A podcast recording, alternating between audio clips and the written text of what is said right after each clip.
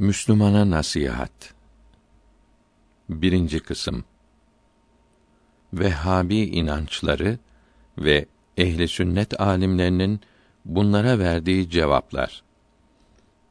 Elhamdülillah. Herhangi bir kimse herhangi bir zamanda, herhangi bir yerde, herhangi bir kimseye, herhangi bir şeyden dolayı, herhangi bir suretle hamd ederse, bu hamd ve şükürlerin hepsi Allahü Teala'ya olur. Çünkü her şeyi yaratan, terbiye eden, yetiştiren, her iyiliği yaptıran, gönderen hep odur.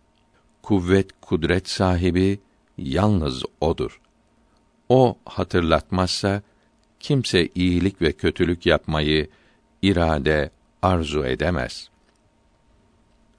Kulun iradesinden sonra o da istemedikçe kuvvet ve fırsat vermedikçe hiçbir kimse hiçbir kimseye zerre kadar iyilik ve kötülük yapamaz.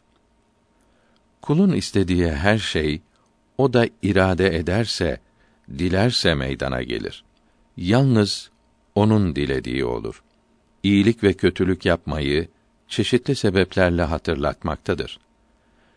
Merhamet ettiği kulları kötülük yapmak irade edince o irade etmez ve yaratmaz.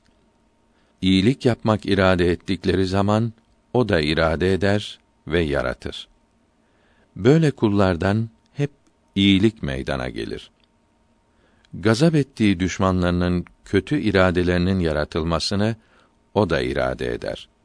Bu kötü kullar iyilik yapmak irade etmedikleri için bunlardan hep fenalık hasıl olur. Demek oluyor ki insanlar bir alet, bir vasıtadır. Katibin elindeki kalem gibidir. Şu kadar var ki kendilerine ihsan edilmiş olan irade-i cüz'iyelerini kullanarak iyilik yaratılmasını isteyen sevap kazanır. Kötülük yaratılmasını isteyen günah kazanır. Bunun için iyilik yapmayı düşünmeli, hep iyilik yapmayı istemeliyiz. İyi şeyleri öğrenmeliyiz. İyiliklerin kaynağı olan ehli sünnet alimlerinin rahimehumullahü teala kitaplarını okuyup iyiyi kötüyü anlamalıyız. Ehli sünnet alimleri Vehhabiliğin İngilizler tarafından kurulduğunu ve hatalı bir yol olduğunu vesikalarla ispat ediyor. Kitabımızın birinci kısmında 324. sayfaya kadar bu vesikalardan 35 tanesini sırayla bildireceğiz. 1. Vehhabilerin Fethül Mecid kitabı 75. sayfasında Abdülvehhab Şarani'nin dipnot 1 Abdülvehhab Şarani 973 miladi 1565'te vefat etti. Kitapları ve Abdülaziz Debbağ'ın İbris kitabı ve Ahmet Ticani'nin kitapları Ebu Cehlin ve benzerlerinin hatırlarına gelmeyen şirk ile doludur diyor. Ahmet Ticani rahmetullahi aleyh 1150 miladi 1737'de Cezayir'de tevellüt 1230 miladi 1815'te Fas'ta vefat etmiştir. Halveti'nin bir kolu olan ticanilik yolunun rehberidir. Bu yolda yazılmış olan Cevahirül Meani fi Feyzi Şeyh Ticani kitabı meşhurdur. İnsanların üstünlerinin yani peygamberlerin salavatullahü teala ve teslimatühü aleyhim ecmaîn meleklerin üstünlerinden daha yüksek olduklarını bu Vehhabi kitabı da yazmakta, meleklerin tasarruf ve tesirlerine inanmakta fakat Allahü Teala'nın evliyasına rahimehumullahü Teala keramet olarak tesir ve tasarruf verdiğine ise inanmamakta, buna inananlara müşrik demektedir. Ehli sünnet alimleri rahimehumullahü teala Vehhabilerin ortaya çıkacaklarını keramet olarak bilmişler, bunlara yıllarca önce cevaplar yazmışlardır. Bu alimlerin başında Muhyiddin Arabi ve Sadreddin Konevi ve Celaleddin Rumi Dipnot 2 Celaleddin Rumi 672 miladi 1273 senesinde Sadreddin 671'de Konya'da vefat ettiler. Ve Seyyid Ahmet Bedevi ve İmam-ı Rabbani gibi veliler rahimehumullahü teala bulunmaktadır. Ve Habiler işte bunun için bu velileri beğenmiyorlar. İmam-ı Rabbani Ahmet Faruki Serhendi kuddise sirruh mektubatının ikinci cilt 50. mektubunda buyuruyor ki İslam dininin bir sureti, bir de hakikati, özü vardır. Sureti önce iman etmek, sonra Allahü Teala'nın emirlerine ve yasaklarına uymaktır. İslam dininin suretine kavuşanların nefsi emmareleri inkarda ve isyan etmektedir. Bunların imanı imanın suretidir. Kıldıkları namaz namazın suretidir. Oruç ve başka ibadetleri de böyledir. Çünkü nefse emmare insan varlığının temelidir. Herkes ben deyince nefsini göstermektedir. İşte bunların nefsleri iman etmemiş, inanmamıştır. Böyle kimselerin imanları ve ibadetleri hakiki, doğru olabilir mi? Allahü Teala çok merhametli olduğu için yalnız surete kavuşmayı kabul buyurmuştur. Bunları razı olduğu cennetine sokacağını müjdelemiştir. Yalnız kalbin inanmasını kabul buyurması, nefsin inanmasını da şart koşmaması onun büyük ihsanıdır.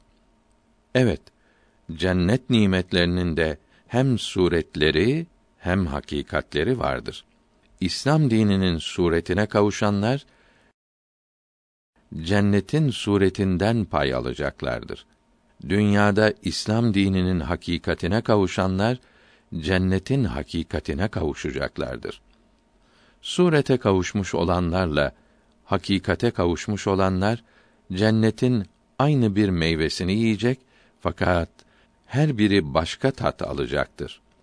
Resulullah sallallahu aleyhi ve sellem efendimizin mübarek zevceleri radıyallahu teala anhünne cennette Resulullah'ın yanında olacak fakat duydukları lezzet başka olacaktır. Eğer başka olmasaydı bu mübarek zevcelerin bütün insanlardan daha üstün olmaları lazım gelirdi. Her üstün olan kimsenin zevcesinin de bunun gibi üstün olması gerekirdi. Çünkü zevceler cennette zevçlerinin yanında olacaktır. İslam dininin suretine kavuşanlar buna uydukları zaman ahirette kurtulabileceklerdir. Buna uyanlar umumi evliyalığa yani Allahü Teala'nın rızasına, sevgisine ermiş demektir. Bununla şereflenen tasavvuf yoluna girebilecek, vilayeti hassa denilen özel evliyalığa kavuşabilecek kimse demektir. Bunlar nefsi emmarelerini itminana ulaştırabilirler. Şunu iyi bilmelidir ki bu vilayette yani İslam dininin hakikatinde ilerleyebilmek için İslam dininin suretini elden bırakmamak lazımdır. Tasavvuf yolunda ilerlemek Allahü Teala'nın ismini çok zikretmekle olur. Bu zikir de İslam dininin emrettiği bir ibadettir. Zikretmek ayet-i kerimelerde ve hadis-i şeriflerde övülmüş ve emredilmiştir. Tasavvuf yolunda ilerleyebilmek için İslam dininin yasakladığı şeylerden sakınmak şarttır.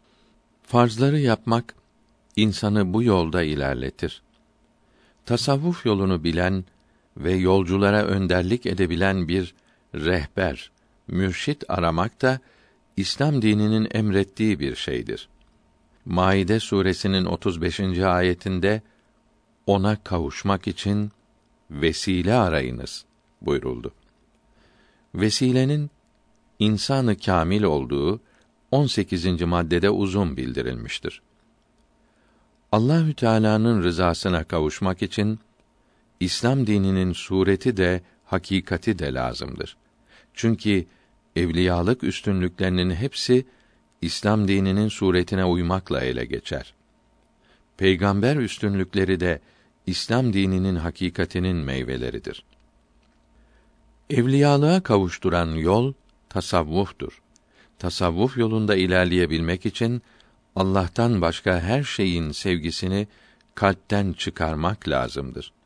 Allahü Teala'nın ihsanı ile kalp hiçbir şeyi görmez olursa fena denilen şey hasıl olur. Seyri ilallah tamam olur. Bundan sonra seyri fillah denilen yolculuk başlar. Böylece beka denilen şey hasıl olur ki aranılan da budur. İslam dininin hakikati buradadır. Buna kavuşan zata veli denir ki Allahü Teala'nın razı olduğu, sevdiği kimse demektir. Burada nefse emmare mutmainne olur. Nefs küfürden kurtulup Allahü Teala'nın kaza ve kaderinden razı olur. Allahü Teala da ondan razı olur. Kendini anlar. Büyüklük, kendini beğenmek hastalığından kurtulur. Tasavvuf büyüklerinden çoğu nefs itminana kavuşunca da Allahü Teala'ya asi olmaktan kurtulamaz demişlerdir. Resulullah sallallahu aleyhi ve sellem bir gazasından dönüşte küçük cihattan döndük. Büyük cihada başlıyoruz buyurdu. Bu büyük cihat nefsi emmare ile cihattır demişlerdir. Bu fakir yani İmam-ı Rabbani böyle anlamıyorum. Nefs itminana kavuşunca hiç isyanı, kötülüğü kalmaz diyorum. Nefs de her şeyi unutmuş olan kalp gibi Allah'tan başka hiçbir şey görmez. Mevki, rütbe, mal, hatta bunların vereceği tat ve acılıklardan kurtulmuştur. Nefs ezilmiş, yok gibi olmuştur. Allah için kendini feda etmiştir. Hadis-i şerifte cihadı ekber buyurulması bedeni meydana getiren maddelerin fizik ve kimya ve biyolojik isteklerine karşı olan cihat olsa gerektir. Şehvet yani istek kuvvetleri, gadap yani ürkmek, çekinmek istekleri hep maddi isteklerdir. Hayvanlarda nefs yoktur. Fakat bu kötü istekler onlarda da vardır. Her hayvanda bulunan şehvet, gadap, bir şeye çok düşkün olmak hep maddelerin hassalarından ileri gelmektedir. Bu isteklere sevki tabii, içgüdü denir. İnsanların bunlarla cihad etmesi lazımdır. Nefsin itminana kavuşması insanı bu kötülüklerden kurtarmaz. Bunlarla cihadın çok faydası vardır. Bedeni de temizlemeye yarar. Nefs itminana kavuşunca İslamı hakiki nasip olur. Hakiki iman hasıl olur. Yapılan her ibadet hakiki olur. Namaz, oruç ve hac hakiki yapılmış olur. Görülüyor ki tasavvuf ve hakikat denilen şeyler İslam dininin suretiyle hakikati arasındadır. Vilayet-i hassaya kavuşamayan kimse mecazi Müslümanlıktan kurtulamaz. Hakiki İslam'a kavuşamaz. İslam dininin hakikatine kavuşan ve İslamı hakiki ile şereflenen kimse peygamberlik üstünlüklerinden pay almaya başlar. Alimler peygamberlerin varisleridir. Hadisi şerifinde bildirilen müjdeye kavuşur. Evliyalık üstünlükleri İslam dininin suretinin meyveleri olduğu gibi peygamberlik üstünlükleri de İslam dininin hakikatinin meyveleridir vilayetin üstünlükleri nübüvvetin üstünlüklerinin suretleridir. İslam dininin sureti ile hakikati arasındaki fark nefsten ileri gelmiş oldu. Vilayet üstünlükleri ile nübüvvet üstünlükleri farkı da bedendeki maddelerden ileri gelmektedir. Vilayetin kemalatında maddeler fizik, kimya ve biyoloji özelliklerine uyar. fazla enerji taşkınlık yaptırır. Maddeler gıda ister. Bu isteğe kavuşmak için uygunsuz işler yapılır. Nübüvvet kemallerinde böyle uygunsuz işler de kalmaz olur. Şeytanım Müslüman oldu. Hadisi şerifi bu hali bildirmiş olabilir. Çünkü insanın dışında şeytan olduğu gibi içinde de vardır. Fazla enerji insanı azdırır, kendini beğendirir. Bu ise fena huyların en kötüsüdür. Bunun Müslüman olması bu kötülüklerden kurtulmasıdır. Peygamberlik kemalatında hem kalbin hem nefsin imanı hem de bedendeki maddelerin düzeni ve dengesi vardır. Nefsin tam itminana gelmesi bedendeki madde ve enerjinin dengeye gelmesinden sonradır. Bu itminandan sonra artık kötülüğe dönemez. Bütün bu üstünlükler hep İslam dininin üstüne kurulmaktadır. Ağaç ne kadar dallanır, meyvelenirse yine köksüz olamaz. Her üstünlükte Allahü Teala'nın emirlerine ve yasaklarına uymak lazımdır. 50. mektuptan tercüme burada tamam oldu. Görülüyor ki Vehhabi kitabının yazarı tasavvuftan haberi olmadığı için evliya-i kirama kaddesallahu teala esrarehumül aziz dil uzatıyor. Onları İslam dininin dışında sanıyor. 2. Fethül Mecid Vehhabi kitabının 48. ve 348. sayfelerinde ameller, ibadetler imandandır. İbadet yapmayanın imanı gider. İman azalır ve çoğalır. Şafii ve Ahmet ve başkaları bunu söz birliğiyle bildiriyorlar diyor. İbadetin vazife olduğuna inanmak imandandır. İnanmak başkadır, yapmak başkadır. Bunları birbirlerine karıştırmamalıdır. İnandığı halde tembellikle yapmayan kâfir olmaz. Kitabın yazarı bu yüzden milyonlarca Müslümana kâfir damgası basmaktadır. Bir Müslümana kâfir diyenin kendisi kâfir olur ise de tevil ile söyleyen kâfir olmuyor. Meşhur Emali kasidesi dipnot 1. Bu kasidenin müellifi Ali Uşi 575 miladi 1180'de vefat etti. 43. beytinde diyor ki: Farz olan ibadetler imandan sayılmaz. Bu kasidenin Nuhbetül Leali ismindeki Arabi şerhi çok kıymetlidir. 1975'te İstanbul'da Hakikat Kitabevi tarafından bastırılmıştır. İmam-ı Azam Ebu Hanife rahmetullahi aleyh ameller imandan parça değildir buyurdu. İman inanmak demektir. İnanmakta azlık çokluk olmaz. İbadetler iman olsaydı iman azalıp çoğalırdı. Gözden perde kalkıp azap görüldükten sonra olan iman kabul olmaz. O anda iman ile gidenlerin imanları ancak kalb iledir. İbadetler yapılamaz. Ayet-i kerimede buna iman denildi. Ayet-i kerimelerde imanı olanlara ibadet yapmaları emrediliyor.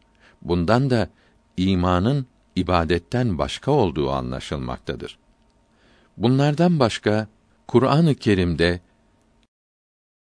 iman edenler ve salih işler yapanlar buyuruldu. Bu da ibadetlerin imandan başka olduklarını gösteriyor. Mü'min iken salih amel işleyenler ayet-i kerimesi amellerin imandan ayrı olduklarını açıkça göstermektedir. Çünkü şartın meşruttan başka olması lazımdır. İman edip hiç ibadet yapamadan hemen ölenin mümin olduğu söz birliğiyle bildirilmiştir. Cibril hadisinde de imanın yalnız inanmak olduğu bildirilmiştir. İmam Ahmet ve İmam Şafii ve hadis alimlerinden birçoğu ve eş'ariler rahimehumullahü teala ve Mutezile ibadetler imanın parçasıdır. İman azalıp çoğalır dediler. İman ile amel başka olursa günah işleyenlerin imanları ile peygamberlerin aleyhimüsselavatü ve teslimat imanları bir olurdu dediler. Onlara ayetlerim okunduğu zaman imanları artar.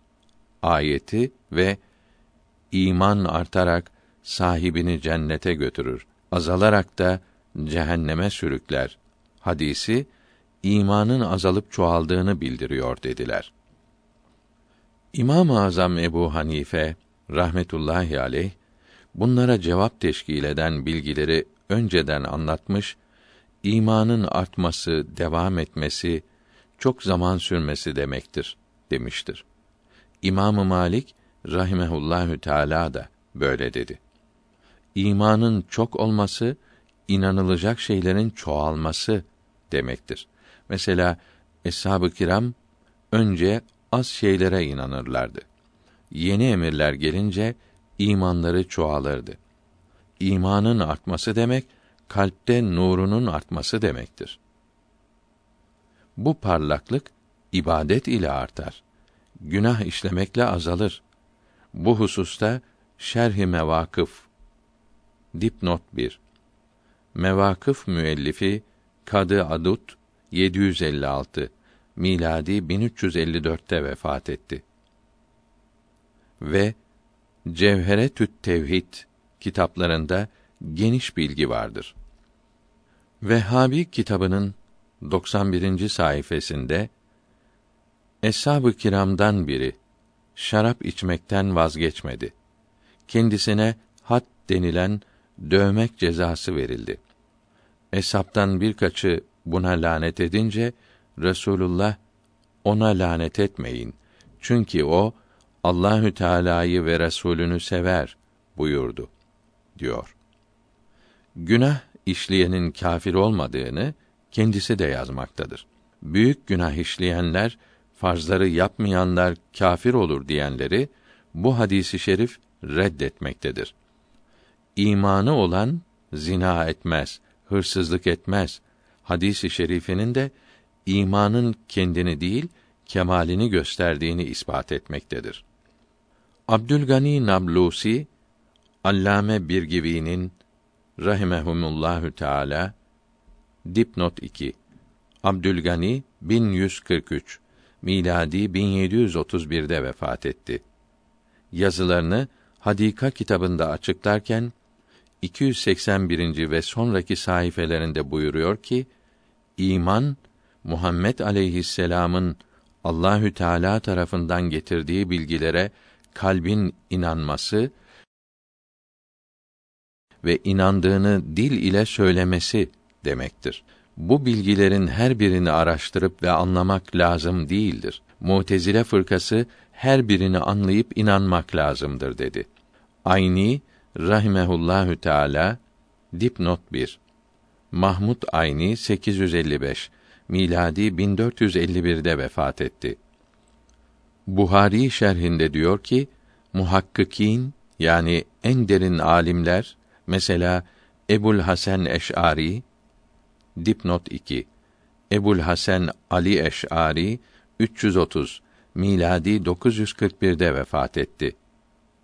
Kadi Abdülcebbar Hemedani Mutezili Üstad Ebul İshak İbrahim İsferaini ve Hüseyin bin Fadl ve daha birçokları iman açıkça bildirilmiş olan şeylere yalnız kalb ile inanmaktır. Dil ile söylemek ve ibadetleri yapmak iman değildir dediler. Saadeddin Teftazani rahimehullahü teala da Şerh-i Akaid kitabında böyle söylüyor ve Şemsül Eyyimme ve Fahrül İslam Ali Pezdevi rahimehumullahü teala gibi alimlerin dil ile ikrar etmenin de lazım olduğunu söylediklerini bildiriyor. Kalpteki imanı dil ile söylemek Müslümanların birbirlerini tanımaları için lazımdır. Söylemeyen de mümindir. Ameller, ibadetler imandan parça değildir. Alimlerin çoğu mesela İmam-ı Azam Ebu Hanife rahimehullahü teala böyle buyurdular. Evet, İmam Ali radıyallahu anh ve İmam Şafii rahimehullahü teala iman inanmak ve söylemek ve ibadetleri yapmaktır dediler. Bu sözleri kamil olan, olgun olan imanı bildirmektedir. Kalbinde iman olduğunu söyleyen kimsenin mümin olduğu söz birliğiyle bildirilmiştir. Rükneddin Ebu Bekr Muhammed Kirmani rahimehullahü teala Buhari şerhinde diyor ki ibadetler imandan sayılınca iman azalır ve çoğalır. Fakat kalpteki iman azalmaz ve çoğalmaz.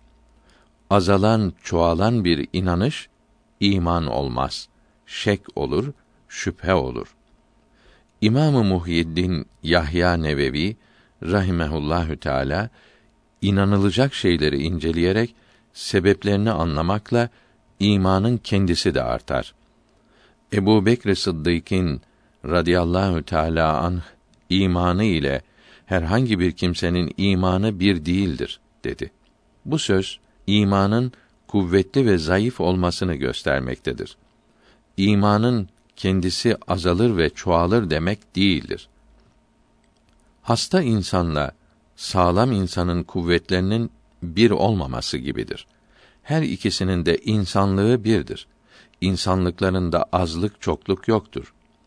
İmanın azlığını çokluğunu bildiren ayet-i kerimeleri ve hadis-i şerifleri İmam-ı Azam Ebu Hanife rahimehullahü teala şöyle açıklamaktadır. Eshab-ı kiram radıyallahu teala anhum ecmaîn imana gelince her şeye topluca inanmıştı. Sonra zaman zaman birçok şeyler farz oldu. Bunlara birer birer inandılar. İmanları böylece zamanla çoğaldı. Bu hal yalnız eshab-ı kiram içindir. Sonra gelen Müslümanlar için imanın böyle artması düşünülemez buyurdu. Saadettin Taftazani rahimehullahü teala dipnot 1 Sadüddin Mes'ud Taftazani 792 miladi 1389'da Semerkant'ta vefat etti. Şerh-i Akaid'de diyor ki, kısaca bilenlerin kısaca inanmaları, etraflı ve inceliklerini bilenlerin etraflı inanmaları lazımdır. İkincilerin imanları birincilerinkinden elbet çoktur. Fakat birincilerinki de tam imandır. İmanları noksan değildir. Abdülgani Nablusi rahimehullahü teala buyuruyor ki sözün kısası imanın kendisi azalmaz ve çoğalmaz. İmanın kuvveti çoğalır. Yahut ibadetlerin az veya çok olmasıyla imanın kemali, kıymeti değişmektedir. İmanın azalıp çoğalacağını bildiren ayet-i kerimelere ve hadis-i şeriflere böyle mana verilmiştir. Bu bilgi içtihad edilebilecek bilgilerden olduğu için çeşitli açıklamalar yapılmıştır. Hiçbiri başka türlü söyleyeni kötülememiştir. Vehhabi kitabı ise ibadetleri kabul edip de tembellikle yapmayana kafir, müşrik diyor. Muhammed Hadimi rahimehullahü teala dipnot 2 Hadimi 1176 miladi 1762'de Konya'da vefat etti. Berika kitabında diyor ki, ibadetler imandan parça değildirler. Celaleddin Devani rahimehullahü teala buyurdu ki, Mu'tezile ibadetleri imanın parçası saydı. İbadet yapmayanın imanı yoktur dedi. İbadetler imanı olgunlaştırır, güzelleştirir. Ağacın dalları gibidirler. İman ibadet yapmakla çoğalmaz ve günah işlemekle azalmaz. İmam-ı Azam Ebu Hanife ve İmamı Malik ve İmamı Ebu Bekr Ahmet Razi ve birçok derin alimler rahimehumullahü teala böyle söylediler. Çünkü iman tam inanmak demektir. Bunun azalması çoğalması olmaz. Bir kalpteki imanın çoğalması demek, bunun tersi olan küfrün azalması demektir. Böyle şey olamaz. İmam-ı Şafii ve Ebul Hasan Eş'ari rahimehumullahü teala iman azalır çoğalır buyurdular. Bu sözün imanın kendisi azalıp çoğalması değil, kuvvetinin azalıp çoğalması demek olduğunu Mevakıf kitabı açıklamaktadır. Çünkü peygamberin imanı ümmetinin imanı gibi değildir. İşittiklerini aklı ile, ilmi ile inceleyenin imanı, işitmekle inananın imanı gibi değildir. Mükaşefe ve müşahedeye kavuşmuş velinin imanı, tasavvuftan haberi olmayanların imanları gibi değildir. İbrahim aleyhisselam kalbinin itminan, yakin hasıl etmesini istedi. Bunu Kur'an-ı Kerim bildiriyor. İmam-ı Azam Ebu Hanife rahimehullahü teala Fıkhı Ekber kitabında buyuruyor ki yerde ve göklerde bulunanların imanları inanılacak şeyler bakımından azalıp çoğalmaz. İtminan, yakin bakımından azalıp çoğalır. Yani imanın kuvveti artıp azalır. Fakat yakini, kuvveti hiç bulunmazsa iman olmaz. Fıkı Ekber'in El Kavlül Fasl ismindeki Arabi şerhi çok kıymetli olup 1975 senesinde İstanbul'da bastırılmıştır. Hadimi'den tercüme tamam oldu. İmam-ı Rabbani Ahmet Faruki Serhendi rahimehullahü teala Mektubat kitabında 266. mektupta buyuruyor ki iman kalbin tasdiki ve yakini olduğundan azalması çoğalması olmaz. Azalıp çoğalan bir inanış iman olmaz. Buna zan denir. İbadetleri Allahü Teala'nın sevdiği şeyleri yapmakla iman cilalanır, nurlanır, parlar. Haram işleyince bulanır, lekelenir. O halde çoğalmak ve azalmak amellerden, işlerden dolayı imanın cilasının, parlaklığının değişmesidir. Kendisinde azalıp çoğalmak olmaz. Cilası, parlaklığı çok olan imana çok dediler. Bunlar sanki cilalı olmayan imanı iman bilmedi. Cilalılardan bazısını da iman bilip fakat az dedi. İman parlaklıkları başka başka olan karşılıklı iki ayna gibi oluyor. Cilası çok olup cisimleri parlak gösteren ayna az parlak gösteren aynadan daha çoktur demeye benzer. Başka birisi de iki ayna müsavidir. Yalnız cilaları ve cisimleri göstermeleri yani sıfatları başkadır demesi gibidir. Bu iki adamdan birincisi görünüşe bakmış, öze, içe girememiştir. Ebu Bekir'in imanı ümmetimin imanları toplamından daha ağırdır. Hadisi şerifi imanın cilası, parlaklığı bakımındandır. Vehhabi kitabı bir kimse beni çocuklarından, ana babasından ve herkesten daha çok sevmedikçe imanı tamam olmaz. Hadisi şerifini yazıyor. Muhabbet kalpte olur. Kalbin işidir. Bunun için bu hadis amellerin, ibadetlerin imandan parça olduğunu, imanın şartı olduğunu gösteriyor diyor.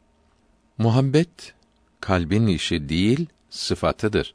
Kalbin işi olduğunu kabul etsek bile bedenin, organların işi kalbin işi değildir. Büyük günahları işleyen ceza görür. Bunları kalbinde bulunduran, yapmaya niyet eden ceza görmez. Kalbin iyi işi inanmaktır. Kalbin kötü işi inanmamaktır. İmansızlıktır. Bedenin kötü işi imansızlık değildir. Mesela yalan söylemek haramdır. Yalan söyleyen kötü iş yapmış olur. Fakat kafir olmaz. yalan söylemenin haram olduğunu kabul etmeyen veya beğenen kâfir olur. İmanın doğru olması, kalbin inanması ve amel etmesi, dilin bunu söylemesi ve ibadetleri yapmakladır.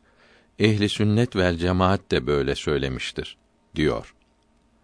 339. sayfasında Allah sevgisi olunca ona itaat edenleri, onun peygamberlerini, salih kullarını, Allah'ın sevdiklerini de sevmek lazım olur diyor. O halde evliyayı rahimehumullahü teala sevmek Allah sevgisinin alametidir. Bu sevgisini açıklayanlara dil uzatılamaz. Vehhabi kitabının da yazdığı gibi Allahü Teala'nın sevmediklerini sevmek yasaktır, küfürdür. Allahü Teala'nın sevdiklerini sevmek lazımdır ve imanın alametidir. İbadetlerin en üstünü olduğu bildirilen hubbi fillah ve buğdu fillah da bu demektir. Kâfirler, müşrikler Allahü Teala'yı sevmiyor. Başka şeyleri seviyor. Müslümanlar Allahü Teala'yı sevdikleri için onun sevdiği peygamberi sallallahu aleyhi ve sellem ve evliyayı rahimehumullahü teala seviyorlar. Vehhabi kitabı bu iki sevgiyi birbirine karıştırıyor. Birincisinin kötü olduğunu bildiren ayet-i kerimeleri ikinci sevgiye de yaymaya kalkışıyor.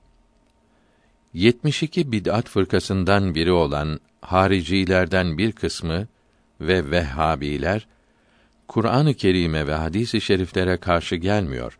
Fakat manaları açık ve kesin olmayıp kapalı ve şüpheli olan nasları yanlış tevil ederek bunlardan yanlış mana anlayarak farzları yapmak ve haramlardan sakınmak imanın parçasıdır diyorlar.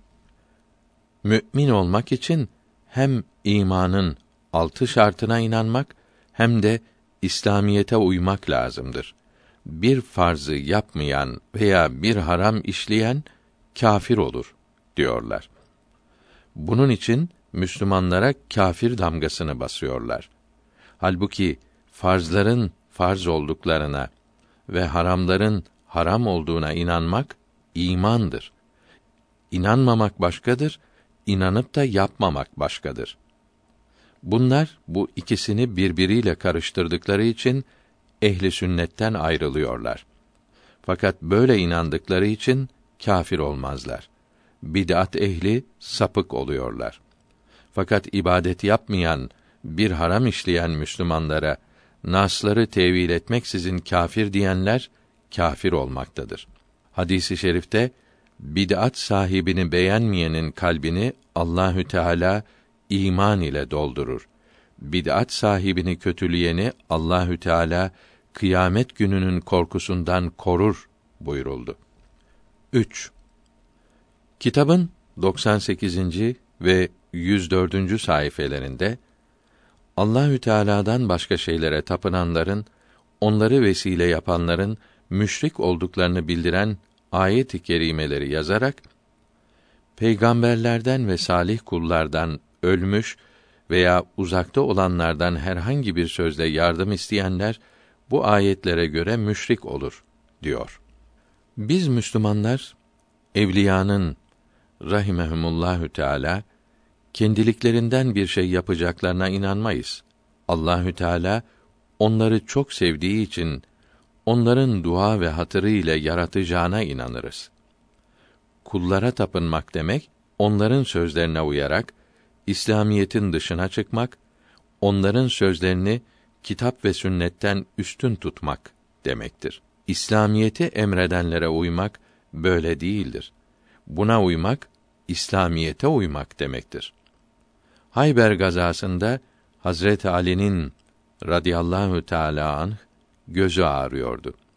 Resulullah sallallahu aleyhi ve sellem mübarek tükrüğünü onun gözlerine sürdü ve dua eyledi. Gözleri iyi oldu. Peygamberin hatırı için Allahü Teala şifa ihsan eyledi. Vehhabi kitabı da 91. sayfasında bunu yazıyor ve Buhari ile Müslim'in haber verdiklerini bildiriyor. 4. 108. sayfasında tasavvufçular şirk ve küfr üzeredir. Mürit şeyhine tapınıyor. Şahrani'nin kitapları bu küfürlerle doludur.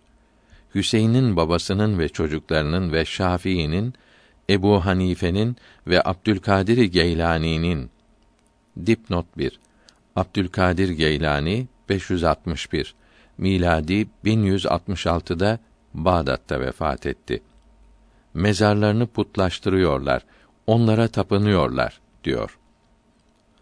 Usulül Erbaa fi Terdidil Vehhabiye kitabının üçüncü kısmında Farisi olarak diyor ki, böyle inanan kimse, gayib olan, yani yanında bulunmayan bir kimseye, ismini söyleyerek seslenmek, büyük şirk olur diyor. Böylece Resulullah'ın sallallahu teala aleyhi ve sellem mübarek ruhunun bile hazır olacağını düşünerek seslenen kimse müşrik olur diyor. Yemenli Şevkani de Dürrün Nadid kitabında mezarları büyük bilmek, kabirlere seslenerek ihtiyaçlarını istemek küfür olur dedi. Yine o Tathirül İtikat kitabında da melek, peygamber veya veli de olsa ölüye yahut gayib olan diriye böyle seslenen müşrik olur diyor. Mezhepsizlerden bir kısmı burada iki fikir ortaya atmaktadır. Bunlara göre eğer işiteceğini düşünmeyerek sevdiği için ya Resulallah derse müşrik olmaz. Eğer işiteceğine inanarak söylerse kafir olur. Selef-i salihinin rahimehumullahü teala yaptığı şeylere şirk diyen ve Müslümanlara müşrik damgası basan bu kimseye sorarız. Gayip olan sözüyle ne demek istiyorsun? Görmediğimiz her şey gayiptir diyorsan ya Allah dememizde şirk olmaktadır. Çünkü bu Allahü Teala'nın cennette görüleceğine de inanmamaktır. Eğer gayip yok demektir diyorsan peygamberlerin aleyhimüsselavatü ve teslimat ve evliyanın rahimehumullahü teala ruhlarına nasıl yok diyebilirsin? Ruhların var olduklarını kitabımızın ikinci kısmında ispat etmiştik. Yok eğer ruhların var olduklarına ve idrak ve şuur sahibi olduklarına yani anladıklarına, duyduklarına inanırız fakat tasarruf yaptıklarına inanmayız derse bu sözü Allahü Teala reddetmekte En-Naziat suresinin 5. ayetinde güç işleri yapanlara yemin ederim buyurmaktadır. Tefsir alimlerinin çoğu mesela Beydavi tefsiri dipnot 2 Abdullah Beydavi 685 miladi 1286'da Tebriz'de vefat etti. Ve bunun Şeyhzade şerhi dipnot 3 Şeyhzade Muhammed 951 miladi 1544'te vefat etti. Ve Tefsiri Azizi ve Ruhul Beyan tefsiri Tefsiri Hüseyin'i bu ayet-i kerime meleklerin ve evliya ruhlarının iş yaptıklarını bildirmektedir dediler. Ruh madde değildir. Bunun için melekler gibi Allahü Teala'nın emri ve izniyle dünyada iş yaparlar. Meleklerin Allahü Teala'nın izniyle bu dünyada iş yaptıkları, yok ettikleri, diriltmek, öldürmek gibi işlerin yapılmasına vasıta oldukları Kur'an-ı Kerim'in çeşitli yerlerinde bildirilmiştir. Cin ve şeytanlar da güç şeyleri kolayca yapıyorlar. Süleyman aleyhisselama cinnin hizmetlerini Kur'an-ı Kerim haber veriyor. Mesela Sebe suresinin 13. ayetinde mealen cin onun her istediğini kal'a, resm, büyük kazanlar ve yerinden kaldırılamayan çanaklar yaparlardı buyuruyor. Cin, melekler ve ruhlar kadar olgun ve kuvvetli olmadığı halde büyük işler yapıyor. Bu dünyada göremediğimiz çok şey var ki insan gücünün yetişemediği işleri yapmaktadırlar. Mesela çok hafif olan ve göremediğimiz hava fırtına, kasırga şeklinde eserek ağaçları devirmekte, binaları yıkmaktadır. Elektrik ve laser ışınları ve elektromanyetik dalgaları atomlar gözle hatta ultra mikroskopla görülemedikleri halde akılları şaşırtan büyük işler yapmaktadır. Nazar değmesi, sihr yani büyü ve benzerleri kuvvetleri göremiyoruz. Halbuki korkunç tesirlerini işitmeyen yoktur. Bütün bunların yaptıklarının yapıcısı hiç şüphesiz Allahü Teala'dır. Bunlar Allahü Teala'nın yapmasına, yaratmasına sebep oldukları için bunlar yaptı sanıyoruz ve bunlar yaptı diyoruz. Bunların yaptığını söylemek küfr, şirk olmuyor da evliyanın ruhları yapıyor demek niçin şirk olsun? Onlar Allahü Teala'nın izin vermesiyle ve yaratmasıyla yaptıkları gibi evliyanın ruhları da Allahü Teala'nın izin vermesiyle ve yaratmasıyla yapmaktadır. Onların yaptıklarını söylemek de şirk olur denirse Kur'an-ı Kerim'e karşı gelinmiş olur. Bu kimse cinnin, şeytanların ve havanın tesir ettiklerini Kur'an-ı Kerim haber veriyor. Bunun için onlar yapıyor demek caiz oluyor. Evliyanın ruhlarının bir şey yaptıklarını Kur'an-ı Kerim bildirmediği için ruhlardan bir şey istemek şirk olur derse, yukarıda bildirdiğimiz En-Naziyat suresinin 5. ayeti kerimesini unuttun mu deriz. Gözlerinin açılmasını isteyen amaya bildirilen hadisi şerifteki dua ve çölde yalnız kalanın okumasını emreden dua ve kabir ziyaret ederken ölüye selam veriniz emri ve Osman bin Huneyf'in radıyallahu teala an haber verdiği hadise bundan evvelki kısımda bildirilmişti. Bunların hepsi ve benzerleri daha nice vesikalar gayib olandan ve kabirdekinden yardım istemenin caiz olduğunu göstermektedirler. Fakat bu kimse meşhur ve sahih olan bu hadis-i şeriflere daif veya mevdu damgasını basıyor. Ehli sünnet alimlerinin ve tasavvuf büyüklerinin sözlerine de kıymet vermiyor. Çünkü dört mezhepten birini taklit etmek şirk, küfr olur diyor. Mesela Gulam Ali Kusuri Tahkikül Kelam kitabında dört mezhepten birini taklit eden ve Kadiriye, Çeşdiye ve Sühreverdiye gibi tarikatlerde bulunan kafir ve müşrik ve bid'at ehlidir diyor. Usulül Erba'dan tercüme tamam oldu. Bu kitap 1346 miladi 1928'de Hindistan'da Farisi dili ile yazılmış, Pakistan'da basılmış, 1395 miladi 1975'te İstanbul'da ikinci baskısı yapılmıştır. Yazarı İmam-ı Rabbani'nin rahimehullahü teala soyundan Hakimül Ümmet Hace Muhammed Hasan Can sahiptir. Rahmetullahi aleyhim ecmaîn. Dipnot 1. Muhammed Hasan Can Müceddidi 1349 miladi 1930'da vefat etti. Bunun Tarikün Necat kitabı da bid'at fırkalarına cevap vermektedir. Arabi olup Urdu tercümesiyle birlikte 1350'de Pakistan'da basılmış, 1396 miladi 1976'da İstanbul'da Hakikat Kitabevi tarafından ofset baskısı yapılmıştır. 5. 111. sayfasında La ilahe illallah diyerek Allah'tan başka şeylere tapınmayanların malı ve canı haram olur.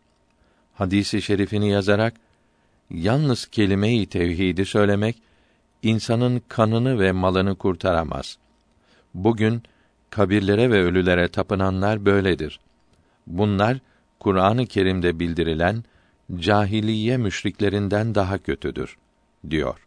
Bazıları da müşrikleri nerede bulursanız öldürünüz mealindeki ayet-i kerimeyi de ileri sürerek Müslümanları öldürmeyi, mallarını yağma etmeyi istiyor. Hurufilerin ve cahillerin küfr ve şirk olan sözlerini yazarak tasavvufa ve tasavvuf büyüklerine saldırıyor. Ağaçlara, taşlara, mezarlara tapınanlar için olan hadis-i şerifleri yazarak kabr üzerine türbe yapmak, kabr ziyaret etmek şirktir, küfürdür diyor. Taştan, ağaçtan, bilinmeyen mezardan teberrük elbette şirktir. Fakat peygamberlerin aleyhimüsselavatü ve teslimat ve evliyanın rahimehumullahü teala kabirlerini ziyaret edip onların bereketiyle Allahü Teala'dan feyz ve bereket beklemeyi bunlara benzetmek ahmaklık ve cahilliktir. Bu yüzden milyonlarca Müslümana küfr ve şirk damgasını basmak ise Müslümanlar arasında bölücülüktür. Es-Savaikul İlahiye Fir Reddi alel Vehhabiye'nin yazarı büyük alim Süleyman bin Abdülvehhab Necdi rahimehumullahü teala Muhammed bin Abdülvehhab'ın dipnot 2 Muhammed bin Abdülvehhab 1206 miladi 1791'de Der'iye'de öldü. Kardeşidir. Kardeşinin İngilizlerle işbirliği yaparak ortaya çıkardığı Vehhabilik yolunun hatalı olduğunu vesikalarla ispat etmektedir. 44. sayfasında diyor ki: Yolunuzun bozuk olduğunu gösteren vesikalardan biri de Sahihayn denilen iki doğru hadis kitabında yani Buhari ve Müslim kitaplarında bildirilen hadisi şeriftir. Bu hadisi şerifi bildiren Ukbe bin Amir radıyallahu anh diyor ki: Rasulullah sallallahu aleyhi ve sellem minbere çıktı. Kendisini minber üzerinde son görüşüm bu idi. Benden sonra müşrik olmanızdan korkmuyorum. Dünyaya düşkün olarak birbirinizi öldürmenizden, böylece geçmiş kavimler gibi helak olmanızdan korkuyorum buyurdu. Resulullah sallallahu aleyhi ve sellem kıyamet gününe kadar ümmetinin başına gelecek olan şeylerin hepsini haber vermiştir. Yukarıdaki sahih hadisi şerif ümmetinin putlara tapmayacağını, bundan emin olduğunu haber vermektedir. Bu hadisi şerif bid'at yolunu temelinden yıkmaktadır. Çünkü Vehhabi kitabı ümmeti Muhammed'in hepsinin putlara taptıklarını, İslam memleketlerinin putlarla dolu olduğunu, türbelerin puthane olduklarını söylüyor. Türbelerden yardım, şefaat isteyenlerin kâfir olduklarına inanmayanlar da kâfirdir diyor. Halbuki Müslümanlar asırlar boyunca kabirleri ziyarete gitmiş, evliyaya tevessül ve istigaze eylemiştir. Böyle yapanlara hiçbir İslam alimi müşrik dememiş, Müslüman olarak tanımışlardır. Sual: Bir hadisi şerifte başınıza gelecekler arasında en çok korktuğum şey şirktir buyuruldu. Buna ne dersiniz? Cevap: Bu hadisi şerifin şirki asgarı bildirdiği diğer hadisi şeriflerden anlaşılmaktadır. Şeddat bin Evs ve Ebu Hüreyre ve Mahmud bin Lebip'ten radıyallahu teala anhüm gelen böyle hadisi şeriflerin hepsi Resulullah'ın sallallahu aleyhi ve sellem ümmetine şirki askarın gelmesinden korktuğunu bildiriyorlar. Hadis-i şeriflerde bildirildiği gibi olmuş, Müslümanların çoğu şirki askara yakalanmışlardır. Siz bu şirki askara şirki ekber diyorsunuz. Böylece Müslümanları tekfir ediyorsunuz. Müslümanlara kâfir demeyen müminlere de kâfir damgasını basıyorsunuz. Es-Savaikul İlahiyeden tercüme tamam oldu. Bu kitap ilk olarak 1306 Hicri senesinde Bağdat'ta Nuhbetül Ahbar matbaasında basılmış, 1395 miladi 1975'te İstanbul'da Hakikat Kitabevi tarafından ofset ile ikinci baskısı yapılmıştır. Hadika'nın 451. sayfasında Ey insanlar! Çok gizli olan şirkten sakınınız hadisi şerifini açıklarken buyuruyor ki bu şirk yalnız sebepleri görmek, Allahü Teala'nın yarattığını düşünmemektir. İşleri sebeplerin yaptığına inanmak Allahü Teala'ya şerik yapmak olur.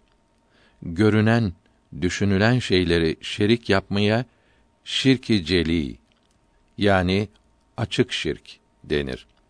Şer'an, aklen ve adet ile sebep olan şeylerin yaptığına inanmaya şirki hafi yani gizli şirk denir. Abdülhak Dehlevi rahmetullahi aleyh dipnot 1 Abdülhak Dehlevi 1052 miladi 1642'de vefat etti. Eşya Tüllemaat hadis kitabının birinci cilt 50. sayfasında diyor ki putlara tapmaya şirki ekber denir. Küfr olan şirk budur. Riya ile yani gösteriş için ibadet, iyilik yapmaya şirki askar denir. Bu küçük şirk küfür değildir. Bu şirklerin ikisi de şirki celidir. Hadikadan aldığımız yukarıda yazılı hadisi şerifte ruhlardan ve ölülerden bir şey istemeye şirk denmiyor. Görünen veya görünmeyen şeylerden ve insanlardan bir şey isterken yani sebeplere yapışırken bu işi sebeplerin yaptığına inanmaya şirk deniyor. Kısacası sebeplere yapışmak sünnettir. Sebeplerin yaptığına inanmak şirktir. Sebepler bir şey yapamaz. Allahü Teala'nın yaratmasına sebep olurlar. İşleri yapan sebepler değildir. Allahü Teala'dır. Canlı veya cansız herhangi bir sebebin her istediğini yapabileceğine yani yaratacağına inanmak onu Allahü Teala'ya şerik yapmak olur. Bu inançla ondan bir şey istemek ona ibadet etmek olur. Sebebin yaratacağına inanmayıp sebebe yapışınca Allahü Teala'nın yaratacağına inanmak sebebe tapınmak olmaz. Sebebe yapışmak olur. Müslümanlar dirilerden, ölülerden ve görünenlerden ve görünmeyenlerden bir dilekte bulundukları zaman bunların her istediklerini kendilerinin yapacaklarına inanmıyorlar. Sebebe yapışınca dileklerini Allahü Teala'dan bekliyorlar. Allahü Teala'nın yaratacağına inanıyorlar. Bunun için Müslümanların ruhlardan ve ölülerden bir şey istemeleri bunlara tapınmak, onları mabut yapmak olmaz. Allahü Teala her şeyi sebep ile yaratıyor. Sebeplere yapışmamızı emrediyor. Bunun için dileklerimize kavuşmak için bunların sebeplerine yapışıyoruz. Sebeplere yapışmamız şirk olmuyor, günah olmuyor. Fakat sebeplerden beklemek şirk oluyor. Her istediklerini yapabileceklerine inanarak onlardan beklemek şirki ekber oluyor. Allahü Teala'nın verdiği kuvvet ile yapacaklarına inanmak şirki hafi oluyor.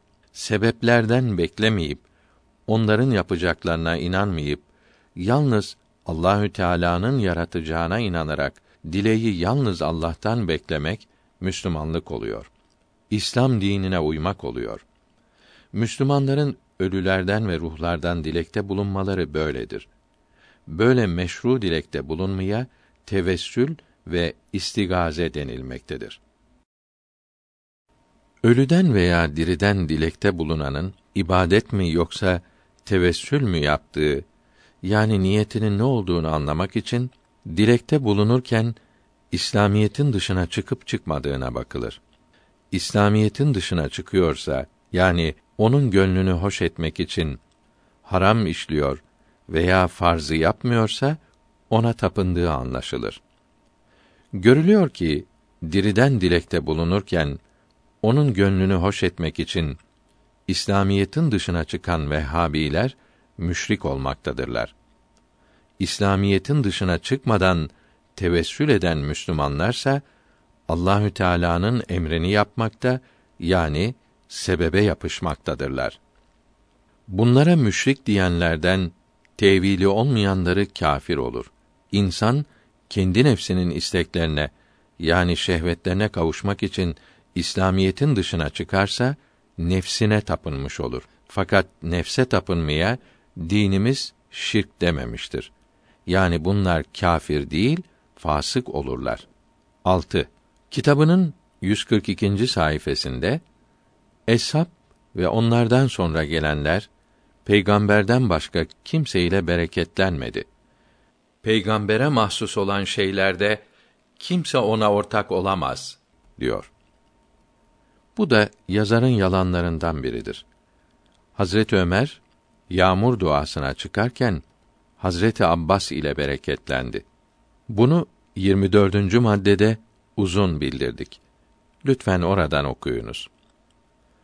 İslam alimleri Resulullah'a mahsus olan şeyleri uzun yazmışlardır. Mesela Mevahib-i Ledünniye tercümesinde vardır. Bu kitapların hiçbiri Resulullah'la sallallahu teala aleyhi ve sellem bereketlenmek yalnız ona mahsustur. Başkaları ile bereketlenmek caiz olmaz dememişlerdir. Başkaları ile de bereketlenildiğini bildirmişlerdir. Allahü Teala'nın sevdiği kullarının kabirlerini ziyaret ederek onlardan bereketlenmeyi, Lat ve Uzza putlarına tapınmaya benzetmek Kur'an-ı Kerim'e ve hadis-i şeriflere iftira etmektir. Hadisi şerifte Kur'an-ı Kerim'e yanlış mana veren kâfir olur buyuruldu. Kitabın müellifi manaları şüpheli olan ayet-i kerimelere yanlış mana vererek ehli İslam'a müşrik diyor. 7. 126. sayfasında görülüyor ki tasavvufun başlangıcı Hint Yahudilerinin bir oyunudur. Eski Yunanlılardan alınmıştır. Böylece İslamiyeti fırkalara ayırdılar, parçaladılar diyor. Pakistanlı Mevdudi Dipnot 1 Mevdudi 1399 miladi 1979'da öldü. Adındaki mezhepsiz birisi de İslam'da İhya Hareketleri kitabında yukarıdaki yazıları yaymaktadır. Sapık kimseler isteklerine kavuşmak, çıkarlarını sağlamak için insanlar arasında değer taşıyan kılıklara giriyorlar. Aklı ve bilgisi olan böyle bozuk kimseleri hemen anlar. Bunları iyilerden ayırır. Fakat cahiller bunları doğru sanır. Tasavvufçu kılığına girmiş bozuk kimseleri de tasavvufçu sanarak tasavvuf büyüklerini de bunlar gibi sanır. Bu yüzden tasavvuf büyüklerini de kötülemeye kalkışır. Müslümanlar doğruyu iğriden ayırabilmeli, tasavvuf büyüklerine dil uzatmamalıdır. Tasavvuf bilgilerinin mütehassısı, zamanının büyük alimi, evliyanın önderi, İmamı Muhammed Masum Faruki rahmetullahi aleyh dipnot 1 Muhammed Masum 1079 miladi 1668'de Serhent'te vefat etti. Mektubat kitabının ikinci cildi 59. mektubunda buyuruyor ki suri ve manevi kemalatın hepsi Muhammed Rasulullah'tan sallallahu teala aleyhi ve sellem alınmıştır. Suri olan emriler, yasaklar mezhep imamlarımızın kitaplarıyla bizlere gelmiştir.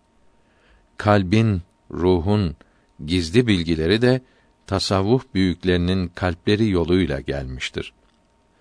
Ebu Hureyre'nin radıyallahu an Resulullah'tan sallallahu aleyhi ve sellem iki kap doldurdum. Birisini sizlere açıkladım. İkincisini açıklamış olsam beni öldürürsünüz buyurduğu Buhari'de yazılıdır. Yine Buhari bildiriyor ki Ömer radıyallahu an vefat edince oğlu Abdullah radıyallahu teala an ilmin onda dokuzu öldü dedi. Yanında bulunanların bu söze şaştıklarını görünce Allah'ı tanımak ilmini söyledim. Fıkh bilgilerini söylemek istemedim dedi. Tasavvuf yollarının hepsi Resulullah'tan sallallahu teala aleyhi ve sellem gelmektedir. Tasavvuf büyükleri her asırda bulunmuş olan rehberleri vasıtasıyla Resulullah'ın sallallahu aleyhi ve sellem mübarek kalbinden saçılan marifetlere kavuşmuşlardır. Tasavvuf ne Yahudilerin ne de tasavvufçuların uydurması değildir. Evet, tasavvuf yolunda hasıl olan şeyleri bildiren fena, beka, cezbe, sülük, seyri ilallah gibi isimler tasavvuf büyükleri tarafından konulmuştur. Nefahat kitabında diyor ki, fena ve beka kelimelerini ilk söyleyen Ebu Said el Harras rahmetullahi teala aleyh olmuştur. Dipnot 2 Ebu Said Ahmet Harras 277 miladi 890'da Bağdat'ta vefat etti. Tasavvuf marifetleri Rasulullah'tan sallallahu teala aleyhi ve sellem gelmektedir. Bunların isimleri sonradan konulmuştur.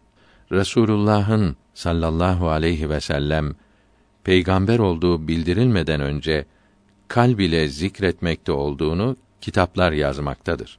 Allahü Teala'ya teveccüh, nefi ve ispat ve murakaba Resulullah'ın sallallahu teala aleyhi ve sellem zamanında da vardı. Eshab-ı kiram radıyallahu teala anhum ecmaîn zamanında da vardı. Resulullah'tan sallallahu aleyhi ve sellem böyle isimler işitilmediyse de çok zaman konuşmaması bu hallerinin bulunduğunu göstermektedir. Biraz tefekkür bin sene ibadetten daha hayırlıdır buyurmuştur. Tefekkür batıl düşünceleri bırakıp hakkı düşünmek demektir. Tasavvufçuların kelime-i tevhid ile zikretmelerini Hızır aleyhisselam Abdülhalik Gonç Düvaniye rahmetullahi aleyh öğretti. Dipnot 1 Abdülhalik 575 miladi 1180'de Buhara'da vefat etti. Sual Tasavvuf marifetlerinin hepsi Rasulullah'tan geldiğine göre aralarında ayrılık olmamalıydı. Halbuki tasavvuf yolları çeşitlidir. Hepsinin halleri ve marifetleri başkadır. Cevap Bu ayrılığa sebep insanların istidatlarının ve bulundukları şartların başka olmasıdır. Mesela bir hastalığın ilacı bellidir. Fakat hastalara göre hastalığın seyri ve tedavisi değişmektedir. Bir insanın çeşitli fotoğrafçıda çektirdiği resimlerinin başka başka olmaları gibidir. Her kemal Resulullah'tan sallallahu aleyhi ve sellem alınmıştır. Alış kuvvetine ve şekline göre ufak ayrılıklar olmuştur. Resulullah sallallahu aleyhi ve sellem de marifetleri, gizli bilgileri eshabına başka başka sunardı. Nitekim hadisi şerifinde herkese anlayabileceği kadar söyleyiniz buyurmuştur. Resulullah sallallahu aleyhi ve sellem Hazreti Ebu Bekr ile ince bilgiler konuşuyordu. Hazreti Ömer yanlarına gelince sözü değiştirdi. Sonra Hazreti Osman gelince yine değiştirdi. Hazreti Ali gelince daha başka konuştu. Her birinin istidadına, yaratılışına göre başka başka konuştu. Radiyallahu Teala anhum ecmaîn.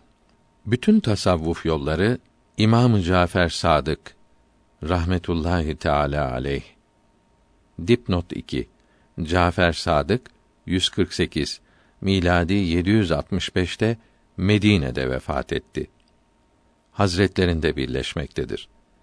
İmamı Cafer Sadık da iki yoldan Resulullah'a bağlıdır. Birisi babalarının yolu olup Hazreti Ali radıyallahu teala anh vasıtasıyla Resulullah'a bağlıdır. İkincisi anasının babalarının yolu olup Hazreti Ebu Bekr radıyallahu teala anh vasıtasıyla Resulullah'a sallallahu teala aleyhi ve sellem bağlanmaktadır. İmamı Cafer Sadık rahmetullahi teala aleyh hem ana tarafından Ebu Bekr Sıddık soyundan olduğu için hem de onun vasıtasıyla Resulullah'tan feyz almış olduğu için Ebu Bekr Sıddık beni iki hayata kavuşturmuştur buyurdu. İmamı Cafer Sadık'ta bulunan bu iki feyz ve marifet yolu birbirleriyle karışmış değildir. İmam Hazretlerinden Ahrariye büyüklerine Hazreti Ebu Bekr yolu ile öteki silsilelere ise Hazreti Ali yoluyla feyz gelmektedir. Kitabın 122. sayfasında Resulullah Tebük gazvesinden dönerken münafıkların isimlerini Huzeyfe tebnil Yeman'a bildirdi. Huzeyfe fitne çıkmasın diye bunların isimlerini kimseye söylemedi. Yoksa tasavvufçu sapıklarının dedikleri gibi Huzeyfe'de gizli din bilgileri yoktu. Çünkü İslam açıktır. Gizli bilgiler yoktur diyor. Tasavvuf bilgilerinin Yahudi düzmesi, uydurma şeyler olduğunu anlatmak istiyor. 30. sayfasında ise Rasulullah'ın Muaz bin Cebel'e söylediği din bilgisini eshabın çoğu bilmiyordu. Çünkü Resulullah Muaz'a bunları kimseye söyleme demişti. Bir maslahat, bir faide için ilmi saklamak caiz olduğu buradan anlaşılmaktadır diyor. Görülüyor ki kitabın yazıları birbirini tutmamaktadır. 500 sayfelik kitabın her yeri böyle uygunsuz yazılarla doludur. Yüzlerce ayeti kerime, binlerce hadisi şerif yazarak her birine kendine göre manalar verip okuyanları doğru yoldan saptırmaya çalışmaktadır. Muhammed Masum rahmetullahi aleyh ikinci cildin 61. mektubunda buyuruyor ki: Bu dünyada en kıymetli ve en faydalı şey Allahü Teala'nın marifetine kavuşmaktır. Yani onu tanımaktır. Allahü Teala'yı tanımak iki türlü olur. Biri ehli sünnet alimlerinin rahimehumullahü teala kitaplarında bildirdikleri gibi tanımaktır. İkincisi tasavvuf büyüklerinin tanımalarıdır. Birinci tanımak inceleme ve düşünme ile olur. İkincisi kalbin keşf ve şuhudi ile olur. Birincisinde ilm vardır. İlm ise akl ve zekadan doğar. İkincisinde hal vardır. Hal ise asıldan, özden doğar. Birincisinde alimin varlığı aradadır. İkincisinde arifin varlığı aradan kalkar. Çünkü bir şeye arif olmak o şeyde yok olmak demektir. Nazm Yakın olmak inip çıkmak değildir. Hakka yaklaşmak yok olmak demektir. Birincisi ilmi husuli iledir. İkincisi ilmi huduri iledir. Birincisinde nefs azgınlığından vazgeçmemiştir. İkincisinde nefs yok olmuş, hep hak iledir. Birincisinde iman, imanın suretidir. İbadetler, ibadetlerin suretidir. Çünkü nefs imana gelmemiştir. Hadisi kutsi'de nefsine düşmanlık et. O bana düşmanlık etmektedir buyuruldu. Buradaki kalbin imanına mecazi iman denilir. Bu iman gidebilir. İkincisinde insanın varlığı kalmadığı için ve nefs de imana geldiği için bu iman yok olmaktan korunmuştur. Buna hakiki iman denir. Burada yapılan ibadetler de hakiki olur. Mecaz yok olabilir. Hakikat yok olmaz. Hadisi şerifte Ya Rabbi senden sonu küfür olmayan iman istiyorum. Buyurulması ve Nisa suresi 136. ayetinde mealen Ey iman sahipleri Allah'a ve Resulüne iman ediniz emrolunması bu hakiki imanı göstermektedir. İmam Ahmet bin Hanbel rahimehullahü teala bu marifete kavuşabilmek için ilm ve içtihatta pek yüksek derecede olduğu halde Bişr Hafi'nin rahimehullahü teala hizmetine koşmuştur. Bişr Hafi'nin yanından niçin ayrılmıyorsun dediklerinde Allah'ı benden daha iyi tanımaktadır demiştir. Kitabın 119. sayfasında diyor ki: İmam Ahmet bin Muhammed bin Hanbel'in soyu Nizar bin Me'ad'da Rasulullah sallallahu teala aleyhi ve sellem ile birleşmektedir. Fıkh ve hadiste zamanın en üstün alimiydi. Vera ve sünnete uymakta pek ileriydi. 164 senesinde Bağdat'ta tevellüt, 241 miladi 855'te orada vefat etti. Bişr Hafi Hazretleri 150'de tevellüt, 227'de vefat etti. Feridüddin Attar rahimehullahü teala Farisi Teskiretül Evliya'da diyor ki Ahmet İbni Hanbel çok meşayihin sohbetinde bulundu. Zünnuni Mısri ve Bişri Hafi bunlardandır. Bir hanım kötürüm olmuştu. Çocuğunu İmam Ahmed'e gönderip dua etmesini diledi. İmam abdest alıp namaz kıldı, dua eyledi. Çocuk evine gelince annesi kapıya gelip oğlunu karşıladı. İmam Ahmed'in duası bereketiyle iyi oldu. İmam-ı Azam Ebu Hanife rahmetullahi aleyh ömrünün son yıllarında içtihadı bıraktı. İki sene Cafer Sadık rahimehullahü teala hazretlerinin sohbetinde bulundu. Sebebini sorduklarında bu iki sene olmasaydı Numan helak olurdu buyurdu. Her iki imam ilimde ve ibadette son derece ileri oldukları halde tasavvuf büyüklerinin yanına giderek marifet ve bunun meyvesi olan hakiki iman edindiler. İçtihattan daha kıymetli ibadet olur mu? Ders vermekten, İslamiyeti yaymaktan daha üstün amel olur mu? Bunları bırakıp tasavvuf büyüklerinin hizmetlerine sarıldılar. Böylece marifete kavuştular. Amellerin, ibadetlerin kıymeti imanın derecesiyle ölçülür. İbadetlerin parlaklığı ihlasın miktarına bağlıdır. İman ne kadar kamil ise ihlas o kadar çok olur. Ameller de o kadar çok nurlu olur ve kabul edilir. İmanın kamil olması ve ihlasın tamam olması marifete bağlıdır. Marifet ve hakiki iman fena hasıl olmasına ve ölmeden önce olan ölmeye bağlı olduğu için fenası çok olanın imanı daha kamil olur.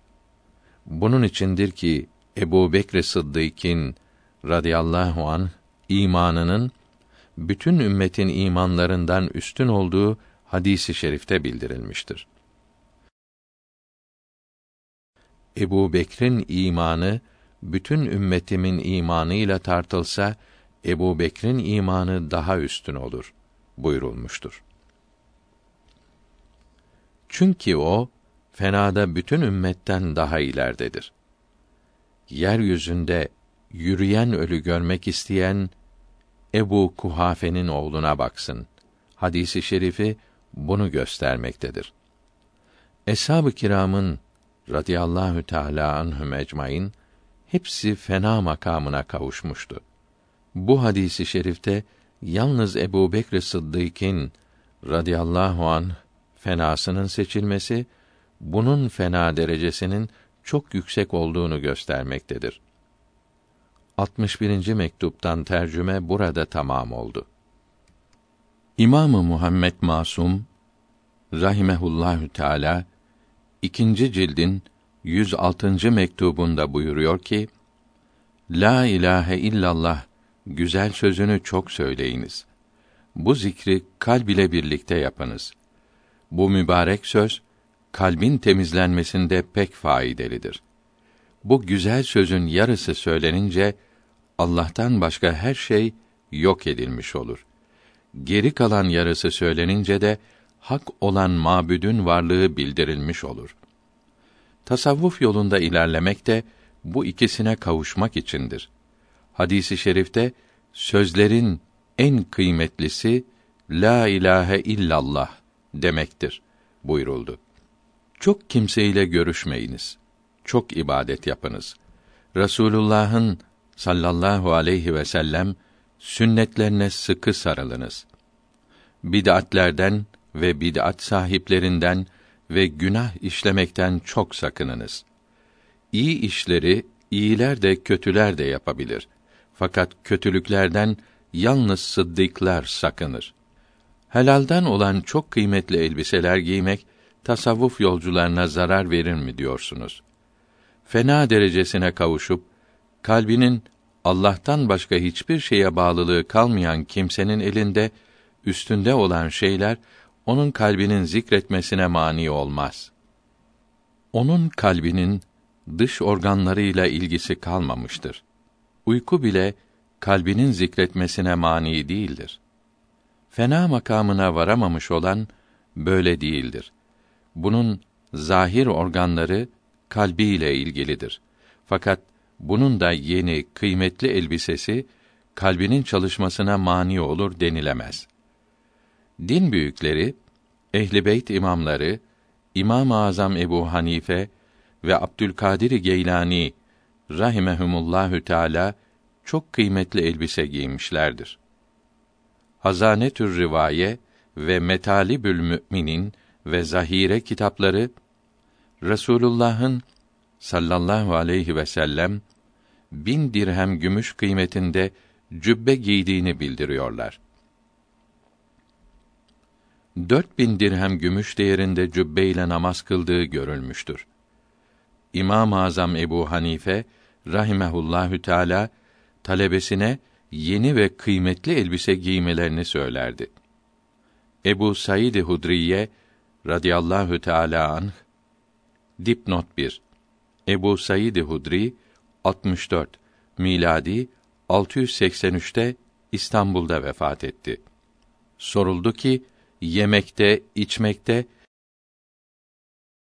ve giyinmekte olan bu değişikliklere ve yeniliklere ne dersiniz? Helal parayla olur ve gösteriş ve riya için olmazsa hepsi Allahü Teala'nın ihsan ettiği nimetleri göstermektedir buyurdu. Allah'tan başka bir şeyi sevmek iki türlü olur. Birincisi bir mahluku kalb ile ve beden ile birlikte sevmek, ona kavuşmak istemektir. Cahillerin sevmeleri böyledir. Tasavvuf yolunda çalışmak, kalbi bu sevmekten kurtarmak içindir. Böylece kalpte yalnız Allah sevgisi kalır. İnsan şirki hafiden kurtulur. Görülüyor ki tasavvuf insanı şirki hafiden kurtarmak içindir. Ey iman sahipleri! iman ediniz. Mealindeki ayet-i kerimede emrolunan imana kavuşmak içindir. En'am suresinin 120. ayeti kerimesindeki organlarla açıkça işlenen ve kalb ile yapılan günahları terk edin.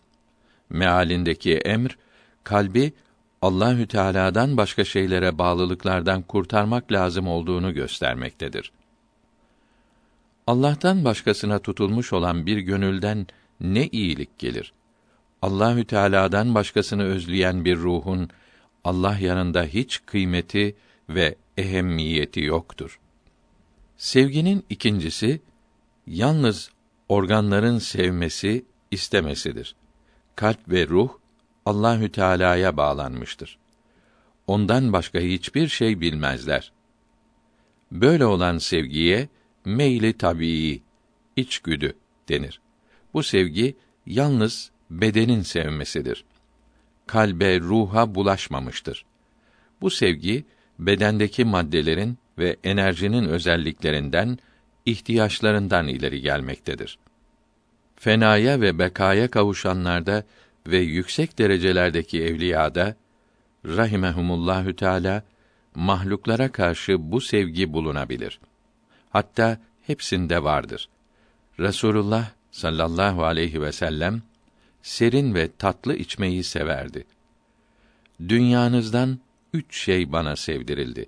Hadisi şerifini herkes işitmiştir. Şemail kitapları diyor ki Resulullah sallallahu aleyhi ve sellem bürd-i yemani denilen pamuk ve ketenden yapılmış elbiseyi severdi. Nefs fena ile şereflenince ve itminana kavuşunca kalp, ruh, sır ve hafi ve ahfa denilen beş latife gibi olur.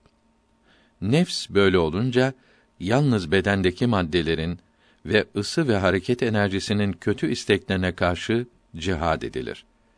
His organlarıyla duyulan duygular temiz kalplere ve temizlenmiş nefslere de tesir eder buyuruldu. Başkalarına tesirini bu hadisi şeriften anlamalı. Bid'at sahibi olanın ve rüşvet yiyenin ve başkasının hakkını alanın ve günah işleyenin evine gitmek, onun verdiğini yemek caiz olur mu diyorsunuz? Gitmemek ve yememek iyi olur. Hatta tasavvuf yolunda olanlar için bundan sakınmak lazımdır. Zaruret olunca caiz olur. Haram olduğu bilinen şeyi yemek haramdır. Helal olduğu bilineni yemek helaldir. Bilinmiyorsa, şüpheli ise yememek iyi olur. Sual: Tasavvuf bid'at mıdır? Yahudilerin uydurması mıdır? Cevap: Allahü Teala'yı tanımaya çalışmak, bunun için tasavvuf yolunu bilen ve gösteren bir rehber aramak ve ona uymak İslamiyetin emirlerindendir. Allahü Teala ona kavuşmak için vesile arayınız buyurdu. Talebenin mürşitten feyz ve marifet alması Resulullah'ın sallallahu aleyhi ve sellem zamanından bu zamana kadar yapıla gelen ve her Müslümanın bildiği bir şeydir. Tasavvuf büyüklerinin sonradan ortaya çıkardığı bir şey değildir. Her mürşit kendisini yetiştiren kamile bağlanmıştır. Bu bağlanışları Resulullah'a sallallahu teala aleyhi ve sellem kadar uzanmaktadır. Ahrariye dipnot 1 Ubeydullah-ı Ahrar 895 miladi 1490'da Semerkant'ta vefat etti. Büyüklerinin bağlantı dizisi Resulullah'a Hazreti Ebu Bekr radıyallahu teala anh ile ulaşmaktadır. Başka yolların dizisi ise Hazreti Ali radıyallahu teala anh ile ulaşmaktadır. Buna bid'at denilebilir mi? Evet, mürşit, mürit gibi isimler sonradan çıktı. Fakat kelimelerin, isimlerin değeri yoktur. Bu isimler olmasa da manaları ve kalplerin bağlılığı yine vardır. Vehhabi kitabı da kelimelere bakılmaz, manalara bakılır demektedir. Tasavvuf yollarının ortak olan temel işi zikr yapmasını öğretmektir. Bu ise dinimizin emrettiği bir şeydir. Sessiz zikretmek sesle yapmaktan daha kıymetlidir. Hadisi i şerifte hafaza meleklerinin işitmediği zikr hafazanın işittiği zikrden yetmiş kat daha kıymetlidir buyuruldu. Hadis-i şerifte övülen zikr kalb ile ve öteki latifelerle yapılan zikirdir. Rasulullah'ın peygamber olduğu kendisine bildirilmeden önce kalb ile zikr yaptığı kıymetli kitaplarda yazılıdır. Tasavvuf bilgilerine bid'at demek ve Yahudi uydurması demek Buhari hadis kitabını ve Hidaye fıkıh kitabını okumak bid'attir demeye benzer. 106. mektuptan tercüme burada tamam oldu. Muhammed Masum Faruki rahimehullahü teala Mektubat kitabında ikinci cildin 36. mektubunda diyor ki: Hacegan denilen tasavvuf yolunun reisi Abdülhalik Gonç Düvani'dir. Rahimehullahü teala. Bu yoldaki kayyumiyet cezbesi kendisine Hazreti Ebu Bekr Sıddık'tan radıyallahu teala an gelmiştir. Kendisi de bu cezbeyi elde etmek yolunu bildirdi. Bu yola vükufu adedi denir ki zikre hafiden ibarettir. Bu da Hazreti Ebu Bekr'den gelmektedir. Cezbe-i maiyet denilen ikinci yol ise Behaüddin Buhari'den rahimehullahü teala başlamaktadır. Zamanının kutbu olan Alaüddin Attar rahmetullahi aleyh dipnot 1 Alaüddin Attar Muhammed 802 miladi 1400'de Buhara'da vefat etti. bu cezbenin hasıl olması şartlarını koydu. Bu şartlara tarikayı alaiye denildi. En yakın olan az zamanda kavuşturan yolun alaiye olduğu bildirilmiştir. Alaüddin Attar'ın talebesinden olan Ubeydullah Ahrar rahimehullahü teala hocasının yolunu yaydığı için Ahrariye de denildi.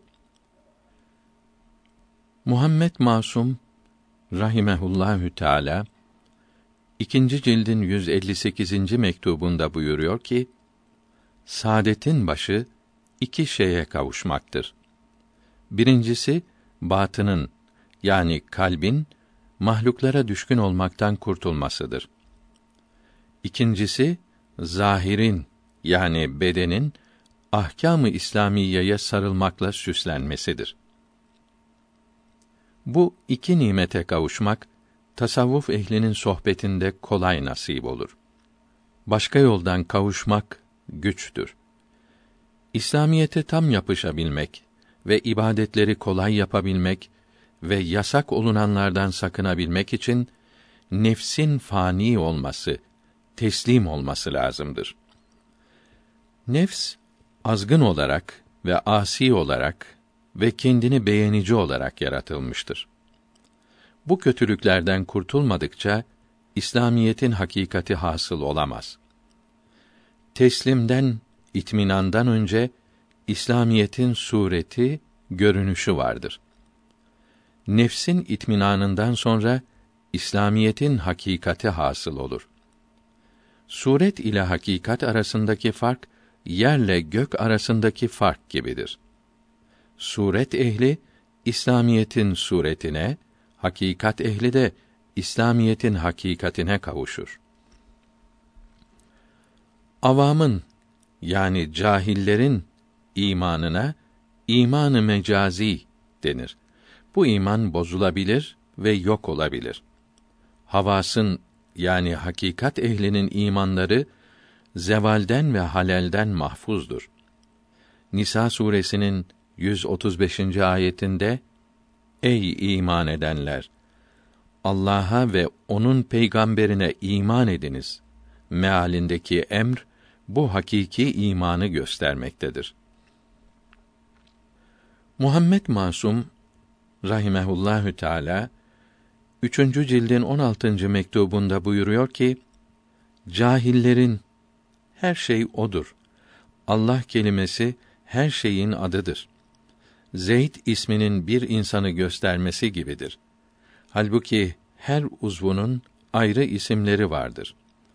O halde Zeyd nerededir? Hiçbir yerde değildir. Allahü Teala da her varlıkta görünmektedir. Bunun için her şeye Allah demek caizdir. Bu varlıklar bir görünüştür. Bunlardaki yok olmak da bir görünüştür. Hakikatte yok olan bir şey yoktur. Gibi sözleri bir varlığa inanmayı değil, çok varlığı göstermekte olup tasavvuf büyüklerinin bildirdiklerine uygun değildir. Bu söz Allahü Teala'yı madde aleminde göstermektedir. Ayrı bir varlık değildir demektir. Allahü Teala'nın varlığında ve sıfatlarının varlıklarında mahluklarına muhtaç olduğunu göstermektedir. Bileşik cismin varlığının elementlerinin varlıklarına muhtaç olması gibidir. Bu ise Allahü Teala'nın varlığına inanmamak olup küfürdür. Allahü Teala'nın varlığının madde ve mana alemlerinin varlıklarından ayrı olduğuna inanmak lazımdır. Yani vacip ile mümkinler ayrı bir varlıktırlar. İkilik olan her şeyde ayrılık vardır. Alem yani Allah'tan başka her şey hakikatte var olsaydı o zaman ikilik olurdu. Alemin varlığı görünüştedir denirse buna cevap olarak hakiki mevcut mevhum olan görünüşle birleşmez deriz. Yani her şey odur denilemez. Bu söz ile hiçbir şey yoktur. Yalnız o vardır demek istenirse o zaman doğru olur. Fakat hakikat olarak değil, mecaz olarak söylenmiş olur. Zeyd'in aynadaki ve televizyondaki hayalini görenin Zeyd'i gördüm demesine benzer. Teşbih olarak söylemeyip hakikat olarak söylemek arslana eşek demeye benzer. Radyodan, hoparlörden çıkan sese bunu söyleyen insanın sesidir demek de böyle yanlıştır. Arslan başkadır, eşek başkadır. Laf ile ikisi bir yazılamaz. Tasavvuf büyüklerinden vahdet-i vücut söyleyenler hakiki varlık mahluklarda bulunuyor. Ayrıca mevcut değildir demedi. Mahluktur. Onun zuhurlarıdır, görünüşleridir dediler.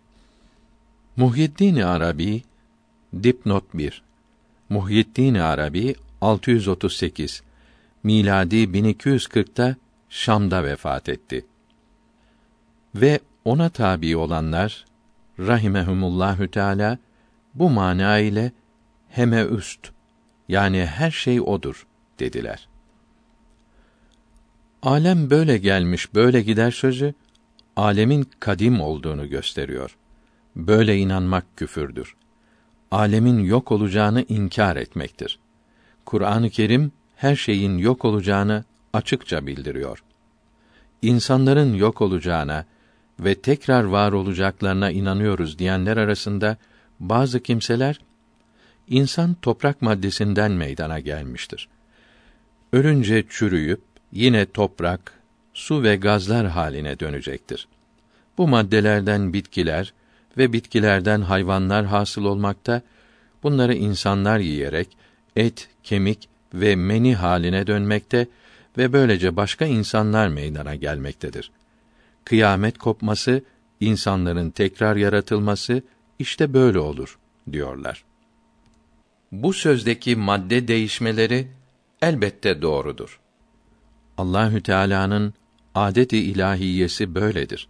Fakat insanların tekrar yaratılması böyle olur demek haşrı, neşri ve kıyameti inkar etmektir. Kıyamet gününün gelmesi ve ölülerin mezarlarından kalkacakları, bütün canlıların bir meydanda toplanacakları, meleklerin yazdığı kitapların ortaya çıkarılacağı, hesap verileceği, terazinin kurulacağı, müminlerin sırat köprüsünden geçecekleri, kâfirlerin cehenneme düşecekleri ve sonsuz azapta kalacakları Kur'an-ı Kerim'de ve hadis-i şeriflerde bildirilmiştir. Bu bilinen namaz cahil halk için emrolunmuştur. Saf, temiz, yükselmiş insanların ibadetleri, namazları zikr ve tefekkürdür. İnsanın bütün zerreleri ve bütün eşya her an zikr, ibadet yapmaktadır. İnsan bunu anlamasa da böyledir. İslamiyet aklı az olanlar için gönderilmiştir. Böylece fesat çıkarmaları önlenmiştir. Gibi laflar cahillerin ve aklı az olan mezhepsizlerin sözleridir. Peygamberimiz sallallahu aleyhi ve sellem namazın dinin direği olduğunu bildirdi. Namaz kılan din binasını yapmıştır. Namaz kılmayan dinini yıkmıştır. Namaz müminin miracıdır buyurdu. Rahatını, huzurunu namazda bildi. Namazdaki yakınlık başka şeylerde bulunmaz. Hadisi şerifte Allah ile kul arasındaki perdeler ancak namazda kaldırılır buyuruldu. Her kemal İslamiyete yani ahkâm-ı İslamiyeye uymakla hasıl olur.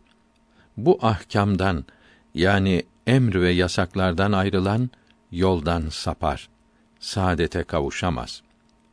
Kur'an-ı Kerim ve hadis-i şerifler bu ahkama uymayı emrediyorlar. Doğru yol Kur'an-ı Kerim'in ve hadis-i şeriflerin gösterdiği yoldur. Başka yollar şeytanların yollarıdır. Abdullah İbni Mesud diyor ki, Resulullah sallallahu aleyhi ve sellem bir doğru çizdi. Bu insanı Allah'ın rızasına kavuşturan tek doğru yoldur dedi. Sonra bunun sağına soluna balık kılçığı gibi çizgiler çizip bunlar da şeytanların yollarıdır. her birinde bulunan şeytan kendine çağırır buyurdu. Ve bu doğru olan yolumdur. Buna geliniz. Ayet-i kerimesini okudu. Peygamberlerin aleyhisselam söz birliğiyle bildirdikleri ve İslam alimlerinin bizlere ulaştırdıkları bilgiler şunun bunun düşünceleriyle, hayalleriyle yok edilemez. 14. asrın müceddidi, zahir ve batın ilimlerinin hazinesi Seyyid Abdülhakim Efendi'nin rahmetullahi aleyh dipnot 1 Abdülhakim Arvasi 1362 miladi 1943'te Ankara'da vefat etti. Er-Riyadut Tasavvufiye kitabı tasavvufun tarifini, tarihini, mevzuunu ve ıstılahlarını gayet veciz olarak yazmaktadır.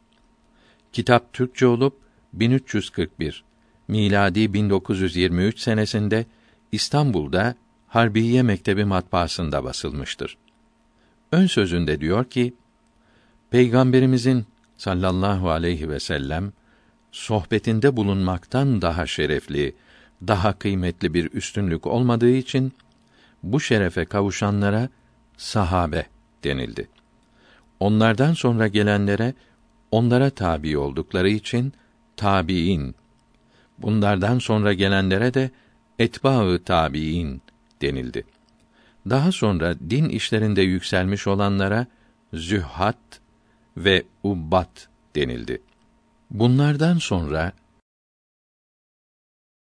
bid'atler çoğalıp her fırka kendi önderlerine zahit ve abid dedi. Ehli sünnet denilen eshab-ı kiram yolundaki doğru fırkadan olup kalplerini gafletten koruyan ve nefslerini Allah'a itaate kavuşturanların bu hallerine tasavvuf ve kendilerine sofi ismi verildi. Bu isimler hicretin ikinci asır sonunda işitildi. Kendisine evvela Sofi denilen Ebu Haşim Sofi'dir. Rahimehullahü Teala.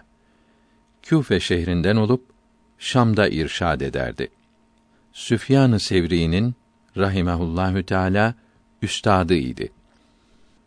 Süfyan-ı Sevri rahmetullahi aleyh 161 miladi 778'de Basra'da Ebu Haşim Sofi 115'te vefat etmişlerdir. Süfyan demiştir ki Ebu Haşim Sofi olmasaydı Rabbani hakikatleri bilmezdim. Onu görmeden önce tasavvufun ne olduğunu bilmiyordum. Tekke en önce Ebu Haşim için Remleh şehrinde yapılmıştır. Dağları iğne ile oyarak toz etmek kalplerden kibri çıkarmaktan kolaydır. Sözü onundur. Faydasız ilimden Allah'a sığınırım sözünü çok söylerdi. Tasavvuf ehli başka din adamlarında bulunmayan bir ilm ile şereflenmişlerdir. Haris bin Esed Muhasibi rahimehullahü teala 241 miladi 855'te Basra'da vefat etti. Kitabür Riaye'de vera ve takva üzerinde geniş bilgi verdi. İmamı Abdülkerim Kuşeyri rahimehullahü teala 376 miladi 987'de Nişapur'da vefat etti. Meşhur risalesinde ve Şihabüddin Ömer Sühreverdi rahimehullahü teala 632 miladi 1234'te vefat etti. Avarifül Mearif'te tarikat edeplerini ve vecdlerini ve hallerini bildirmişlerdir. İmamı Muhammed Gazali rahmetullahi aleyh İhya kitabında bu iki kısım bilgileri birlikte uzun açıklamıştır. Görülüyor ki tasavvufun başlangıcı nübüvvetin ve risaletin başlangıcıdır. Tasavvuf bilgileri semavi dinlerin hakikatlerini anlamak ile hasıl olmuşlardır. Tasavvufun bir parçası olan vahdetül vücut marifetlerini Budistlerin, Yahudilerin akıl ve riyazet ile anladıkları vahdet ile karıştırmamalıdır. Birincisi zevk ile anlaşılan marifetler, ikincisi akl ile hasıl olan hayallerdir. Bu zevki tatmayan gafiller ikisini aynı sanırlar. Allahü Teala Ez-Zariyat suresinde mealen cinni ve insanları ibadet etmeleri için yarattım buyuruyor. İbadet etmek de kurp ve marifet hasıl eder. Demek ki insanların evliya rahimehumullahü teala olmaları emrolunmaktadır. Bu da farzları, nafileleri birlikte yapmakla ve bid'at sahiplerinden uzaklaşmakla hasıl olur. Tasavvuf yolunda yapılan vazifeler nafile ibadetlerdir. Farzların kabul olmaları için bulunması şart olan ihlas bu vazifelerle elde edilir. Vehhabilerin tasavvuf Yahudilerden ve eski Yunanlılardan alınmıştır sözünün çok çirkin, yalan ve iftira olduğu yukarıdaki bilgilerden pek iyi anlaşılmaktadır. Allahü Teala'nın rızasına, sevgisine kavuşmak için farzları, sünnetleri ve nafile ibadetleri yapmak lazımdır. Bunlar şartlarını, müfsitlerini bilerek ve ihlas ile yapılır. Farzların birincisi ehli sünnet itikadına uygun inanmak, ikincisi haramlardan ve haram nafakadan sakınmaktır. İhlas kalbi masivadan temizlemek yani her şeyi yalnız Allah için yapmaktır. Bu da mürşid-i kamil sohbetinde bulunmakla az zamanda hasıl olur. Mürşit bulunmazsa bir mürşide rabıta yaparak veya çok zikri yaparak da hasıl olur. Mürşid-i kamil bir ayna, bir gözlük gibidir. Bir kimse gönül gözüyle bir mürşidin kalbine bakarsa orada Resulullah'ın mübarek kalbini görür. O Resulullah'ın varisidir. Ona rabıta yapılınca Resulullah'a yapılmış olur. Onun mübarek kalbine mürşitlerinin kalpleri vasıtasıyla Resulullah'ın kalbinden gelmiş olan nurlar bunun kalbine de akar. Kalp temizlenerek ihlas hasıl olur. 8. Fethül Mecid kitabının 168. ve 353. sayfelerinde Allahü Teala ile kulları arasında birini vasıta yapmak, ondan bir şey istemek söz birliğiyle küfür olur. İbn Kayyım ölüden bir şey istemek, ondan Allahü Teala katında şefaat etmesini dilemek büyük şirktir dedi. Hanefi kitaplarından Fetavai Bezzaziye dipnot 1 Fetavai Bezzaziye'nin yazarı İbnül Bezzaz Muhammed Kerderi 827 miladi 1424'te vefat etti. Ervah-ı meşayih hazırdır diyen kâfir olur demektedir. Meyyitte his ve hareket olmadığı ayetlerden ve hadislerden anlaşılmaktadır diyor. 70. sayfasında Ukaşe cennete hesapsız girmesi için Resulullah'tan dua istedi. Bu da diriden dua istemek caiz olduğunu göstermektedir. Fakat gayipten ve ölüden dua istemek şirktir demektedir. Resulullah'ın duası kabul olduğu gibi onun yolunda izinde bulunanların da duaları kabul olur. Kendisi de 381. sayfede İmam Ahmed'in ve Müslim'in rahimehumallahü teala Ebu Hüreyre'den radıyallahu teala anh bildirdikleri hadisi şerifte saçları dağınık ve kapılardan kovulan öyle kimseler vardır ki bir şey için yemin etseler Allahü Teala onları doğrulamak için o şeyi yaratır buyurulduğunu yazmaktadır. Allahü Teala sevdiği kullarını yalancı çıkarmamak için yemin ettikleri şeyleri bile yaratınca dualarını elbette kabul buyurur. Allahü Teala Mü'min suresinin 60. ayetinde mealen bana dua ediniz. Duanızı kabul ederim buyuruyor. Duaların kabul olması için şartlar vardır. bu şartları taşıyan dua elbet kabul olur. Herkes bu şartları bir araya getiremediği için duaları kabul olmuyor. Bu şartları yaptıklarına güvendiğimiz alimlerin, velilerin dua etmeleri için onlara yalvarmak niçin şirk olsun? Biz Allahü Teala sevdiklerinin ruhlarına işittirir. Onların hatırı için istenileni yaratır diyoruz.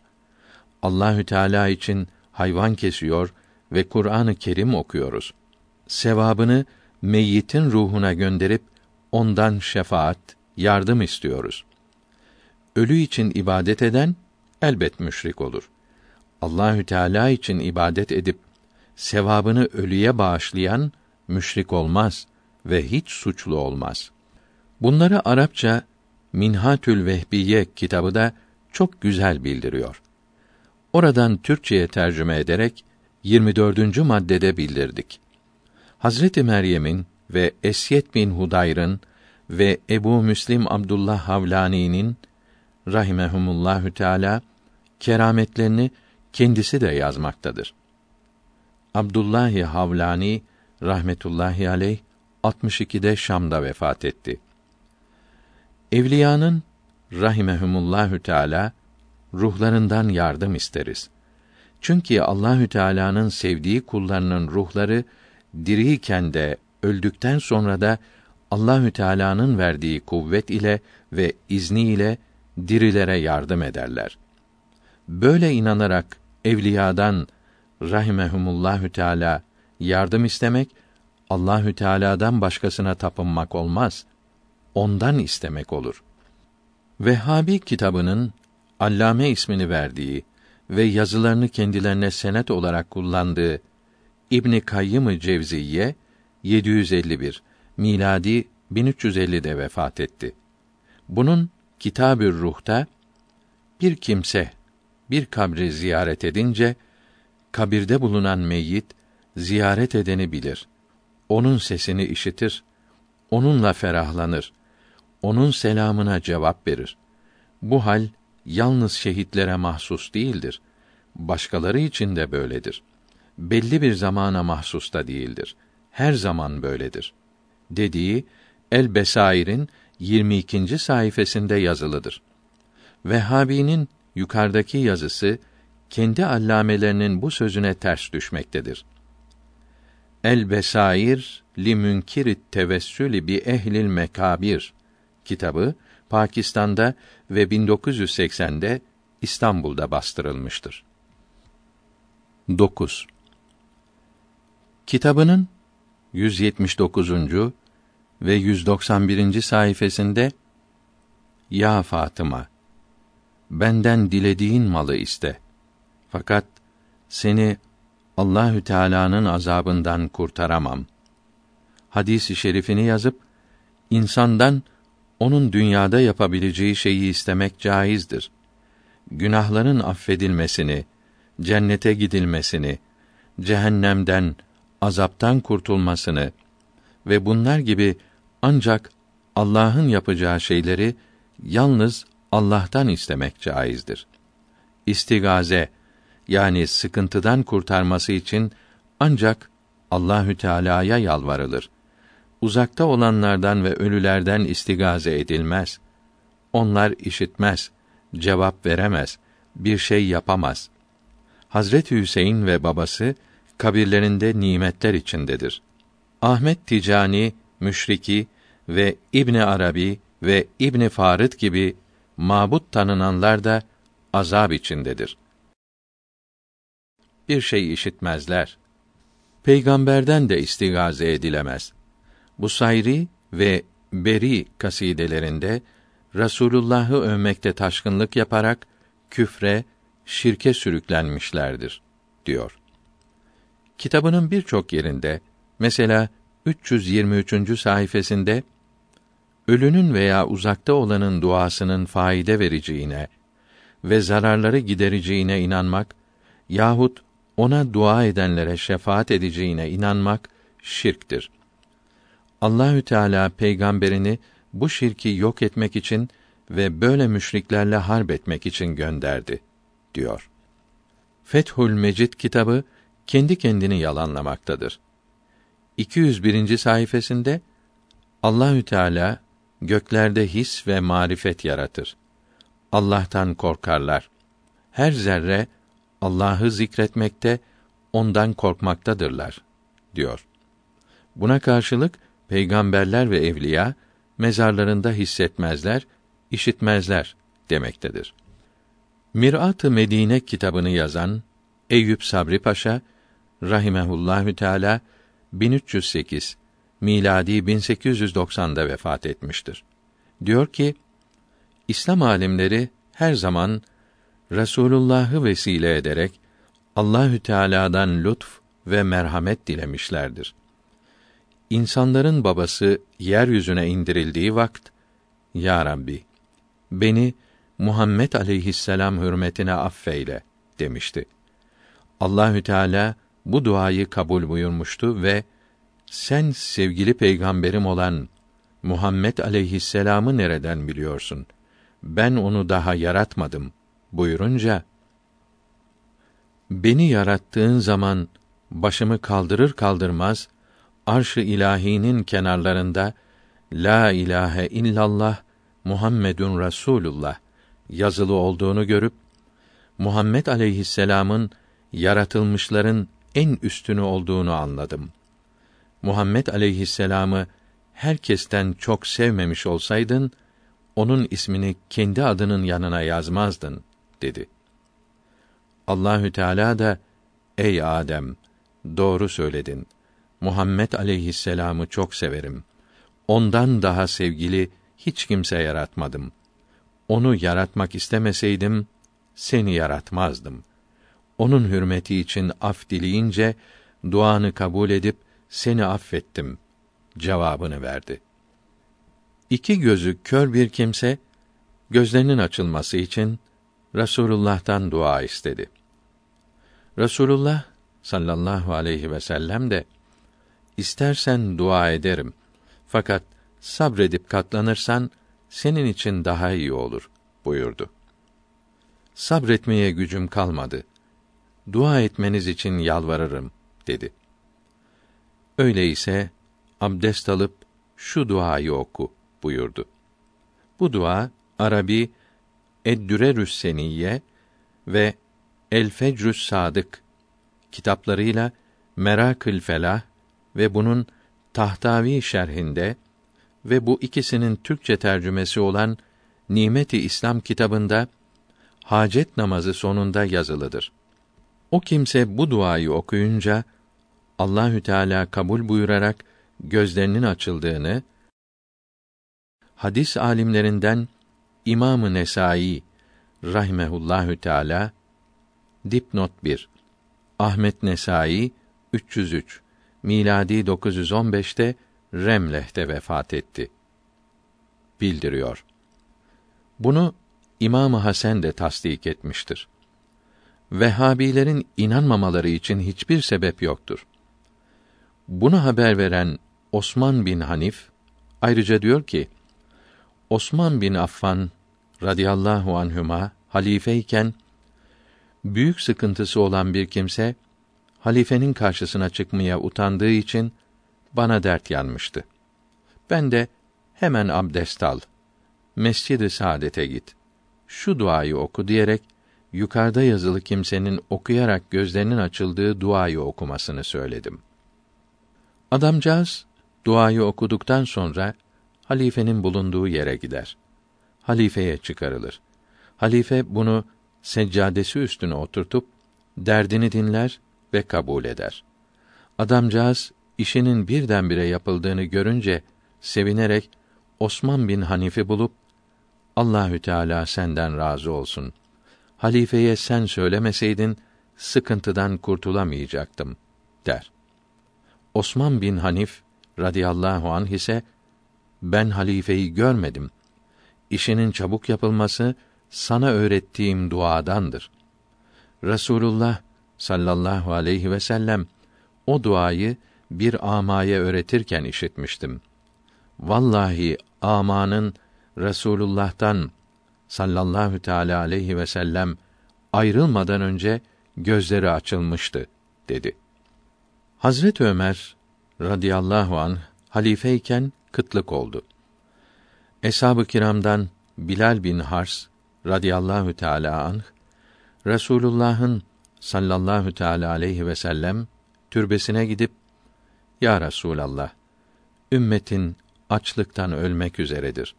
Yağmur yağması için vesile olmanı yalvarırım dedi. Rasulullah sallallahu aleyhi ve sellem o gece rüyasında görünüp halifeye git. Benden selam söyle. Yağmur duasına çıksın buyurdu. Hazret Ömer yağmur duasına çıkıp yağmur yağmaya başladı. Allahü Teala sevdiklerinin hatırı için diyerek yapılan duaları kabul buyurmaktadır. Allahü Teala Muhammed aleyhisselamı çok sevdiğini bildirmiştir. Bunun için bir kimse Allahümme inni es'elüke bi cahi nebiyikel Mustafa diyerek bir dua etse duası reddolunmaz. Bununla beraber ufak tefek dünya işleri için Resulullah'ı sallallahu teala aleyhi ve sellem vesile etmek edebe uygun olmaz. Burhanettin İbrahim Maliki rahimehullahü teala 799 miladi 1397'de vefat etmiştir. Buyuruyor ki çok aç olan fakir bir kimse hücre-i saadete gidip Ya Resulallah karnım açtır dedi. Az sonra birisi gelip fakire evine götürdü. Karnını doyurdu. Fakir yaptığı duanın kabul olduğunu söyleyince Kardeşim çoluk çocuğundan ayrılıp uzak yollardan sıkıntılar çekerek Resulullah'ı ziyaret için geldin. Bir lokma ekmek için Resulullah'ın huzuruna çıkmak yakışır mı? O yüksek huzurda cenneti ve sonsuz nimetleri istemeliydin. Burada istenilen şeyleri Allahü Teala reddetmez dedi. Resulullah'ı sallallahu aleyhi ve sellem ziyaret etmek şerefine kavuşanlar kıyamet gününde şefaat etmesi için dua etmelidir. İmamı Ebu Bekr Makkari rahimehullahü teala bir gün İmamı Taberani ve Ebu Şeyh rahimehumullahü teala dipnot 1 Ebu Şeyh bin Hayyan Abdullah İsfahani 369 miladi 979'da vefat etti. ile Mescid-i Saadet'te oturuyorlardı. Birkaç günden beri acıkmışlardı. Yatsı namazından sonra İmam Ebu Bekr artık dayanamayarak açım ya Resulallah dedikten sonra bir köşeye çekildi. İki arkadaşı kitap okuyorlardı. Seyyidlerden bir zat iki hizmetçisiyle gelerek Kardeşlerim dedem Resulullah'tan sallallahu aleyhi ve sellem açlıktan yardım istemişsiniz. Biraz uyumuştum. Sizi doyurmamı emir buyurdu dedi. Getirdiklerini birlikte yediler. Artanını bunlara bırakıp gitti. Ebul Kasım Süleyman Taberani rahmetullahi aleyh hadis imamıdır. 260'ta Taberiye'de tevellüt, 360 miladi 971'de İsfahan'da vefat etti. Ebul Abbas bin Nefis rahimehullahü teala ama idi. Üç gün aç kaldı. Hücre-i saadete gelip ya Resulallah açım deyip bir tarafa çekildi. Az zaman sonra biri gelip bunu evine götürdü. Karnını doyurdu ve Ey Ebul Abbas Resulullah Efendimizi rüyada gördüm. Seni doyurmamı emretti aç kaldığın zamanlar bize gel dedi. İslam alimlerinden İmamı Muhammed Musa bin Numan Merakişi Maliki rahimehullahü teala 683 miladi 1284'te vefat etti. Misbahüz Zulam fil müstegisin bihayril enam adındaki kitabında Resulullah'ı sallallahu teala aleyhi ve sellem vesile ederek muratlarına kavuşanları yazmaktadır. Bunlardan biri Muhammed bin Münkedir'dir. Rahimehullahü Teala. Muhammed diyor ki, bir adam babama seksen altın bırakıp cihada gitmişti. Bunları sakla. Çok muhtaç olana da yardım edebilirsin demişti. Medine'de kıtlık oldu. Babam altınların hepsini açlıktan bunalanlara dağıttı. Altınların sahibi gelip istedi. Babam bir gece sonra gel dedi. Hücre-i saadete gidip sabaha kadar Resulullah'a yalvardı. Gece yarısı bir adam gelip uzat elini demiş. Bir kese altın verip sonra hiç görünmemiştir. Babam evde altınları sayıp seksen adet olduğunu görünce sevinerek hemen sahibine vermişti. İbn Celah rahimehullahü teala Medine'de fakir düşmüştü. Hücre-i saadete geçip Ya Resulallah bugün sana misafir geldim. Karnım çok açtır dedi. Bir kenara çekilip uyudu. Resulullah sallallahu aleyhi ve sellem rüyasında görünüp büyük bir ekmek verdi. Diyor ki, çok aç olduğum için hemen yemeye başladım. Yarısı bitince uyandım. Kalan yarısını elimde buldum. Ebul Hayr Akta rahimehullahü teala Medine'de beş gün aç kalmıştı. Hücre-i Saadet'in yanına gelip Resulullah'a selam verdi. Aç olduğunu bildirdi. Bir yana çekilip uyudu. Rüyada Resulullah'ın geldiğini gördü. Sağında Ebu Bekr Sıddık, solunda Ömer Faruk ve önünde Ali Yül Mürteza radıyallahu teala anhum ecmaîn vardı. Hazret Ali gelip ya ebel hayır kalk ne yatıyorsun Resulullah geliyor dedi. Hemen kalktı. Resulullah gelip büyük bir ekmek verdi. Ebul Hayr diyor ki, çok aç olduğum için hemen yemeye başladım. Yarısı bitince uyandım. Kalan yarısını elimde buldum. Ebu Abdullah Muhammed bin Ber'a rahimehullahü teala diyor ki babam ile Mekke'de parasız kaldık. Ebu Abdullah bin Hafif rahimehullahü teala da yanımızdaydı. Medine'ye geldik. Ben çocuktum. Acıktım diyerek ağlardım.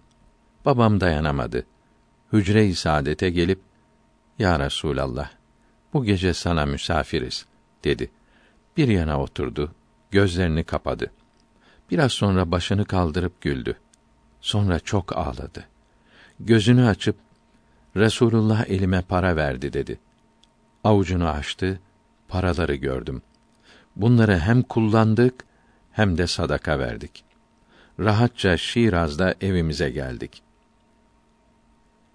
Ebu Abdullah Muhammed bin Hafif rahmetullahi aleyh 371 miladi 981'de vefat etmiştir. Ahmet bin Muhammed Sofi rahimehullahü teala diyor ki Hicaz çöllerinde varlığım kalmadı. Medine'ye geldim. Hücre-i Saadet yanında Resulullah'a selam verdim. Bir yana oturup uyudum. Resulullah sallallahu aleyhi ve sellem görünüp Ahmet geldin mi? Avucunu aç buyurdu. Avucumu altınla doldurdu. Uyandım. Ellerim altın doluydu.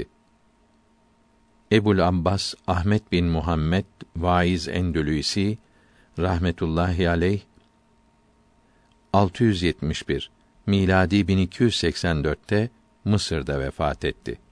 Resulullah'ın sallallahu aleyhi ve sellem aşıklarının temiz kalplerinden çıkan sözler edebe, saygıya uygunsuz görünürse bunlara bir şey dememeli, susmalıdır. Buradaki edeplerden, saygılardan biri de susmaktır. Aşıklardan biri kabri saadetin yanında her sabah ezan okur, namaz uykudan daha iyidir derdi. Mescid-i Nebi hizmetçilerinden birisi Resulullah'ın sallallahu teala aleyhi ve sellem huzurunda terbiyesizlik yapıyorsun diyerek bunu dövdü. Bu da ya Resulallah yüksek huzurunuzda adam dövmek, sövmek edepsizlik sayılmaz mı dedi. Biraz sonra döven kimsenin felç olduğu, eli ayağı tutmadığı görüldü. Üç gün sonra da öldü. Bunu Hafız Ebul Kasım rahimehullahü teala kitabında yazmaktadır. Sabit bin Ahmet Bağdadi rahimehullahü teala da bunu gördü demektedir. Ebul Kasım Ali İbni Asakir 571 miladi 1176'da Şam'da vefat etti. İbnün Nu'man rahmetullahi aleyh dipnot 1 Ebu Nuaym Ahmet İsfahani Şafii 430 miladi 1039'da vefat etti. Kitabında diyor ki İbnü Said rahimehullahü teala ve arkadaşları Medine'de parasız kalmışlardı. Hücre-i Saadet'i ziyaretten sonra Ya Resulallah paramız bitti. Yiyeceğimiz kalmadı deyip çekildi. Mescit kapısından çıkarken birisi bunu evine götürüp bol bol hurma ve para verdi.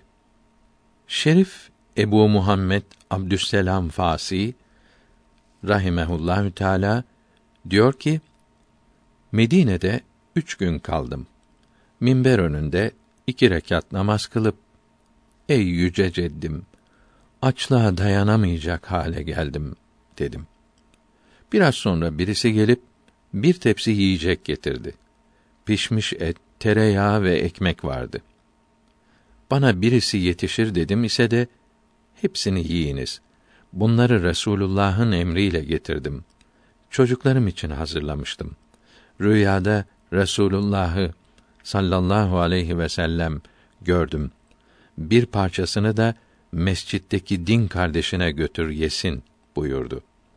Şerif Mühessir Kasimi rahimehullahü teala Hücre-i Saadet'in Şam tarafındaki teheccüd mihrabı önünde uyumuştu. Ansızın kalkıp Hücre-i Saadet'in önüne geldi. Gülerek geri gitti. Mescid-i Nebi hizmetçilerinin müdiri olan Şemseddin Savap mihrap yanındaydı. Niçin güldüğünü sordu. Birkaç günden beri evimde yiyecek yoktu.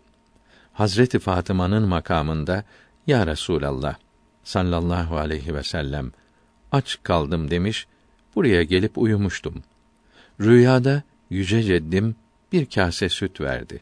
İçtim. Uyandım. Kase elimdeydi. Teşekkür için hücre-i tahire önüne geldim. Oradaki zevkten, lezzetten güldüm. İşte kase dedi. Misbahuz Zulem kitabı bunu uzun yazmaktadır. Ali bin İbrahim Busri rahmetullahi aleyh diyor ki Abdüsselam bin Ebi Kasım sahabi radıyallahu teala anh hücre-i saadet önünde durup ya Resulallah Mısır'dan geldim. Beş aydır sana misafirim. Kaç gündür aç kaldım. Allahü Teala'dan yiyecek isterim dedi. Bir yana çekilip oturdu.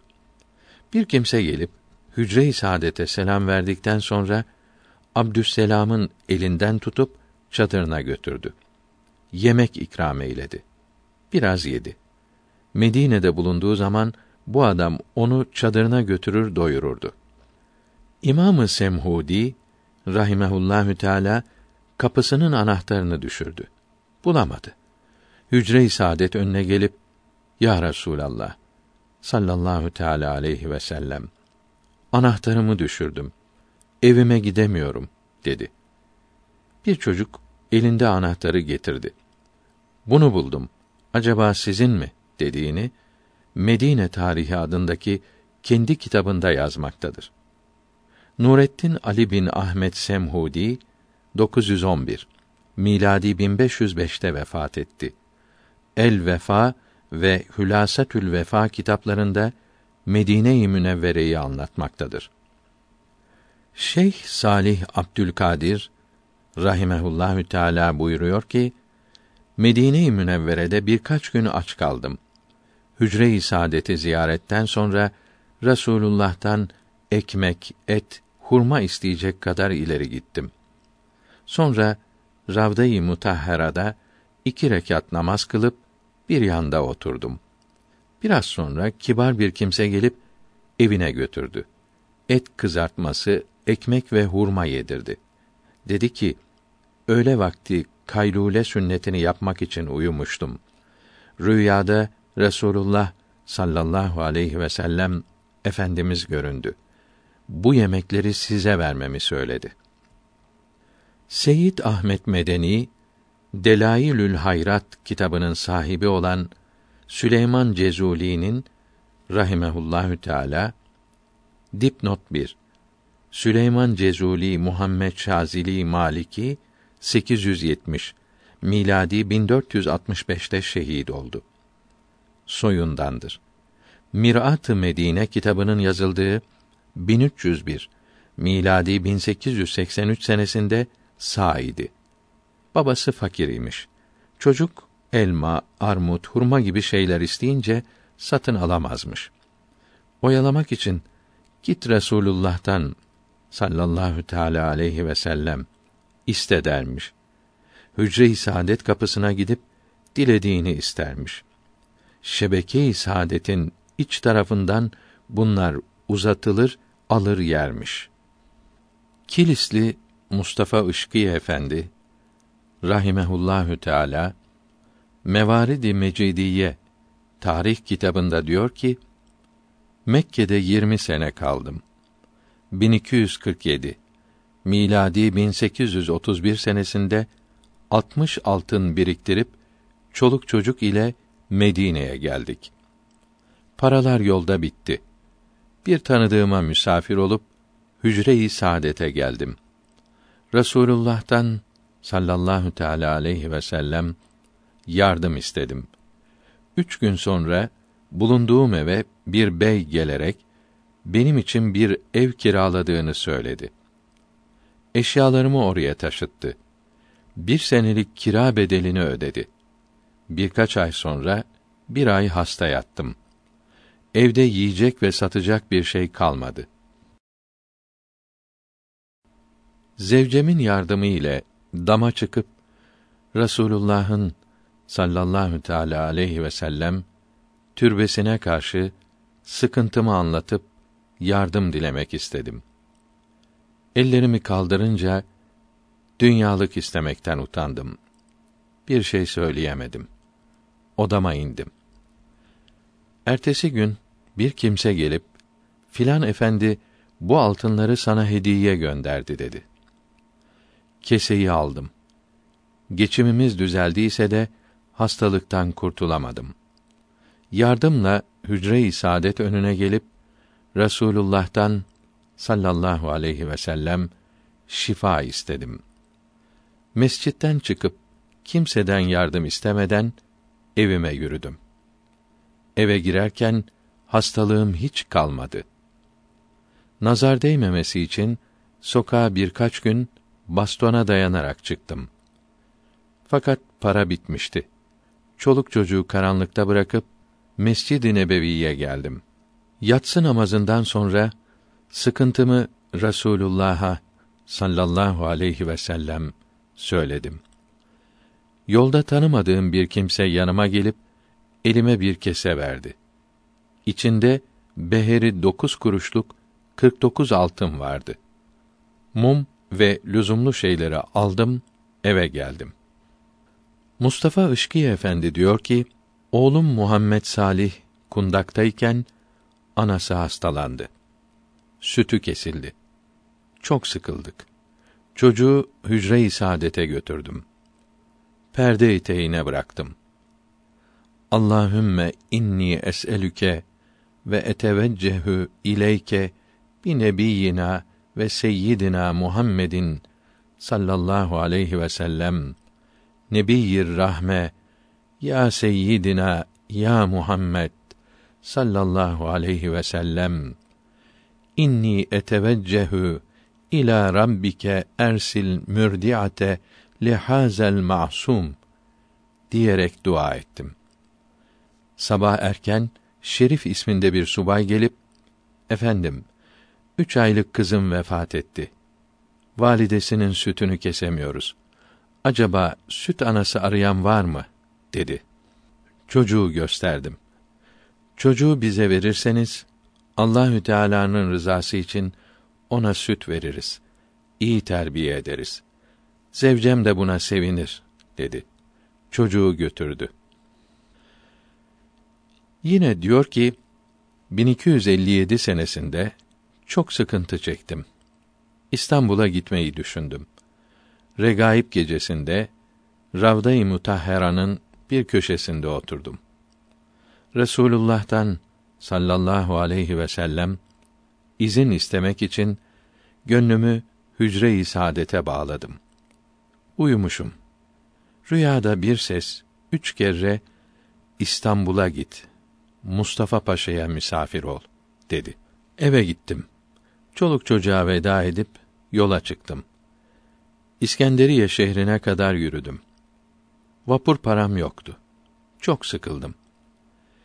İşlerinizi şaşırıp sıkıldığınız zaman kabirdekilerden yardım isteyiniz. Hadis-i şerifini hatırladım. Kaside-i Bürde yazarı olan İmamı Busayri'nin rahimehullahü teala türbesine gittim. Ziyaret ettim. Allahü Teala'nın sevgili kullarından olan bu zatın mübarek ruhunu vesile ederek Cenab-ı Hak'tan yardım diledim. İmamı Muhammed Busayri 695 miladi 1295'te vefat etmiştir. Dışarı çıkınca Serezli Ahmet Bey adında birisiyle karşılaştım. Beni arıyormuş. Efendim, Osmanlı devlet adamlarından Said Muhib Efendi rahimehullahü teala yola çıktığınızı işitip sizi görmekle şereflenmek istiyor. Zahmet buyurup gelirseniz çok sevinecektir dedi. Konağa gittik. Muhip efendi büyük bir nezaket ile ve saygı ile karşıladı. Kabul buyurursanız vapurla İstanbul'a birlikte gidelim dedi. Ertesi gün Mısır valisi Muhammed Ali Paşa'dan rahimehullahü teala üç kese para geldi. Vapurla İstanbul'a geldik. 21 gün vapurda karantinada kaldık. Cuma günü vapurdan çıkınca doğru Eyüp Sultan'a gittim. Halit bin Zeyd Hazretlerini radıyallahu teala anh dipnot 1 Halit bin Zeyd Ensari 50 miladi 670'te İstanbul'da vefat etti. Ziyaret edip kendisine garip bir misafir olduğumu kalbimden geçirip yardım etmesi için yalvardım. Eyüp Camii'nde cuma namazını kıldıktan sonra cemaatle birlikte türbeye girdik. Bir yanda oturdum. Bilmediğim bir zat, nereye gideceğiz? Emrediniz efendim, dedi. Arkamdan birisi sırtıma yumruk vurup, emrolunan yere dedi. Yolda giderken, arkama yumruk vuran kim idi dedim. Onun ismi Mahmud'dur. Eyüp ahalisi kendisine meczup derler dedi. Beni nereye götürüyorsunuz dedim. Bendeniz eski serkatibi yari ve şimdi serasker harbiye nazırı olan Mustafa Nuri Paşa'nın rahimehullahü teala adamıyım. Sizi bulmayı emir buyurdu. Mustafa Paşa ile tanışmıyoruz. Acaba niçin böyle emir verdiler? Orasını bilemem. Adınızı saygı ile söyleyerek sizi beklediklerini bildirdiler. Beni bilmez idin. Eyüp'te hiç bilen de yoktur. Acaba yanlışlık olmasın dedim. Hayır efendim. Paşa Hazretleri beni gönderirken bugün Eyüp'te cuma namazından sonra şöyle mübarek bir zat bulacaksın. Saygı ile, edep ile alıp buraya getir dedi. Şeklinizi anlattı dedi. Bu sözleri işitince Mustafa Paşa'nın manevi bir işaret aldığını düşündüm. karşısına çıkınca büyük bir nezaket ile ve edep ile karşıladı. Efendim, benim misafirimsin. İstediğin kadar kalırsın. Dilediğin yerleri gezer, dolaşır, yine gelirsin dedi. Bir odaya yerleştirdi. Emrime birkaç hizmetçi verdi. Ertesi gün Şeyh Abdülkadir Mevlevi tekkesinin ziyaret günüymiş. Gidip bir yanda oturdum. Biri gelip edep ile Efendi Hazretleri mübarek isminiz nedir? Ne zaman geldiniz? Kimin yanında misafirsiniz dedi. Cevaplarımı dinleyip gitti. Akşam dönüşte Mustafa Paşa Hazretlerine bu soruları anlattım. Yüce padişahımız rahimehullahü teala bugün orasını şereflendirdiler. Kendileri Mekke-i Mükerreme ve Medine-i Münevvere'de bulunan Müslümanları çok sever ve sayarlar. Soran kimsenin padişahımız efendimiz tarafından gönderilmiş olmasını sanırım buyurdu. Padişahımızın mübarek yüzünü görmekle şereflenebilir miyim dedim. Evet. Cuma namazı kıldıkları selamlığa giderseniz o şerefe kavuşabilirsiniz dedi. Beni cuma selamlığına gönderdi. Selamlık merasimi Beylerbeyi Camii Şerifindeydi. Bir yana durup sultanın mübarek cemalini görmek için bekledim. Padişahımızın hakkı gören mübarek gözleri bu aşık fakire ilişince şahlanarak giden atını durdurdu. Serasker Paşa'yı gönderdi. Serasker Paşa gelip Işki Efendi, padişahımız selam söylediler. Size 300 kuruş maaş irade buyurdular. Çoluk çocuğu düşünerek üzülmesin. İstanbul'un her yerini gezsin, görsün buyurdular dedi. Sultan Abdülmecid Han rahimehullahü teala efendimizin bu şahane fermanlarının her zaman işitmiş olduğum keşf ve kerametlerinden biri olduğunu anlayarak çoluk çocuk düşüncesinden kurtuldum. Birkaç ay sonra Medine-i Münevvere'ye döndüm. Çoluk çocuğumu rahat ve sevinç içinde buldum. Meğer Padişah Abdülmecid Han rahimehullahü teala hazretleri benim adım ile çoluk çocuğuma üç bin kuruş göndermiş. Arkamdan da yedi bin kuruş daha göndererek hepimizi sevindirdiler. Bütün Müslümanlar gibi biz de her namazda o mübarek padişaha dua eyledik. Abdülmecid Han rahmetullahi aleyh dipnot 1 Abdülmecid Han 1277 miladi 1861'de vefat etti. Hazretlerinin ihsanlarını ve kerametlerini anlatmakla şereflenmek için şu kıtayı her yerde okur oldum. Şehin Şahı Muazzam Hazreti Abdülmecid Han'a nasıl arz hal eylesem diye düştümdü feryada. Kerameti çok, ihsanı bol, ol şahı cihan ara. Gönlümü anladı, bildi, bir fakir gelmiş üftade.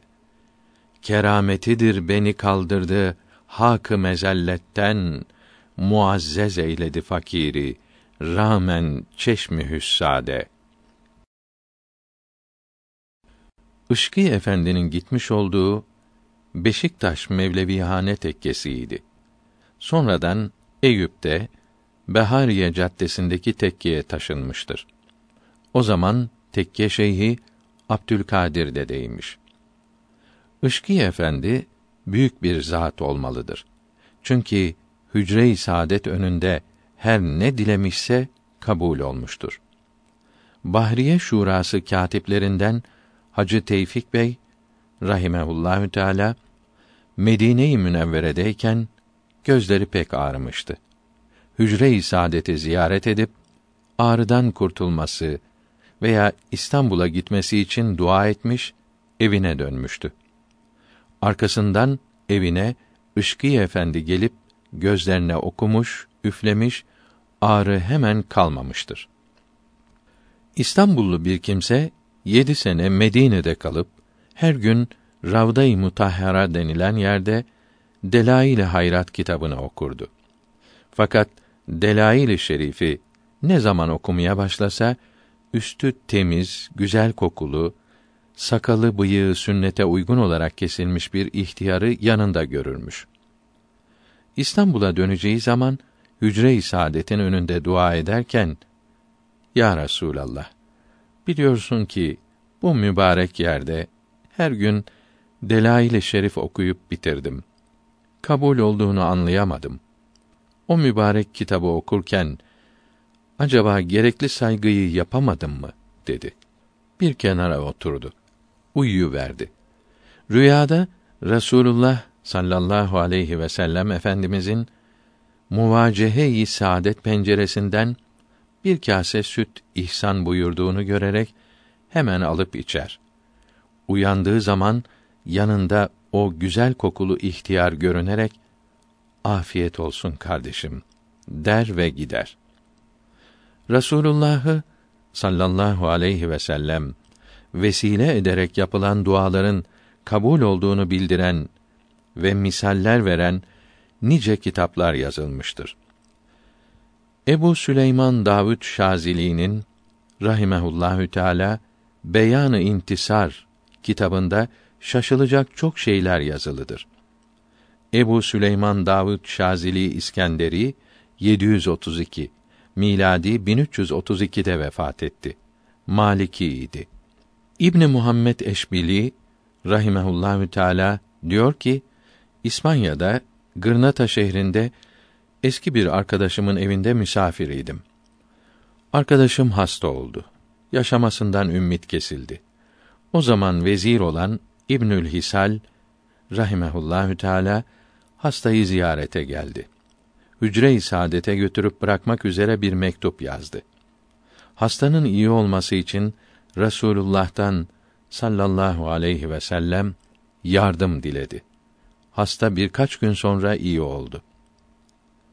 Şakaik-i Numaniye dipnot 1.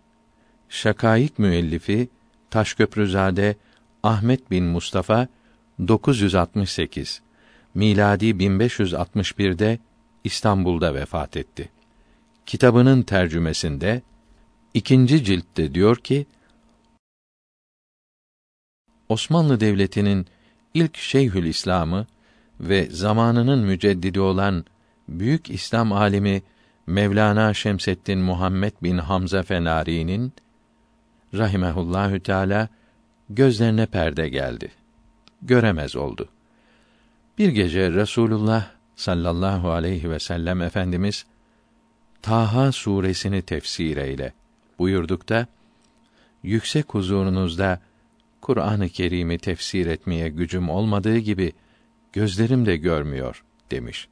Peygamberlerin tabibi olan Resulullah Efendimiz mübarek hırkasından bir parça pamuk çıkarıp mübarek tükrüğüyle ıslattıktan sonra gözleri üzerine koymuştur. Molla Fenari uyanıp pamuğu gözlerinin üstünde bularak kaldırmış, görmeye başlamıştır. Allahü Teala'ya hamd ve şükretmiştir. Pamuk ipliklerini saklayıp öldüğü zaman gözleri üzerine konmasını vasiyet etmiştir. 834 miladi 1431'de Bursa'da vefat edince vasiyetini yerine getirdiler. Resulullah sallallahu aleyhi ve sellem efendimizi vesile ederek Allahü Teala'ya yapılan dualar kabul olduğundan Müslümanların halifesi Hazreti Ömer radıyallahu teala anh Medine'de kıtlık olunca Abbas bin Abdülmuttalib'i radıyallahu teala anh vesile edinerek yağmur duasına çıktı ve Ya Rabbi sevgili peygamberini sallallahu teala aleyhi ve sellem vesile yaparak dua ederiz. Resulünün muhterem amcası hürmetine senden yağmur isteriz. Duamızı kabul buyur demiştir. Hazret Ömer radıyallahu an halifeyken bir daha kıtlık olmuştu. Kabül Ahbar rahimehullahü teala hazretleri ya emir el müminin İsrail oğulları zamanında kıtlık olunca peygamberleri vesile ederek dua olunurdu dedi.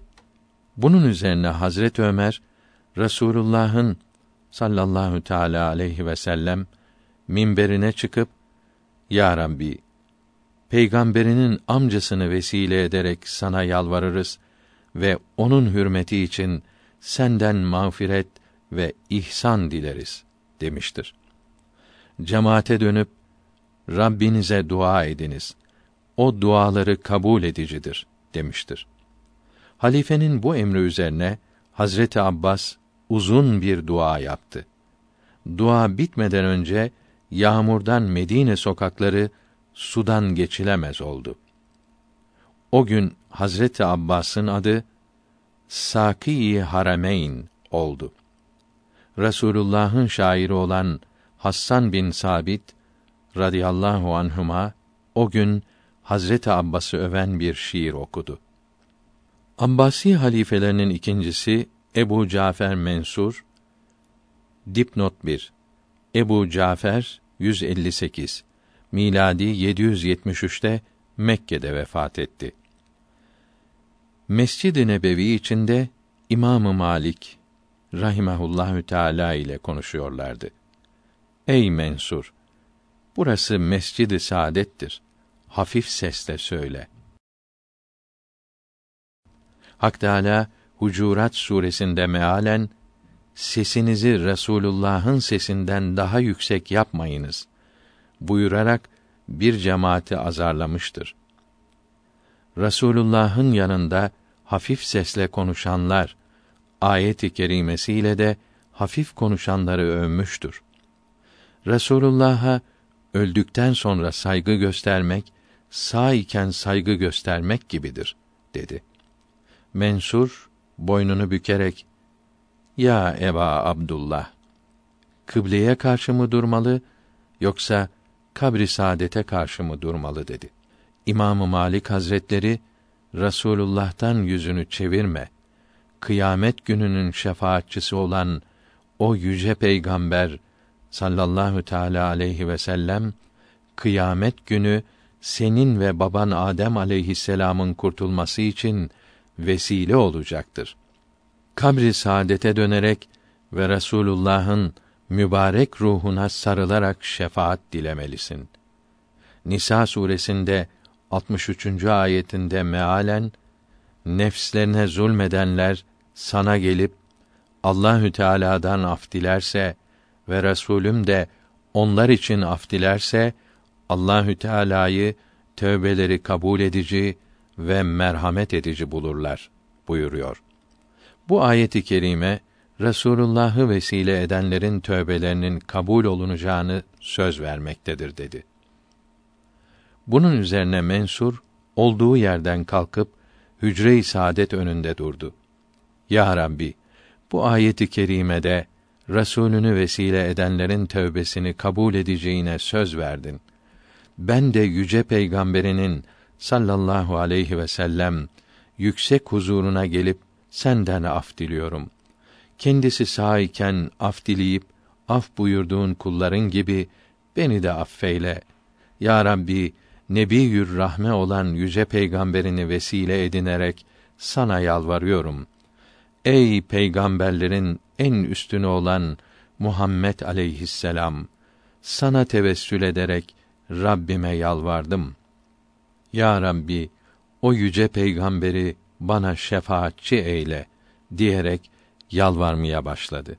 Arkası kıbleye, yüzü muvacehe-i saadet penceresine karşı ayakta durup dua eyledi. Minber-i Nebevi sol tarafında kalmıştı. Dikkat! İmamı Malik'in dipnot 1 Malik bin Enes bin Malik bin Ebi Amir Esbahi 179 miladi 795'te Medine'de vefat etti. Mensur halifeye rahimehumullahü teala verdiği nasihat hücre-i saadet önünde dua edenlerin çok uyanık olmaları lazım geldiğini göstermektedir. O makama uygun edebi ve saygıyı gösteremeyecek olanların Medine-i Münevvere'de çok kalmaları doğru olmaz.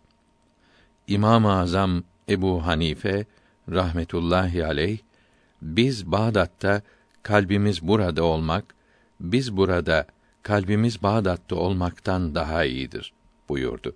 Anadolu köylülerinden biri Medine-i Münevvere'de senelerce kalmış, evlenmiş ve hücre-i saadette belli bir hizmet yaparmış. Ateşli bir hastalığa yakalanmış. Canı ayran istemiş. Eğer köyümde olsaydım, yoğurttan ayran yaptırıp içerdim. Düşüncesini gönlünden geçirmiş. O gece Rasulullah sallallahu aleyhi ve sellem Şeyhül Harem Efendiye rüyada görünüp o kimsenin yaptığı işin başkasına verilmesini emir buyurmuş. Şeyhül Harem, Ya Resulallah, o hizmeti ümmetinden filan kimse yapmaktadır deyince, o kimseye söyle, köyüne gidip ayran içsin buyurmuştur. Ertesi gün bu emir bildirilince, köylü baş üstüne diyerek memleketine gitmiştir.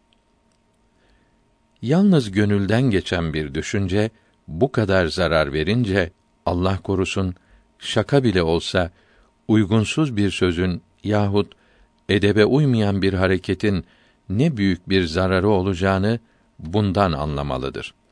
Hücre-i saadeti ziyaret edenlerin çok uyanık olmaları lazımdır. Gönlünde dünya düşünceleri bulunmamalıdır.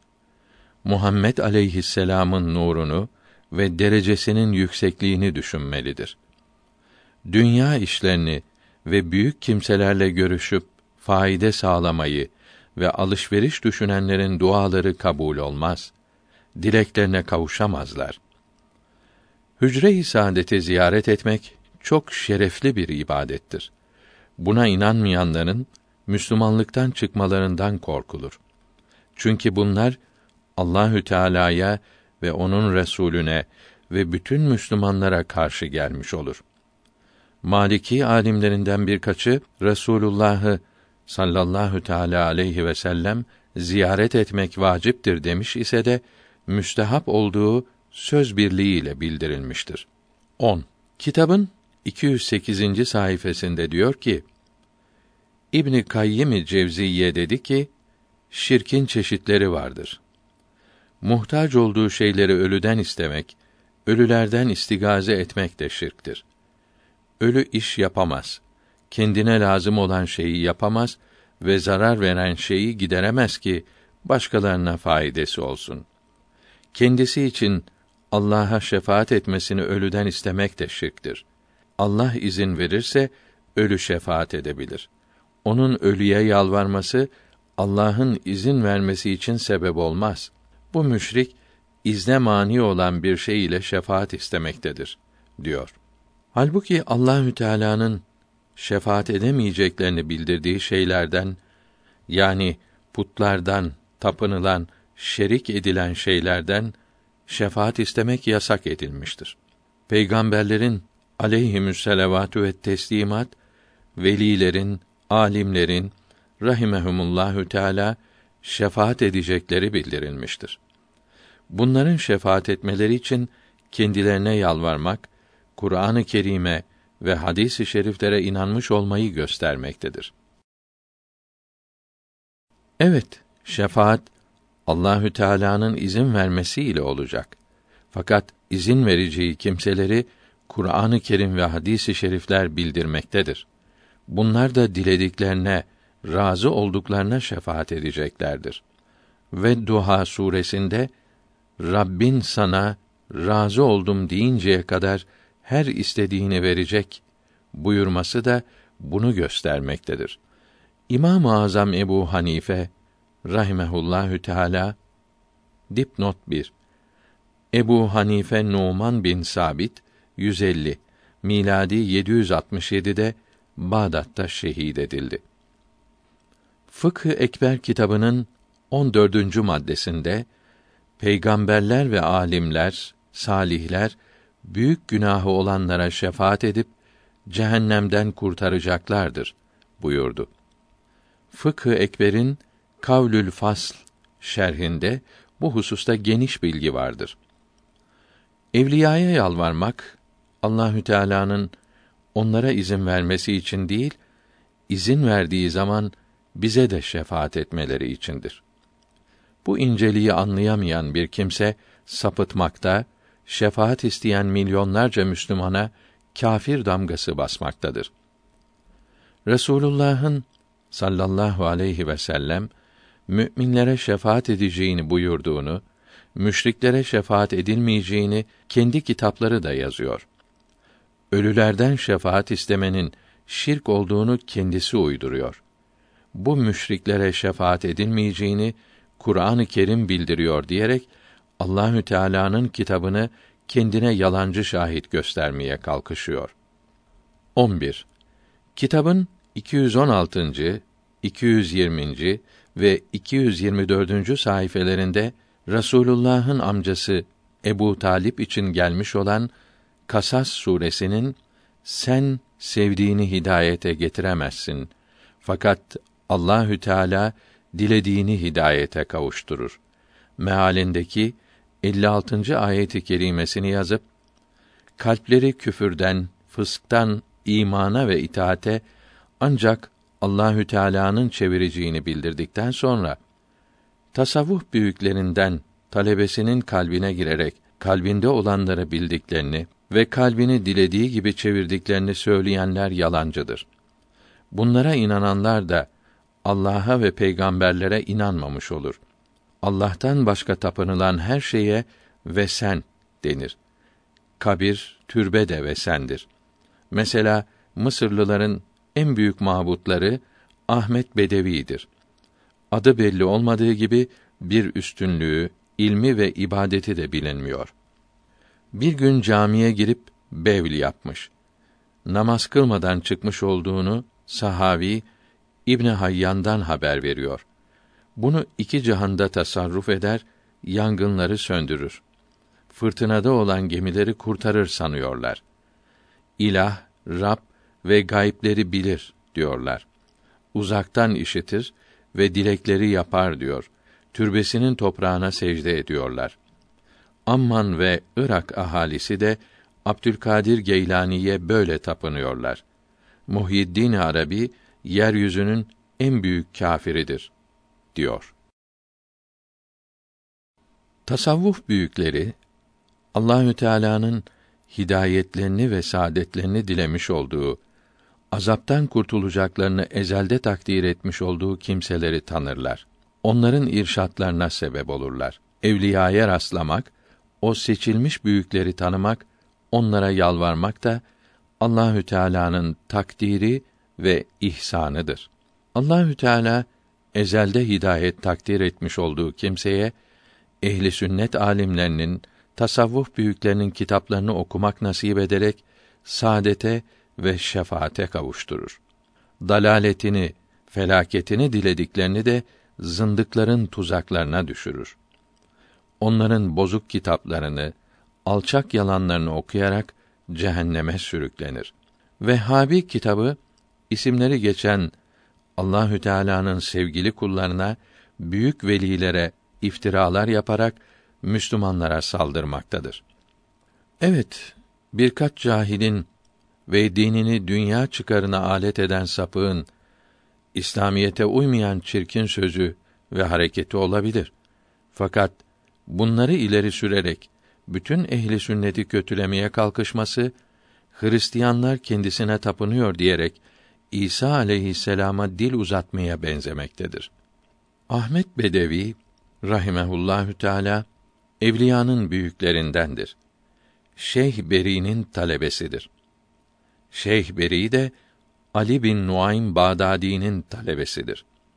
Bu da harikalar, kerametler sahibi Şerif Ahmet Rıfai'nin yetiştirdiği büyük bir velidir.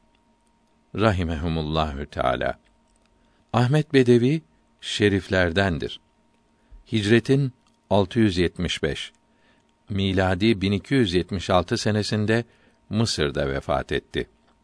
Tanta şehrindeki türbesini her yıl yüz binlerce Müslümanın ziyaret ederek feyz aldıklarını ve İslamiyete uymayan hiçbir şey yapılmadığını Miratül Medine kitabı 1049. sayfasından başlayarak uzun yazmaktadır. Abdülkadir Geylani ve Muhyiddin Arabi'nin rahimehumullahü teala büyüklüklerini de ancak onlar gibi yüksek olan İslam alimleri anlamış ve yazdıkları yüzlerce kitaplarında anlatmaya çalışmışlardır. İmam-ı Rabbani'nin Mektubat kitabı bu yüce velilerin met ve senalarıyla doludur. Abdülgani Nablusi de rahimehullahü teala Hadika kitabında anlatmaktadır. 12. 224. sayfasında Şarani Şeyhi Ali Yülhavas'ın Resulullah'tan bir an ayrılmadığını yazıyor. Bunlar yalandır. Doğru olsaydı peygamber gelip eshabı arasındaki ayrılıkları önlerdi diyor. Zerre kadar aklı ve din bilgisi olan böyle söyleyemez. Çünkü Resulullah sallallahu aleyhi ve sellem eshabı arasında olacak fitnelerin, ayrılıkların hepsini haber vermişti. Gelip de bunları önlemesi nasıl düşünülebilir? Şarani'nin rahimehullahü teala bildirdiği beraberlik, keşf ve müşahedeydi. Bu ahmakların anladıkları gibi maddi bir şey değildi. Anlamadıklarını, bilmediklerini inkar ediyorlar. İnsan bilmediği şeylerin düşmanıdır. Atasözü burada tam yerini bulmaktadır. Hazreti Ebu Bekr radıyallahu teâlâ anh, Resulullah'ı sallallahu aleyhi ve sellem her an gördüğünü söyler ve senden utanıyorum derdi. 13. 180. sayfasında İmamı Busayri'nin Kaside-i Bürdesinden örnek vererek bu sözler Allah'tan başkasına güvenmek, mahluku büyültmektir, şirktir diyor. Resulullah'ı Allahü Teala övmüştür. Kendisi de kendisini överek Allahü Teala'nın kendisine ihsan etmiş olduğu nimetleri saymıştır. Bu övmeleri o kadar çoktur ki bu sayri hazretlerinin övmesi onların yanında hiç kalmaktadır. Resulullah'ı sallallahu aleyhi ve sellem övmek ibadettir. Eshab-ı kiramın hepsi övmüşlerdir. Bunlardan Hassan bin Sabit ve Ka'b bin Züheyr'in uzun methleri meşhurdur. Ka'b bin Züheyr Banet Süat kasidesinde Busayri'den daha çok övmüştü. Resulullah sallallahu aleyhi ve sellem bunu beğenip Kâb'ın önceki kusurunu af buyurmuş ve mübarek hırkasını ona hediye etmişti. Bu hırkayı saadet şimdi İstanbul'da Topkapı Sarayı'ndadır. Vehhabi kitabı Busayri'nin kasidesindeki Ya ekremel halkı mali men euzu bihi sivake inde hululi hadisil amemi. Beytini yazarak Rasulullah'tan istigaze şirktir diyor. Bu beyt ey bütün yaratılmışların en üstünü ve en cömerdi olan yüce peygamber. Son nefesimde sığınacağım senden başka kimse yoktur demektir. Vehhabi yazar Taberani'nin bildirdiği hadisi şerifi yazarak kuldan istigaze etmek şirktir diyor. Bu hadisi şerifte bir münafık müminlere sıkıntı veriyordu. Ebu Bekr Sıddık gidelim Resulullah'a istigaze edelim. Ona sığınalım dedi. Resulullah da bana istigaze olunmaz. Allah'a istigaze olunur buyurdu. Vehhabi bu hadisi şerifi ileri sürerek ehli sünnete hücum etmek çabasındadır.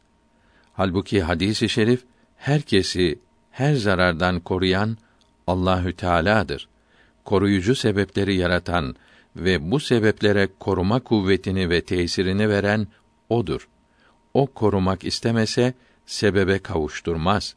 Sebep olsa da tesir edemez demektir. Hadisi şerif bana sığınanlar tesiri benden değil, Allah'tan bilsin demektir. Hazreti Ebu Bekr böyle olduğunu bilmiyor muydu? Elbet biliyordu. Fakat kıyamete kadar gelecek olan müminlerin onun bu sözünü yanlış anlamamaları için Resulullah sallallahu aleyhi ve sellem onun bu kısa sözünü açıkladı. Bunun için bütün müminler her zaman tesiri yalnız Allahü Teala'dan bilirler. İmamı Muhammed Masum mektubatının birinci cildi 110. mektubunda buyuruyor ki Allahü Teala kendi kudretini sebepler altında gizledi. Kudret sahibi yalnız kendisi olduğunu bildirdiği gibi sebeplere yapışmayı emir buyurdu. Tam Müslümanın sebeplere yapışmasını ve sebeplere kuvvet veren yaratana güveneceğini bildirdi. Yakub aleyhisselam'ın bu ikisini birlikte yaptığını Kur'an-ı Kerim'de bildirerek onu övdü. Yusuf suresinde mealen Yakup aleyhisselam bizim bildirdiğimizi bilir. Fakat insanların çoğu takdirin tedbire galip olduğunu bilmezler buyurdu. Tibyan tefsirinde bu ayeti kerimeye müşrikler Allahü Teala'nın evliyasına ilham ettiği şeyleri bilmezler demiştir. Tesiri sebeplerden bilip Allahü Teala'nın kuvvetiyle tesir ettiklerini bilmeyenler sapıktır.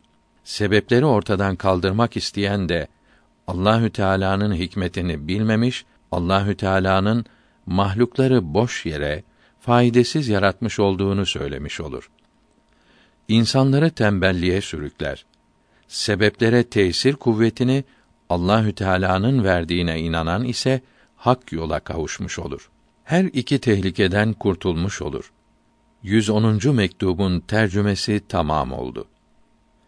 Bu inceliği anlayabilen yukarıdaki hadisi şerifi de doğru anlayabilir. İmamı Muhammed bin Said Busayri rahimehullahü teala Sofiye-i Aliye'nin büyüklerindendir. Şazili olan Ebul Abbasi Mürsi'nin yetiştirdiği evliyadandır. Ebul Abbasi Mürsi de Ebul Hasan-ı Şazili'nin talebesidir. 695 miladi 1295 senesinde Mısır'da vefat etmiştir. Kendisine felç hastalığı geldi. Bedeninin yarısı hareketsiz kaldı. Resulullah'a tevessül edip insanların en üstününü öven meşhur kasidesini hazırladı. Rüyada Resulullah'a okudu. Çok hoşuna gidip arkasından mübarek hırkasını çıkarıp imama giydirdi. Bedeninin felçli olan yerlerini mübarek eliyle sıvadı. Uyanınca bedeni sağlam idi. Hırka-i saadet de arkasındaydı. Bunun için bu kasideye kaside-i bürde denildi. Bürde hırka, palto demektir. İmamı Busayri rahmetullahi aleyh sevinerek sabah namazına giderken salah ve zühd ile meşhur bir zata rastladı. İmama kasideni dinlemek isterim dedi. Benim kasidelerim çoktur. Hepsini herkes bilir dedi. Kimsenin bilmediği bu gece Resulullah'a okuduğunu istiyorum deyince bunu hiç kimseye söylemedim. Nereden anladın dedi. O zat da imamın rüyasını olduğu gibi haber verdi. Vezir Bahaettin bu kasideyi işitince hepsini okutup saygı ile ayakta dinledi. Hastalara okununca iyi oldukları, okunan yerlerin dertlerden, belalardan emin oldukları görüldü faydelenmek için inanmak ve halis niyet ile okumak lazımdır. Kaside-i Bürde on kısımdır. Birinci kısım Resulullah'a sallallahu aleyhi ve sellem olan sevginin kıymetini bildirmektedir. İkinci kısım insanın nefsinin kötülüğünü anlatmaktadır. Üçüncü kısım Resulullah'ı övmektedir. Dördüncü kısım Resulullah'ın sallallahu aleyhi ve sellem dünyaya teşrifini anlatmaktadır. Beşinci kısım Resulullah'ın sallallahu aleyhi ve sellem dualarının hemen kabul olduğunu bildirmektedir. Altıncı kısım Kur'an-ı Kerim övülmektedir. Yedinci kısım Resulullah'ın sallallahu aleyhi ve sellem miracındaki incelikleri bildirmektedir. Sekizinci kısım Resulullah'ın sallallahu aleyhi ve sellem cihatlarını anlatmaktadır. Dokuzuncu kısım Allahü Teala'dan af ve mağfiret ve Resulullah'tan sallallahu aleyhi ve sellem şefaat istemektedir. Onuncu kısım Resulullah'ın sallallahu aleyhi ve sellem derecesinin yüksekliği bildirilmektedir. Vehhabi yazar binlerce Müslümanı şehit etmiş olan zalimleri övüyor.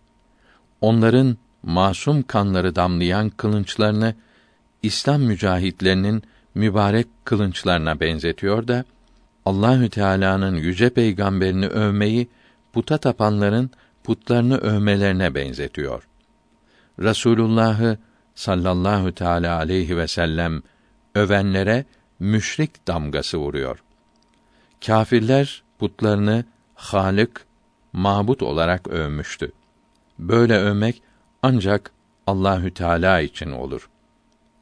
Müslümanlar yalnız Allahü Teala'yı böyle över.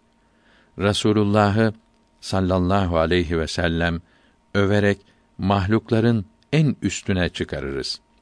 Resulullah'a aşık olan, onu çok öven İslam alimlerinin hiçbiri o yüce peygamberi Halik ve mabut derecesine çıkarmamış. Allahü Teala'yı över gibi övmemiştir. Bu kitabı yazan hak ile batılı birbirinden ayıramıyor. Kitabını kâfirleri bildiren ayet-i kerimelerle ve hadisi şeriflerle doldurmuş. Bunlara yanlış manalar vererek İslam alimlerine saldırmakta, tasavvuf büyüklerine, Allahü Teala'nın sevdiği Müslümanlara müşrik ve kâfir demektedir. Bu Vehhabi kitabını okuyanlar her sayfasındaki ayet-i kerimeleri ve hadis-i şerifleri görerek aldanmakta, bunlara verilen bozuk manaları doğru sanarak felakete sürüklenmektedirler. 14. 239. sayfasından başlayarak diyor ki: Hadis-i şerifte insanların en kötüsü kıyamet kopacağı zaman diri olanlardır ve kabirleri mescit yapanlardır buyuruldu. İslamiyetten önce mezarlar mescit yapılmıştı. Bu ümmetin sonra gelenleri cahiliye ehlinden de ileri gitmiş. Sıkıştıkları zaman Allah'ı unutuyorlar. Ölüleri ilah yapıyorlar. Ölülerin kendilerinden istenilenleri yapacaklarına inanıyorlar. Abdülkadir Geylani dipnot 1 Abdülkadir Geylani 561 miladi 1166'da Bağdat'ta vefat etti. Dua edenleri işitir ve yardım eder diyorlar. Onun gaybı bildiğini sanıyorlar. Halbuki o ölmüştür. Böyle söyleyenler kâfirdir. Kur'an'ı inkar etmiş oluyorlar. İbni Kayyım mezarların üzerindeki kubbeleri yıkmak vaciptir dedi. İmam-ı Nevevi her ne niyet ile olursa olsun kabir üzerine türbe yapmak haramdır dedi. Mezarlıklar pis olduğu için orada namaz kılınması yasak edildi diyenler yanılmaktadır. Çünkü peygamberlerin mezarları pis olmaz. İbn Hacer-i Hıytemi Kebair kitabında mezar üzerine kubbe yapmak büyük günahtır. İslam hükümet adamlarının bu kubbeleri yıkmaları lazımdır. Önce İmam-ı Şafii'nin türbesini yıkmalıdır dedi. Burada da Müslümanlara iftira etmektedir. Müslümanlar her gün beş kere Allahü Teala'ya ibadet ediyor. Ona yalvarıyorlar. Böyle olan bir kimse için Allah'ı unutuyor demek açık bir yalancılıktır. Müslümanlar ölüye tapınmaz. Allahü Teala'nın sevdiği kullarının hatta her ölünün mezarda işittiğini hadisi şerifler bildirdiği için onun mezarına gidip onun sebebiyle Allahü Teala'ya dua ediyorlar. Meyyitten vesile olmasını, şefaat etmesini istiyorlar. Ölü her dilediğini yapamaz.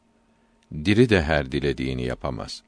Fakat Allahü Teala sevdiği kullarının ve en önce peygamberlerin dualarını kabul buyuracağını söz vermiştir. Müslümanlar peygamberlerden aleyhimüsselavatü ve teslimat ve evliyadan rahimehumullahü teala bir şey yapmalarını istemez. Allahü Teala'nın bir şeyi vermesi için dua etmelerini ister.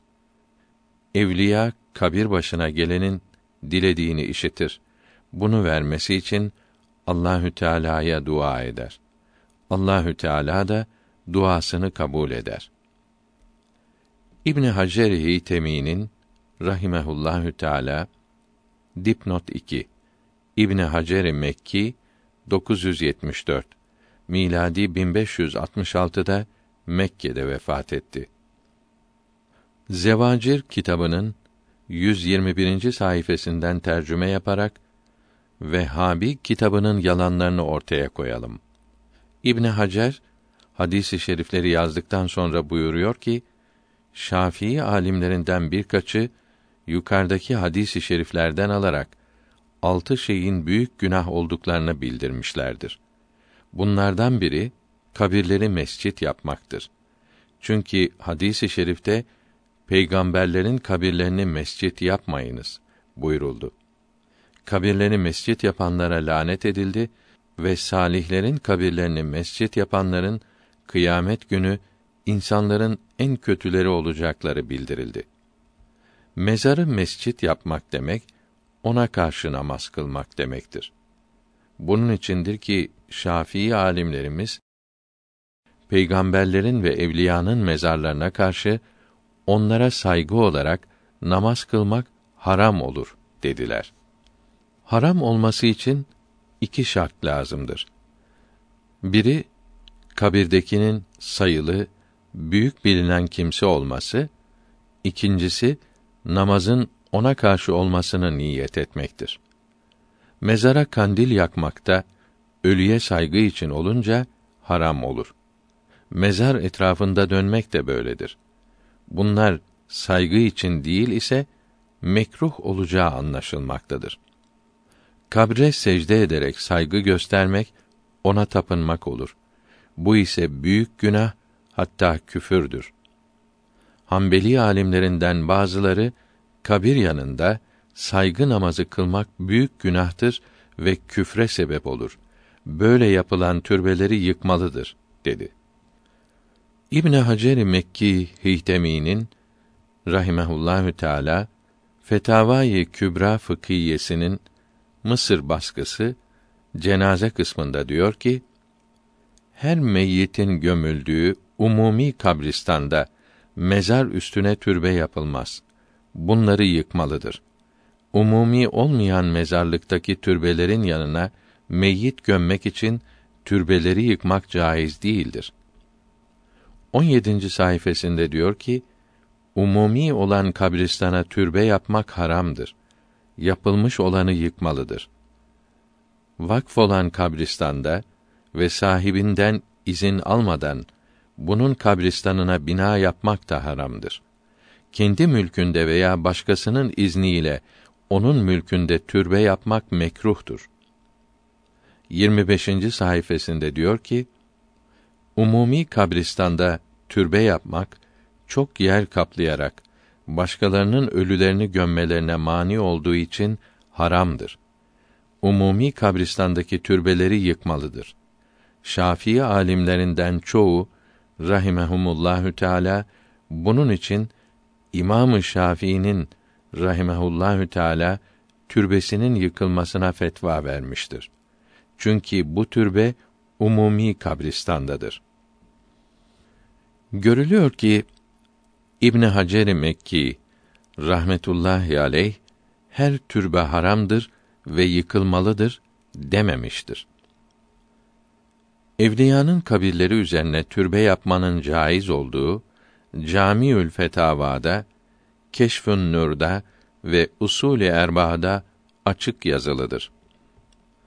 Zevacir kitabı 209. sayfasında gösteriş için yüksek ev yapmanın da büyük günah olduğunu bildirmektedir. Bu hadisi şeriflere uyarak türbeleri yıkmayıp Riyad'da, Taif'te ve Cidde'de yaptırdıkları sefahet ve fuhş evlerini yıkmaları vaciptir. 248. sayfasında kabirleri ziyaret ediniz. Bu ziyaretler sizlere ahiret gününü hatırlatır. Hadisi şerifini yazıyor ve Resulullah'ın sallallahu teala aleyhi ve sellem mübarek annesinin kabrini ziyaret buyurduğunu bildiriyor. Fakat bu hadisi şerif kabirdekine istigaze etmeyi, ondan bir şey istemeyi göstermez diyerek Peygamberimizin sallallahu aleyhi ve sellem ve evliyanın türbelerini ziyaret etmeyi kâfirlerin mezarlara tapınmalarına benzetmeye kalkışıyor. 15. 259. sayfasında Mescid-i Nebevi'ye namaz kılmak için girenin selam vermek için kabre gitmesi yasaktır. Mescide her girişte kabri nebiye gitmeye İmamı Malik mekruhtur dedi. Sahabe ve tabiin mescide gelir, namaz kılar ve çıkarlardı. Selam vermek için kabre gelmezlerdi. Çünkü İslamiyette böyle bir şey emredilmemiştir. Meyyitin ruhunun kendi şeklinde görünmesi yalandır. Böyle görünmek yalnız Miraç gecesi olmuştur. Eshabın yapmadıklarını sonra gelenler yaptılar. Eshabtan birkaçı yalnız uzaktan gelince yalnız selam vermek için kabre uğrardı. Abdullah İbni Ömer yoldan gelince kabre uğrar, selam verirdi. Başkasının böyle yaptığı görülmedi. Ahmet Refai'nin peygamberin elini öptüğü yalandır, uydurmadır. Hücre-i saadet önünde dua ederken kabre dönmeyip kıbleye dönmek lazım olduğu söz birliğiyle bildirilmiştir. Hücre-i saadeti ziyaret için uzak yerlerden gelmek hadis ile yasak edilmiştir diyor. Mirat-ı Medine kitabında diyor ki, hadisi şerifte kabrimi ziyaret edene şefaatim vacip oldu buyuruldu.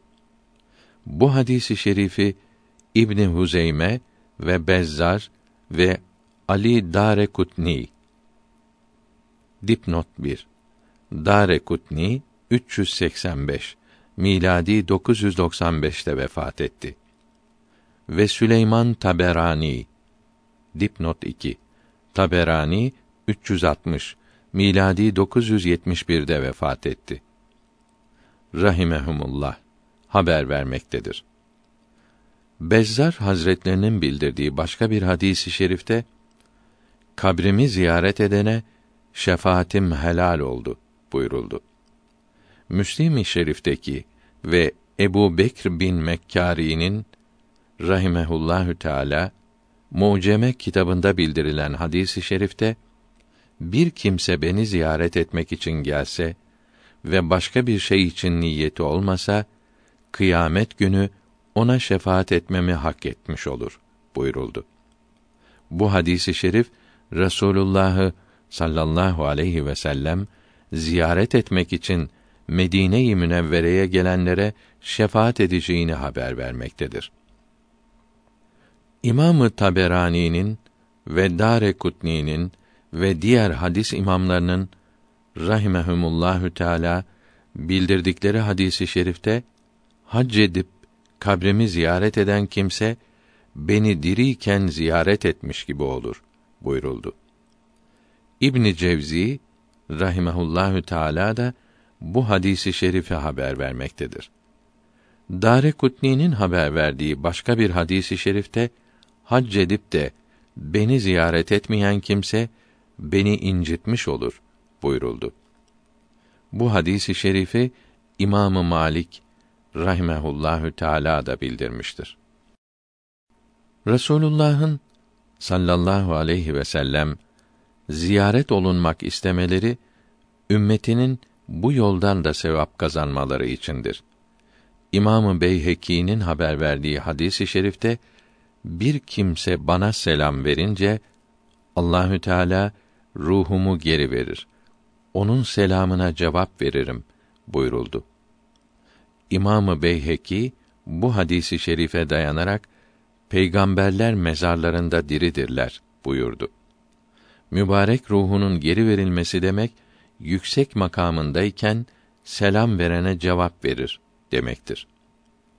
Peygamberlerin aleyhimüsselavatü ve teslimat mezarlarında diri olduğunu bildiren hadis-i şerifler o kadar çoktur ki birbirlerini kuvvetlendirmektedirler.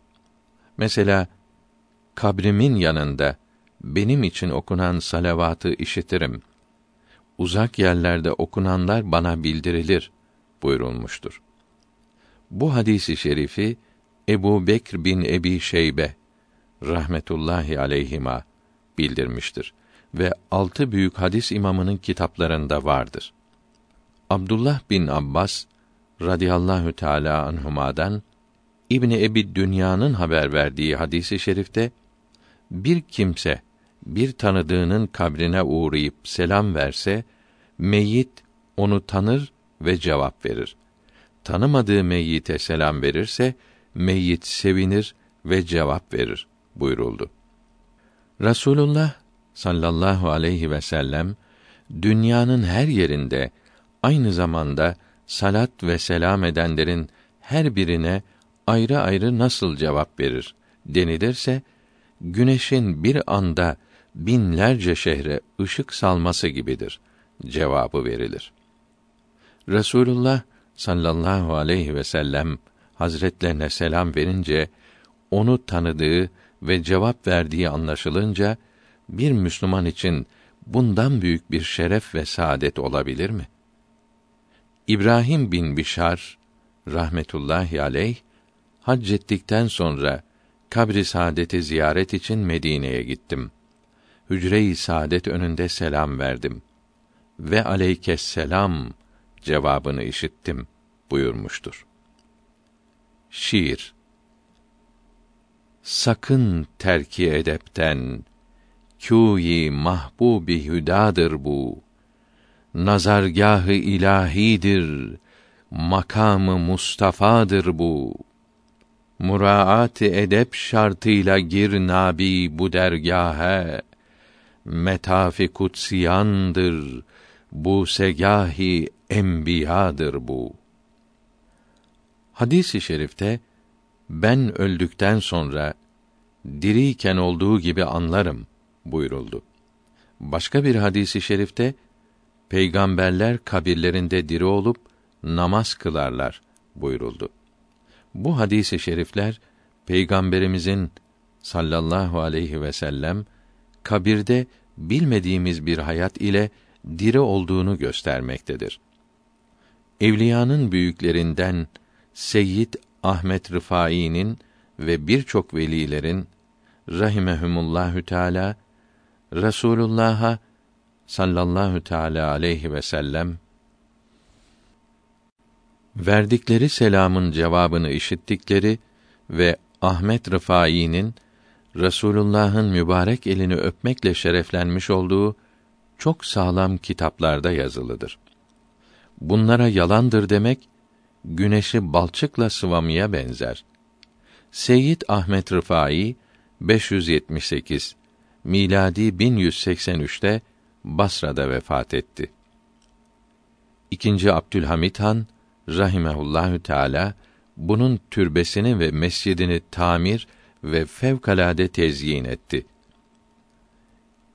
İslam alimlerinin büyüklerinden Celaleddin Abdurrahman Suyuti rahimehullahü teala Şerefül Muhkem adındaki kitabında muhaliflere vesikalarla cevap vermekte, Resulullah'ın sallallahu aleyhi ve sellem kabrinde diri olup selam verenleri işittiğini ispat eylemektedir.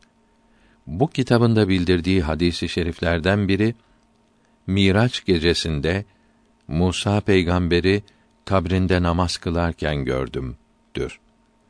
Bu hadisi şerifi Hilye kitabının sahibi Ebu Nuaym rahimehullahü teala da bildirmektedir.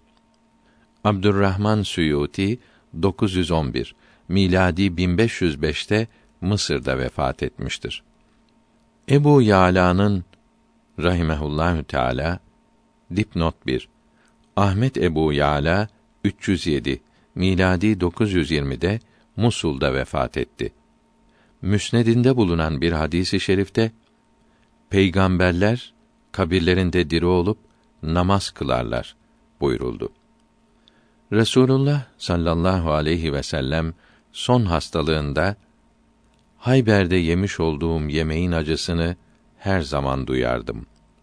O gün yediğim zehir şimdi ebherimi yani avort damarımı koparmaktadır buyurdu. Bu hadisi şerif Resulullah'ın sallallahu aleyhi ve sellem şehit olarak vefat ettiğini bildiriyor. Allahü Teala Ali İmran suresinin 169. ayetinde mealen Allah yolunda şehit olanları ölü sanmayınız. Onlar diridirler buyurdu. Resulullah Efendimizin de sallallahu aleyhi ve sellem bütün şehitler gibi kabrinde diri olduğu buradan da anlaşılmaktadır.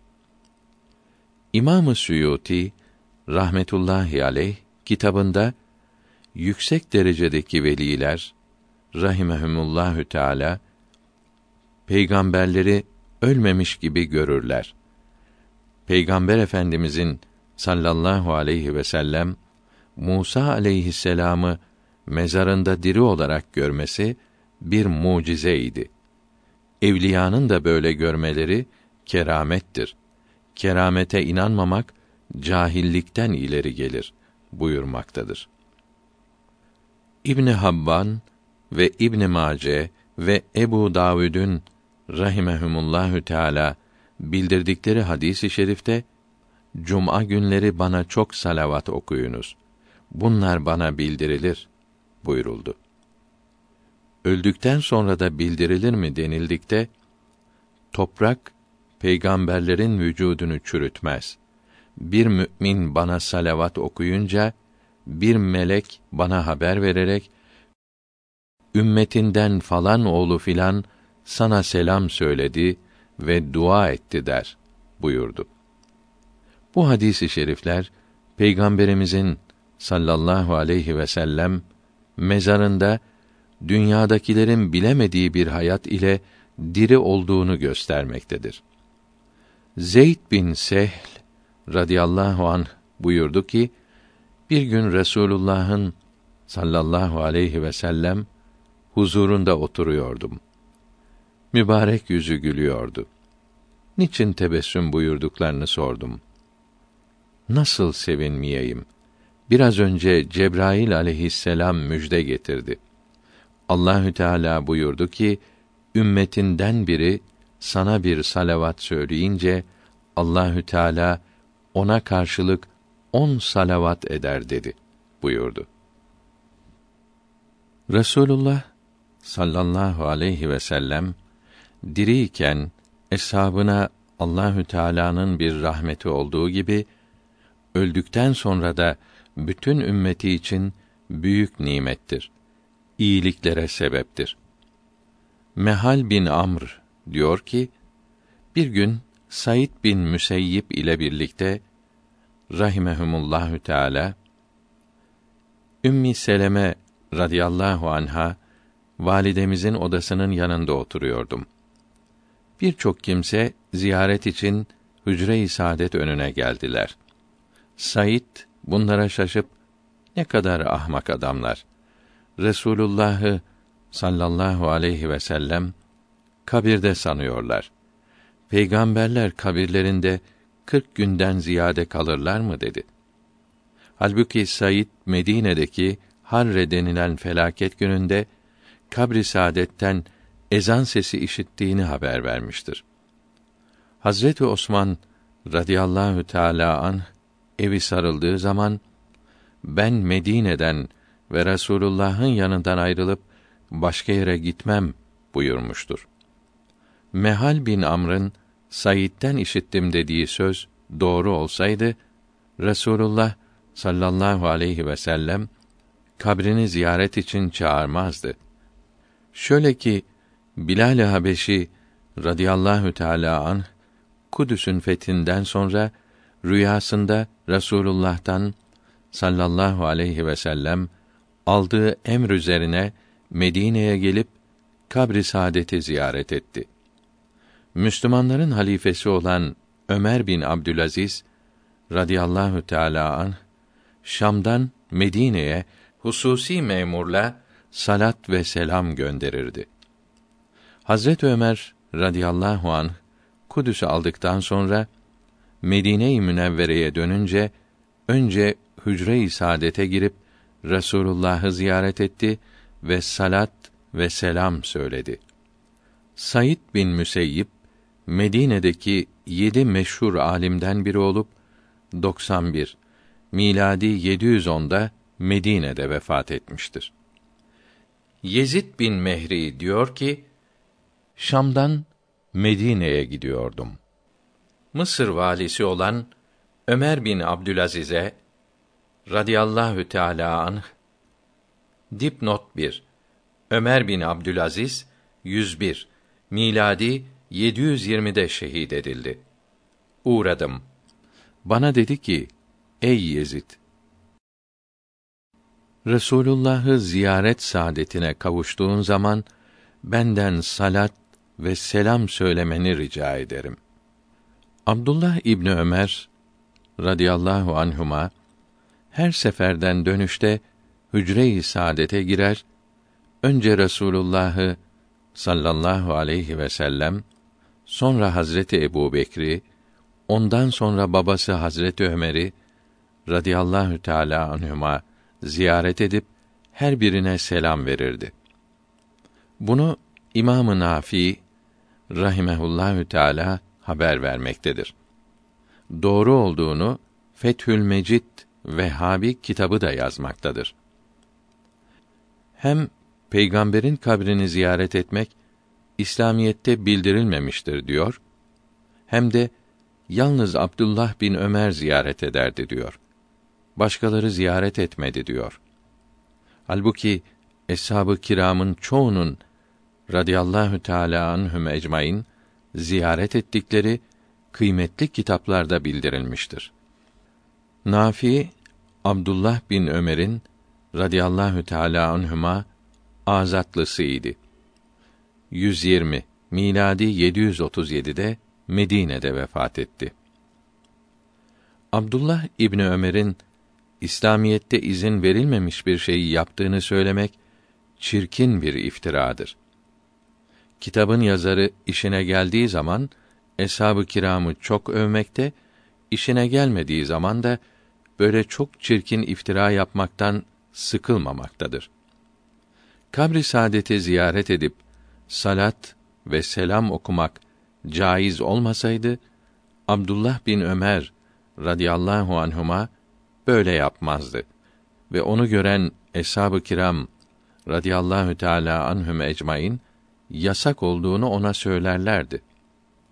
Onun yapması ve görenlerin ses çıkarmamaları caiz ve sevap olduğunu göstermektedir. İmam-ı Nafi rahmetullahi aleyh diyor ki Abdullah İbni Ömer'in Resulullah'ın kabri başına gelip Esselamu aleyke ya Resulallah dedikten sonra Esselamu aleyke ya Eba Bekr dediğini ve sonra Esselamu aleyke ya Ebi dediğini belki yüzden fazla gördüm. Hazreti Ali radıyallahu an bir gün Mescid-i Şerif'e girip Fatıma'nın radıyallahu anha odası önünde çok ağladı. Sonra hücre-i saadete girip Esselamu aleyke ya Resulallah dedi. Yine ağladı. Sonra Aleykümesselam ya ehaveyye ve rahmetullah diyerek Hazreti Ebu Bekr ile Hazreti Ömer'e radıyallahu anhuma selam verdi, sonra çekilip gitti. Bunun için fıkh alimlerimiz rahimehumullahü teala hac vazifesini yaptıktan sonra Medine-i Münevvere'ye gelerek Mescid-i Şerif'te namaz kıldılar. Sonra Ravda-i Mutahhara ile Minber-i Müniri ve Arş-ı Alâ'dan eftal olan kabri şerifi, sonra oturdukları, yürüdükleri, dayandıkları yerleri, vahiy geldiği zaman dayandıkları direği ve mescit yapılırken ve tamir edilirken çalışan ve para vermekle şereflenen eshab-ı kiramın ve tabiinin radıyallahu teala anhum ecmaîn geçtikleri yerleri ziyaret ederler, görmekle bereketlenirlerdi.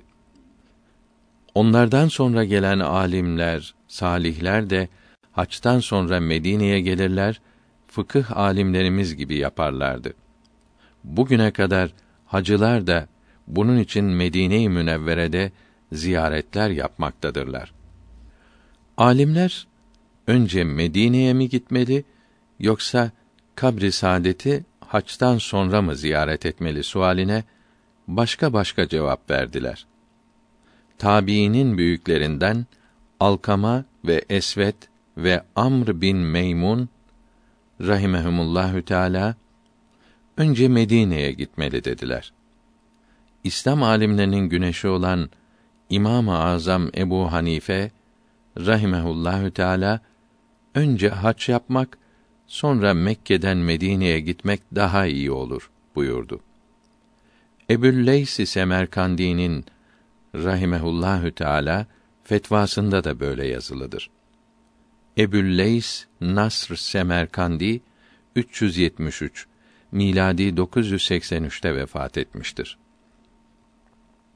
Sultan II. Abdülhamit Han rahmetullahi aleyh dipnot 1 Abdülhamit Han 1336 miladi 1918'de vefat etti.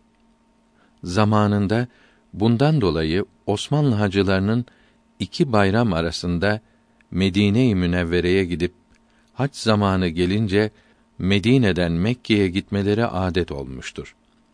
Hacıların bir kısmı da önce Mekke'ye gidiyor, Arafat'tan sonra Medine'ye gelip ziyaretleri yapıyorlar. Buradan Yembu iskelesine gelip vapurlara biniyorlar. Süveyş kanalı yolu ile memleketlerine dönüyorlardı.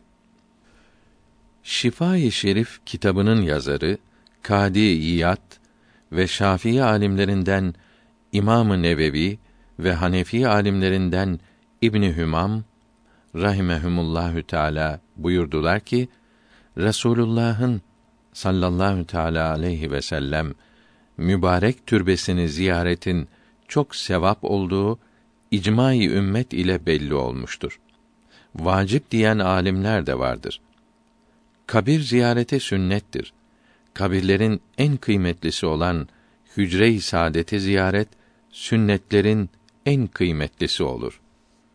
Kadiyat 544 miladi 1150'de Merrakiş'te Yahya Nevevi 676 miladi 1277'de Şam'da İbni Hümam Muhammed Sivasi de 861 miladi 1456'da vefat ettiler. Resulullah sallallahu aleyhi ve sellem Baki kabristanını ve Uhud şehitlerini ziyaret ederdi. Hindistan'ın büyük alimlerinden Abdülhak Dehlevi rahimehullahü teala 1052 miladi 1642'de vefat etti. Farisi Medaricün Nübüvve kitabında Uhud gazvesini anlatırken buyuruyor ki Ebu Ferde radıyallahu an buyurdu ki Resulullah sallallahu aleyhi ve sellem bir gün Uhud şehitlerini ziyaret etti. Ey ibadete layık olan Rabbim, senin bu kulun ve Resulün şahidim ki bunlar senin rızanı kazanmak için şehit oldular.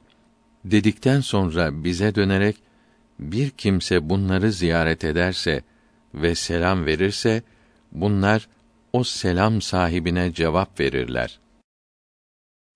Kıyamete kadar böyle cevap verirler buyurdu. Peygamberimiz Uhud şehitlerini ziyarete gider. Sabrettiniz. Size selam olsun buyururdu.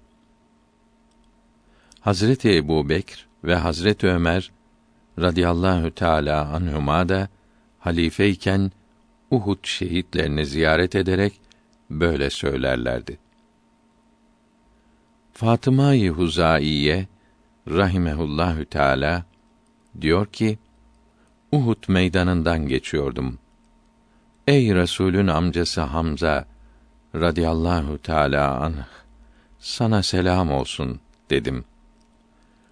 Allah'ın selamı ve rahmeti ve bereketi sana olsun cevabını işittim. Utaf bin Halit Mahsumi rahimehullahü teala teyzesinden haber verdi ki Uhud şehitlerini ziyarete gitmişti. Şehitlere selam verdi. Selamına cevap verdiler ve biz sizi tanıyoruz dediler. Nisa suresinin 63. ayetinde mealen onlar nefslerine zulmettikten sonra gelirler. Allahü Teala'dan af dilerler. Resulüm de onlar için istiğfar ederse Allahü Teala'yı elbette tövbeleri kabul edici ve merhamet edici olarak bulurlar buyuruldu. Bu ayeti kerime kabri saadeti ziyaret etmeyi emretmektedir. Bu ayeti kerime hem erkekler içindir hem de kadınlar içindir. Kabri saadeti ziyaret ederken bu ayeti kerimeyi okumanın müstehap olduğu bildirilmiştir. İmam Ali radıyallahu anh buyurdu ki Muhammed bin Harp Hilali'den radıyallahu teala anh işittim. Dedi ki Resulullah sallallahu aleyhi ve sellem defn olunduktan üç gün sonra hücre-i saadeti ziyaret edip bir köşeye oturmuştum. Bir köylü gelip kendini kabri saadet üzerine attı. Kabri şerif üstünden toprak alıp yüzüne gözüne saçtı. Ya Resulallah sallallahu aleyhi ve sellem Hak Teâlâ senin için buyuruyor diyerek yukarıdaki ayet-i kerimeyi okudu. Ben nefsime zulmettim. İstiğfar için seni vesile ediyorum dedi. Kabri saadetten bir ses gelerek sana müjde olsun. Günahların affedildi dediği işitildi. Resulullah sallallahu aleyhi ve sellem Uhud şehitlerini ziyaret için Medine'den Uhud'a teşrif etmiştir. Bundan dolayı kabri saadeti ziyaret için Medine-i Münevvere'ye gitmek de elbette ibadet olur. Bunun çok sevap olduğunu İslam alimleri rahimehumullahü teala söz birliğiyle bildirmişlerdir. Yalnız üç mescide ziyaret için gidilir. Hadisi şerifi kabri saadeti ziyaret için Medine-i Münevvere'ye gitmenin çok sevap olduğunu göstermektedir. Bu ziyareti yapmayanlar bu çok sevaptan mahrum kalırlar. Belki de vacibi terk etmiş olacaklardır. Bu üç mescitten başkasını ziyaret için uzak yola çıkmak Allah rızası için olursa caizdir.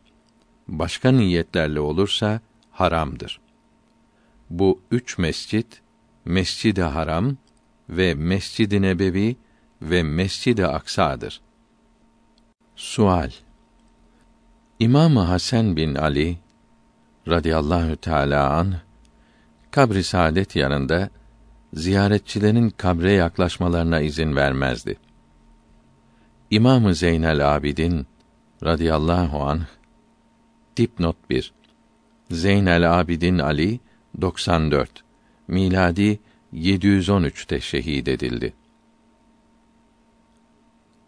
De Resulullah'ın sallallahu aleyhi ve sellem kabrimi bayram yeri yapmayınız. Evlerinizi mezarlık yapmayınız. Bulunduğunuz yerde bana salat ve selam söyleyin. söyledikleriniz bana bildirilir buyurduğunu söyleyerek kabri saadete yaklaşmaya izin vermezdi. Buna ne dersiniz? Cevap Bu sözler yalnız üç mescide ziyaret için gidilir. Hadisi şerifine uygun değildir. Fakat bu iki imamın sözü ziyarette saygısızlık yapanlar için olsa gerektir. Hatta İmam Malik rahmetullahi aleyh kabri saadet yanında çokça oturmaya izin vermemiştir. İmam Zeynel Abidin rahimehullahü teala hücre-i saadeti ziyaret ederdi. Ravda-i Mütahhara tarafındaki direk yanında durup selam verirdi. Resulullah'ın sallallahu aleyhi ve sellem mübarek başının hücrenin bu tarafında olduğu bundan anlaşılırdı. Resulullah'ın mübarek sevcelerinin radıyallahu teala anhünne odaları Mescid-i Saadet içine katılmazdan önce burası ziyaret yeriydi. Hücre-i Saadet'in kapısı önünde durup selam verirlerdi. Harun bin Musa Hirevi Ceddi Alkama'ya sordu ki Peygamberimizin mübarek sevcelerinin radıyallahu teala anhünne odaları Mescid-i Saadet'e katılmazdan önce kabri saadet hangi tarafından ziyaret olunurdu?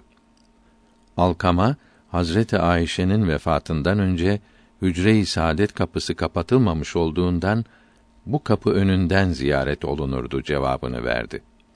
Hadis alimlerinden Hafız Abdülazim Münziri rahimehullahü teala kabrimi bayram yeri yapmayınız hadisi şerifi için elinizden geldiği kadar sık ziyaret ediniz demektir dedi. Yani benim kabrimi yılda bir iki kere ziyaret etmekle bırakmayınız. Her vakit ziyaret ediniz demektir dedi. Evlerinizi mezarlık yapmayınız. Hadisi şerifi de evlerinizi namaz kılmamakla mezarlığa benzetmeyiniz demektir dedi. Mezarlıkta namaz kılmak caiz olmadığı için Abdülazim Münziri'nin sözü doğru olmaktadır.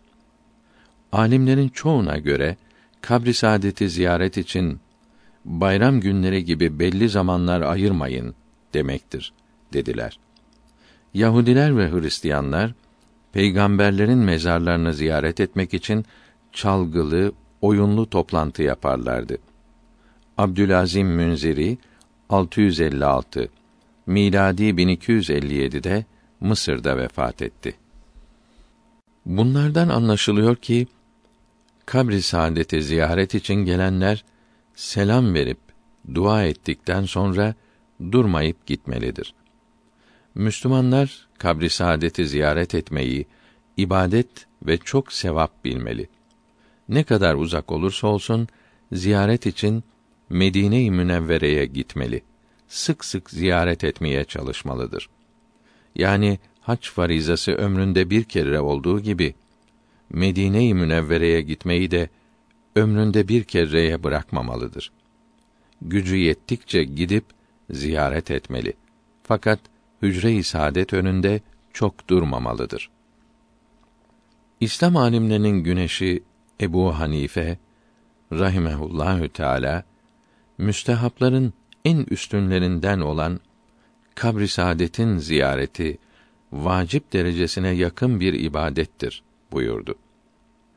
Kabri saadeti ziyaret etmeyi adak yapanların Şafii mezhebine göre bu adaklarını yapmaları lazım olur.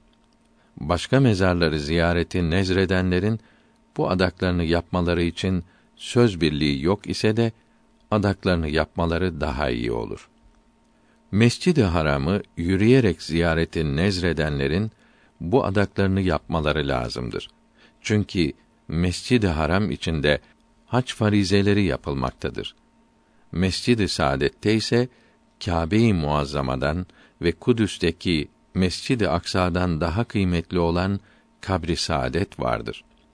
Bu mübarek mescide yürüyerek gitmeyi nezretmek kabri şerifi ziyaret etmeyi de niyet etmek olduğu için bu nezri yerine getirmek de elbet lazım olur. Kâbe-i Muazzama'yı ziyaret için yapılan nezri yerine getirmek dört mezhepte de lazımdır. Mescid-i Saadet ile Mescid-i Aksa'nın ziyareti için yapılan nezri yerine getirmek lazım olduğunda söz birliği olmadı. Bu ayrılık Mescid-i Saadet'i ziyaret içindir.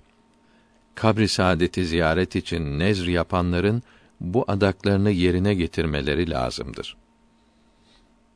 Sual Ebu Muhammed bin Ebu Zeyd'den rahimehullahü teala soruldu ki vekil olarak hacca gönderilen ve kabri saadeti de ziyaret etmesi emrolunan kimse hac edip kabri saadeti ziyaret etmeden geri dönse ziyaret için kendisine verilmiş olan parayı geri vermesi lazım olur mu?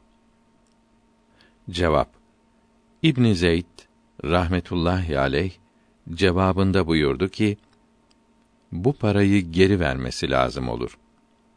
Abdullah Ebu Muhammed bin Zeyd Maliki alimlerinin büyüklerindendir. 389 miladi 999'da vefat etti. Kabri saadeti ziyaret için İmam Malik rahimehullahü teala buyurdu ki: Mescid-i Şerif'e girdikte kıbleyi arkaya almalı, yüzünü hücre-i saadete karşı dönmelidir. Edep ve saygı ile selam verip salavat-ı şerife okumalıdır. Mescid-i Şerif'e girince önce iki rekat tehiyyetül mescid namazı kılmalıdır.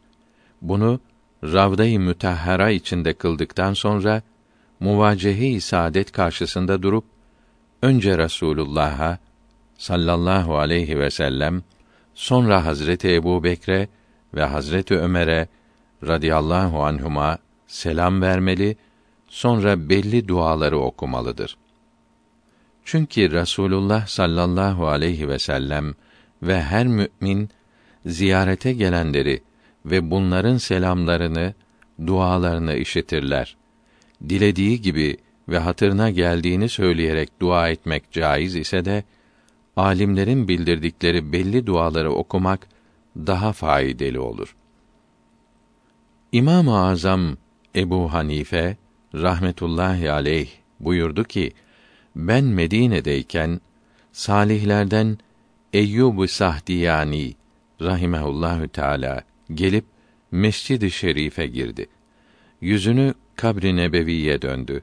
Kıble arkasında kaldı. Ayakta ağladı.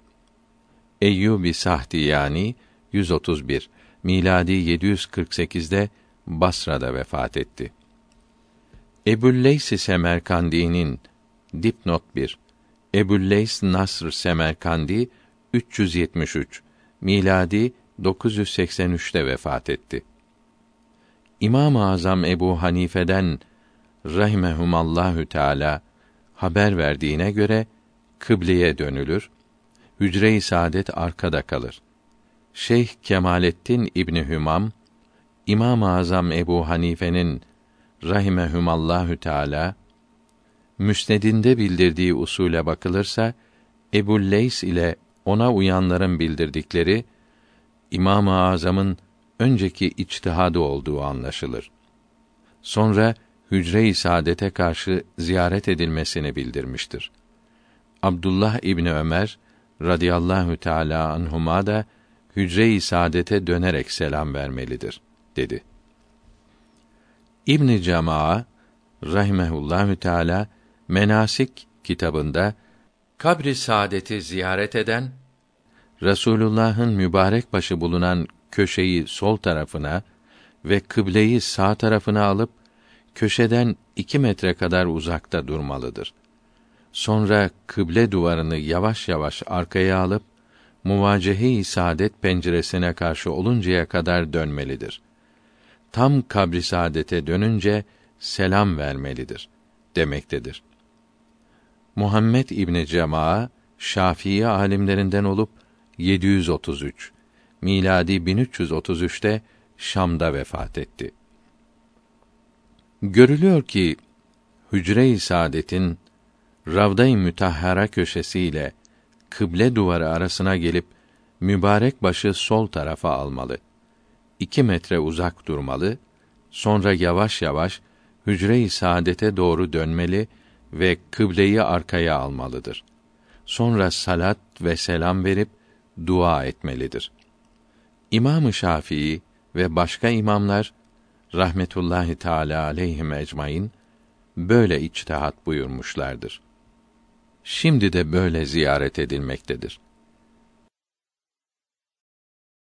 Resulullah'ın mübarek zevcelerinin radıyallahu teala anhünne odaları Mescid-i Saadet'e katılmadan önce Hücre-i Saadet'in kıble tarafında yer pek azdı. Muvacehe-i Saadet'e karşı durmak güçtü. Ziyaretçiler Hücre-i Saadet'in Ravda-i Mütahhara duvarındaki kapısı önünde kıbleye karşı durup selam verirlerdi. Sonra İmamı Zeynel Abidin rahimehullahü teala Ravda-i Mütahhara'yı arkaya alıp selam verirdi. Mübarek zevcelerin odaları mescide katıldıktan sonra muvacehe-i şerife penceresi önünde durup ziyaret edildi. Din imamları Medine-i Münevvere'de kalacaklar ve ziyaretçiler için birçok edep ve şartlar bildirmişlerdir. Bu şartlar ve edepler fıkh ve menasik kitaplarında yazılıdır. Miratül Haremeyn kitabının yazarı Eyüp Sabri Paşa'nın rahimehullahü teala Tekmiletül Menasik kitabında hepsi yazılıdır.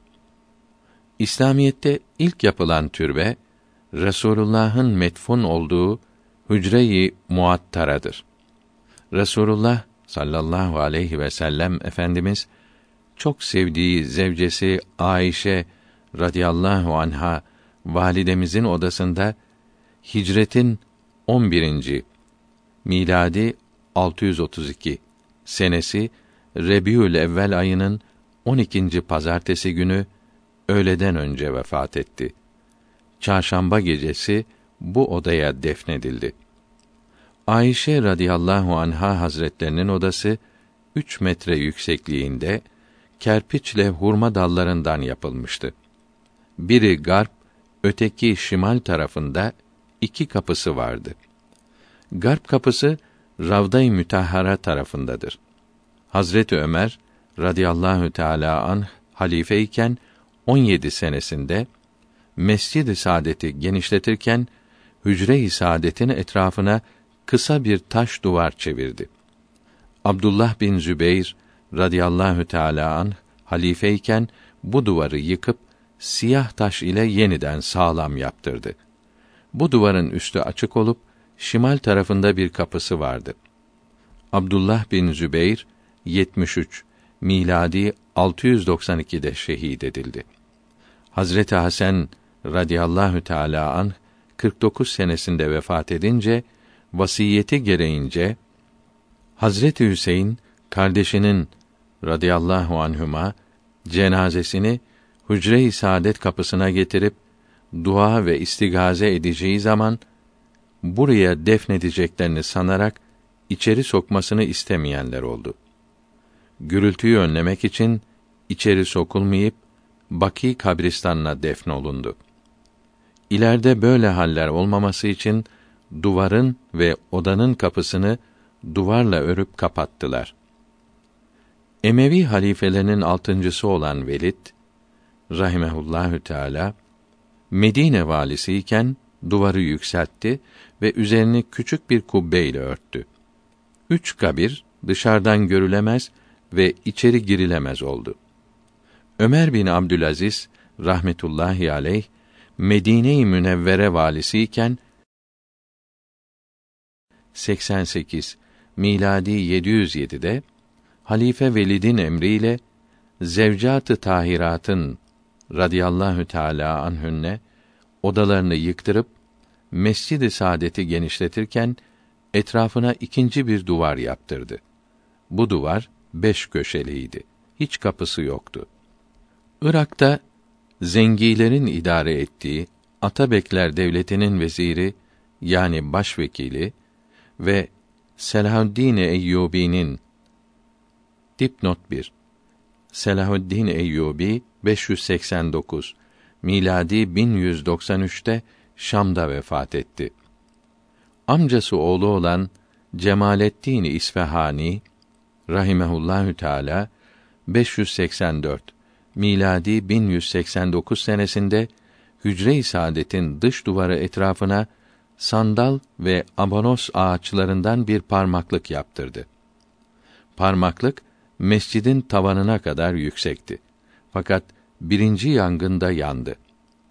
688 miladi 1289 senesinde demirden yapılıp yeşile boyandı. Bu parmaklığa şebeke-i saadet denir. Şebeke-i saadetin kıble tarafına muvacehe-i saadet, şark tarafına kadem-i saadet, garp tarafına ravda-i mutahhera ve şimal tarafına hücre-i Fatıma denir.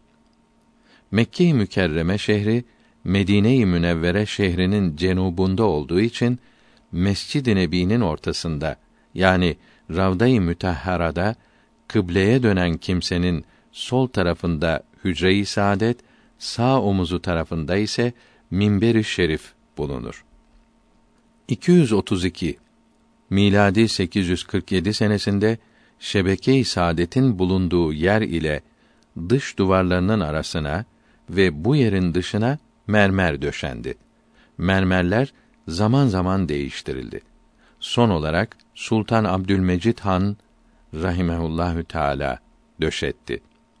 Hücre-i Saadet'in beş köşeli duvarları yapılırken üzerlerine bir de küçük kubbe yapılmıştı. Bu kubbeye Kubbetün Nur denir. Osmanlı padişahlarının rahimehumullahü teala gönderdikleri kisve-i şerife bu kubbe üzerine örtülürdü. Kubbetun Nur üzerine gelen Mescid-i Saadet'in büyük yeşil kubbesine Kubbetül Hadra denir. Şebeke-i Saadet denilen parmaklığın dış tarafına örtülen kisve kubbe-i hadra altındaki kemerlere asılırdı. Bu iç ve dış perdelere settare denir. Şebeke-i Saadet'in şark, garp, şimal taraflarında birer kapısı vardır. Şebeke-i Saadet içine harem-i şerif ağlarından başka kimse giremez. Duvarların içine ise hiç kimse giremez. Çünkü kapıları ve pencereleri yoktur. Yalnız kubbe ortasında ufak bir delik olup tel kafes ile kapalıdır. Bu deliğin hizasında olarak kubbe-i hadraya da bir delik açılmıştır. Mescid-i Şerif kubbesi 1253 miladi 1837 senesine kadar kurşun rengindeydi. Sultan Mahmud Adli Han'ın rahmetullahi aleyh emriyle yeşile boyandı. 1289 miladi 1872'de Sultan Abdülaziz Han'ın rahmetullahi aleyh dipnot 1 Abdülaziz Han 1293 miladi 1876'da şehit edildi. Emriyle yeniden boyandı. Mescid-i Saadet'i tamir ve tezyin için Sultan Abdülmecid Han rahimehullahü teala kadar çok para harceden ve gayret eden hiçbir kimse olmamıştır. Haremeyni tamir için 700 bin altın sarf etmiştir. Tamir 1277 miladi 1861'de tamam olmuştur. Her gün Resulullah'a bir hizmette bulunmuştur. Bu yolda keşf ve kerametleri de görülmüştür. Sultan Abdülmecid Han Mescid-i Nebevi'nin eski şeklini İstanbul'da Hırkayı Şerif Camii'nde bulundurmak için emir buyurmuş. Bunun için 1267 senesinde mühendis mektebi hocalarından binbaşı ressam Hacı İzzet Efendi rahimehullahü teala Medine'ye gönderilmiştir. İzzet Efendi her yeri ölçerek 53 defa küçültülmüş bir modelini yapıp İstanbul'a gönderdi. Sultan Abdülmecid Han'ın yaptırdığı Hırkayı Şerif Camii'ne kondu. Abdülmecid Han'ın tamirinden sonra kıble duvarıyla şebeke-i saadet arası yedi buçuk metre, şark duvarından kademi saadet şebekesine 6 metre, şebeke-i Şami genişliği 11 metre, muvacehe-i şerife şebekesi genişliği 13 metre, muvacehe-i şerife şebekesi ile şebeke-i Şami arasındaki uzunluk 19 metredir.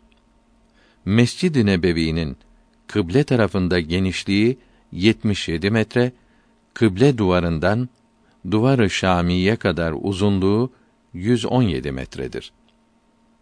Hücre-i Saadet ile minber-i şerif arası olan Ravda-i Mütahhara genişliği 19 metredir.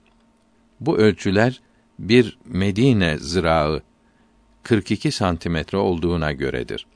Hanefi fıkıh kitaplarındaki şer'i zira ise 48 santimetredir.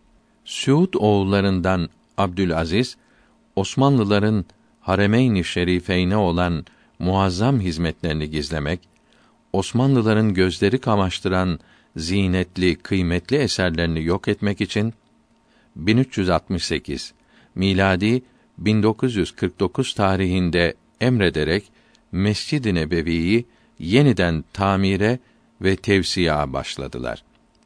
1370'te başlayıp 1375'te bitirdiler. Bütün sahası 11648 metrekare oldu. Bundan evvel 9000 metrekareydi. Şark ve garp duvarlarının uzunluğu 128, şimal duvarının uzunluğu 91 metre oldu. Ravaklar yani kemerler içinde 232 direk vardır. Yeni yapılan iki minareden her biri 70 metre yüksekliktedir. Mekke'deki Mescidül Haram 1375 miladi 1955'te genişletildi. 29127 metrekare iken 160.168 metrekare oldu. Yedi minaresi 90 metre yüksektir. Safa ve Merve tepelerinin üzerleri de örtülerek Mescidül Haram ile birleştirildi. Birçok yerlerin isimlerini değiştirip kendi isimlerini koydular. Medine'nin bir tanecik Baki kabristanına ilk olarak Osman bin Mazun radıyallahu anh defnedildi. Resulullah sallallahu aleyhi ve sellem bu süt kardeşinin kabrine mübarek eliyle büyük bir taş dikti. Kabir taşı dikmek sünnet olduğu bundan anlaşılmaktadır. Medine-i Münevvere'deki türbeleri mezhepsizler yıkmıştı. İkinci Sultan Mahmud Han dipnot 1 Mahmud Han 1255 miladi 1839'da vefat etti. Hepsini yeniden yaptırdı. Birinci Cihan Harbi'nden sonra İngilizler burasını Osmanlılardan alıp Abdülaziz'e verdiler. Tekrar hepsini yıktırdı. Mübarek binaları, hatta Zemzem kuyusu üzerinde birinci Abdülhamit Han'ın rahimehullahü teala yaptırmış olduğu sanat eseri binayı yıktılar. Resulullah'ın dünyaya teşrif ettiği mübarek evi de yıktılar. Yerine çarşı yaptılar. Hücre-i Saadet'ten sonra ilk yapılan türbeler Baki kabristanında Resulullah'ın mübarek zevcelerinin kabirleri üzerine yapılmış olan kubbedir. Zeynep binti Cahş radıyallahu anha validemiz pek sıcak günde vefat etmişti. Hazret Ömer kabir kazılırken cemaati güneşten korumak için kabir üzerinde çadır kurdurdu. Çadır uzun zaman kabir üzerinde kaldı. Bundan sonra kabirler üzerine çadır, çardak, zamanla türbeler yapıldı. İslamiyette ilk tabutta yine Zeynep validemiz için yapıldı. Hazreti Ömer radıyallahu an cenazeye mahremlerinden başkasının gitmesine izin vermemiş, eshab-ı kiram bundan üzülmüştü. Esma binti Ümeys, Habeş'te tabut gördüm. Cenazeyi örtüyor, dedi. Bunun anlattığı şekilde tabut yapılıp, bütün eshab ile birlikte gidilerek defnedildi. Resulullah sallallahu aleyhi ve sellem Efendimiz her sene Uhud şehitlerini ziyaret ederdi. Hurre-i Vakum denilen yerde durup şehitlere selam verirdi. Hicretin 8. senesinde ziyarete gidince her birine ayrı ayrı selam verdi. Bunlar şehittir. Ziyaret edenleri tanırlar. Selam verince işitir, cevap verirler buyurdu. Fatıma Tüz Zehra radıyallahu anha hazretleri de Hazreti Hamza'nın radıyallahu teala anh kabrini her iki günde bir ziyaret eder, yeri unutulmamak için işaret kordu. Her cuma gecesi gidip uzun namaz kılar, çok ağlardı. İmamı Beyheki rahimehullahü teala dipnot 2 Beyheki Ahmet 458 miladi 1066'da Nişapur'da vefat etti. Bildiriyor ki Abdullah İbni Ömer radıyallahu teala anhuma buyurdu ki Cuma günü güneş doğmadan önce babam Hazreti Ömer ile şehitleri ziyarete gittik. Babam hepsine selam verdi. Selamına cevap işittik. Bana sen mi cevap verdin dedi. Hayır, şehitler cevap verdiler dedim. Beni sağ tarafına geçirip her birine ayrı ayrı selam verdi. Her kabirden üçer defa cevap işittik. Babam hemen secdeye kapandı. Allahü Teala'ya şükreyledi. Hazreti Hamza ile kız kardeşinin oğlu Abdullah bin Cahş ve Mus'ab bin Umeyr radıyallahu anhüm ecmaîn bir kabirdedir. Yetmiş şehitten geri kalanları da ikisi üçü bir kabirdedir. Birkaçı da Baki kabristanındadır. Bu şehitlerin hepsinin isimleri Mirat-ı Medine'de yazılıdır. 16. 257. sayfasında Ebu Davud'un rivayet ettiği hadiste bana salavat okuyunuz. Her nerede okursanız okuyunuz. Bana bildirilir denildi. Demek ki uzakta yakında okumak arasında ayrılık yoktur. Kabri bayram yeri gibi yapmaya hacet yoktur diyor. Hücre-i saadeti ziyarete ihtiyaç olmadığını göstermek için Resulullah'ın salat ve selamdan haber aldığını yazmış, farkında olmayarak kendi kendisini yalanlamıştır. Ölü hissetmez, duymaz diyordu. Şimdi de haber aldığını yazıyor. 416. sayfasında ölüler kendilerine söylenileni duymazlar. Ölüden dua, şefaat istemek ona tapınmak olur diyor. Resulullah'ın sallallahu teala aleyhi ve sellem kendisine okunan salavattan haberdar olduğunu yazması ve yukarıdaki yazısı birbirlerine uymamaktadır. Bundan başka Ebu Davud'daki hadis-i şeriflerden birini yazıyor. İkincisini yazmak işine gelmiyor. Hadis alimlerinden Abdülhak Dehlevi rahimehullahü teala Medaricün Nübüvve kitabının 378. sayfasında diyor ki Ebu Davud'un Ebu Hüreyre'den radıyallahu teala anhuma haber verdiği hadisi i şerifte bir kimse bana selam verince Allahü Teala ruhumu bana geri verir. Onun selamını işitir, cevap veririm buyuruldu. İbn Asakir'in rahimehullahü teala haber verdiği hadisi şerifte kabrim yanında bana salavat okununca o salavatı işitirim buyuruldu. 17 271 ve sonraki sayfelerinde ümmetimin üzerine sapık imamlar gelmesinden korkuyorum buyuruldu. Yani Müslümanları saptıran amirler, alimler gelecek, kitaba uymayan fetvalar vereceklerdir. Bunlardan birçoğu dertleri, dileği olan mezarıma gelsin. Dileğini ona veririm derler. Ben Allah'a çok yaklaştım. İbadet yapmak benden affedildi der. Evliya dilediğine yardım eder. Dilekler onlardan istenilir. Sıkışanlar onların dirilerine ve ölülerine sarılınca saadete kavuşurlar. Onlar dilediklerini yapar. Keramet gösterirler. Levhil mahfuzu bilirler. İnsanların gizli düşüncelerini anlarlar. Peygamberlerin ve evliyanın mezarlarına türbe yaptırırlar. Bunlar Allah'tan başka şeylere tapınmaktır.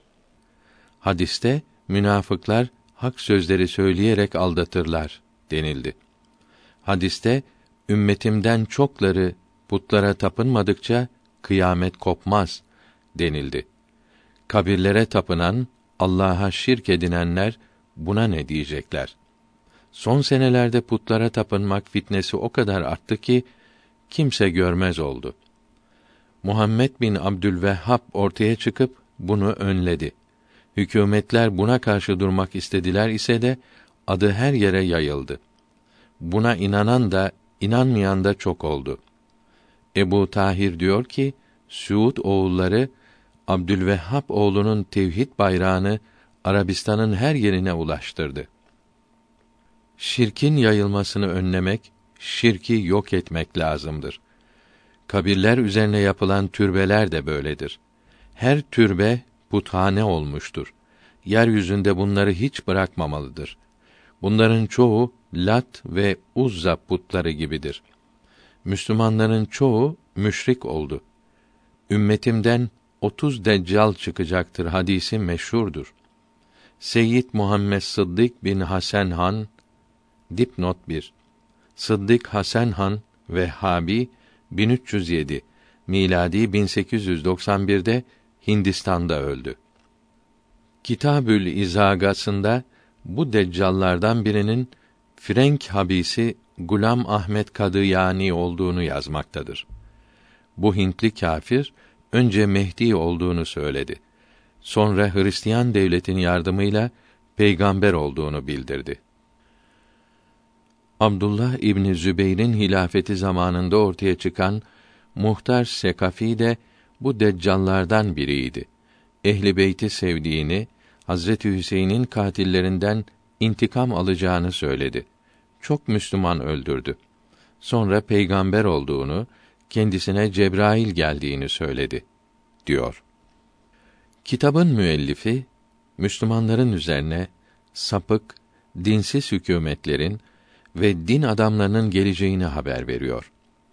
İslam alimleri rahimehumullahü teala bu sapık din adamlarının Müslümanları doğru yoldan çıkardıklarını bildirmektedir. Mezhepsizler İslam memleketlerinde casuslar ele geçirip bu satılmış mezhepsiz ajanlarla Müslümanları aldatıyorlar. Bozuk kitaplar bastırarak ehli sünneti yıkmaya, ehli sünnetin büyük alimlerine, velilerine rahimehumullahü teala leke sürmeye çalışıyorlar.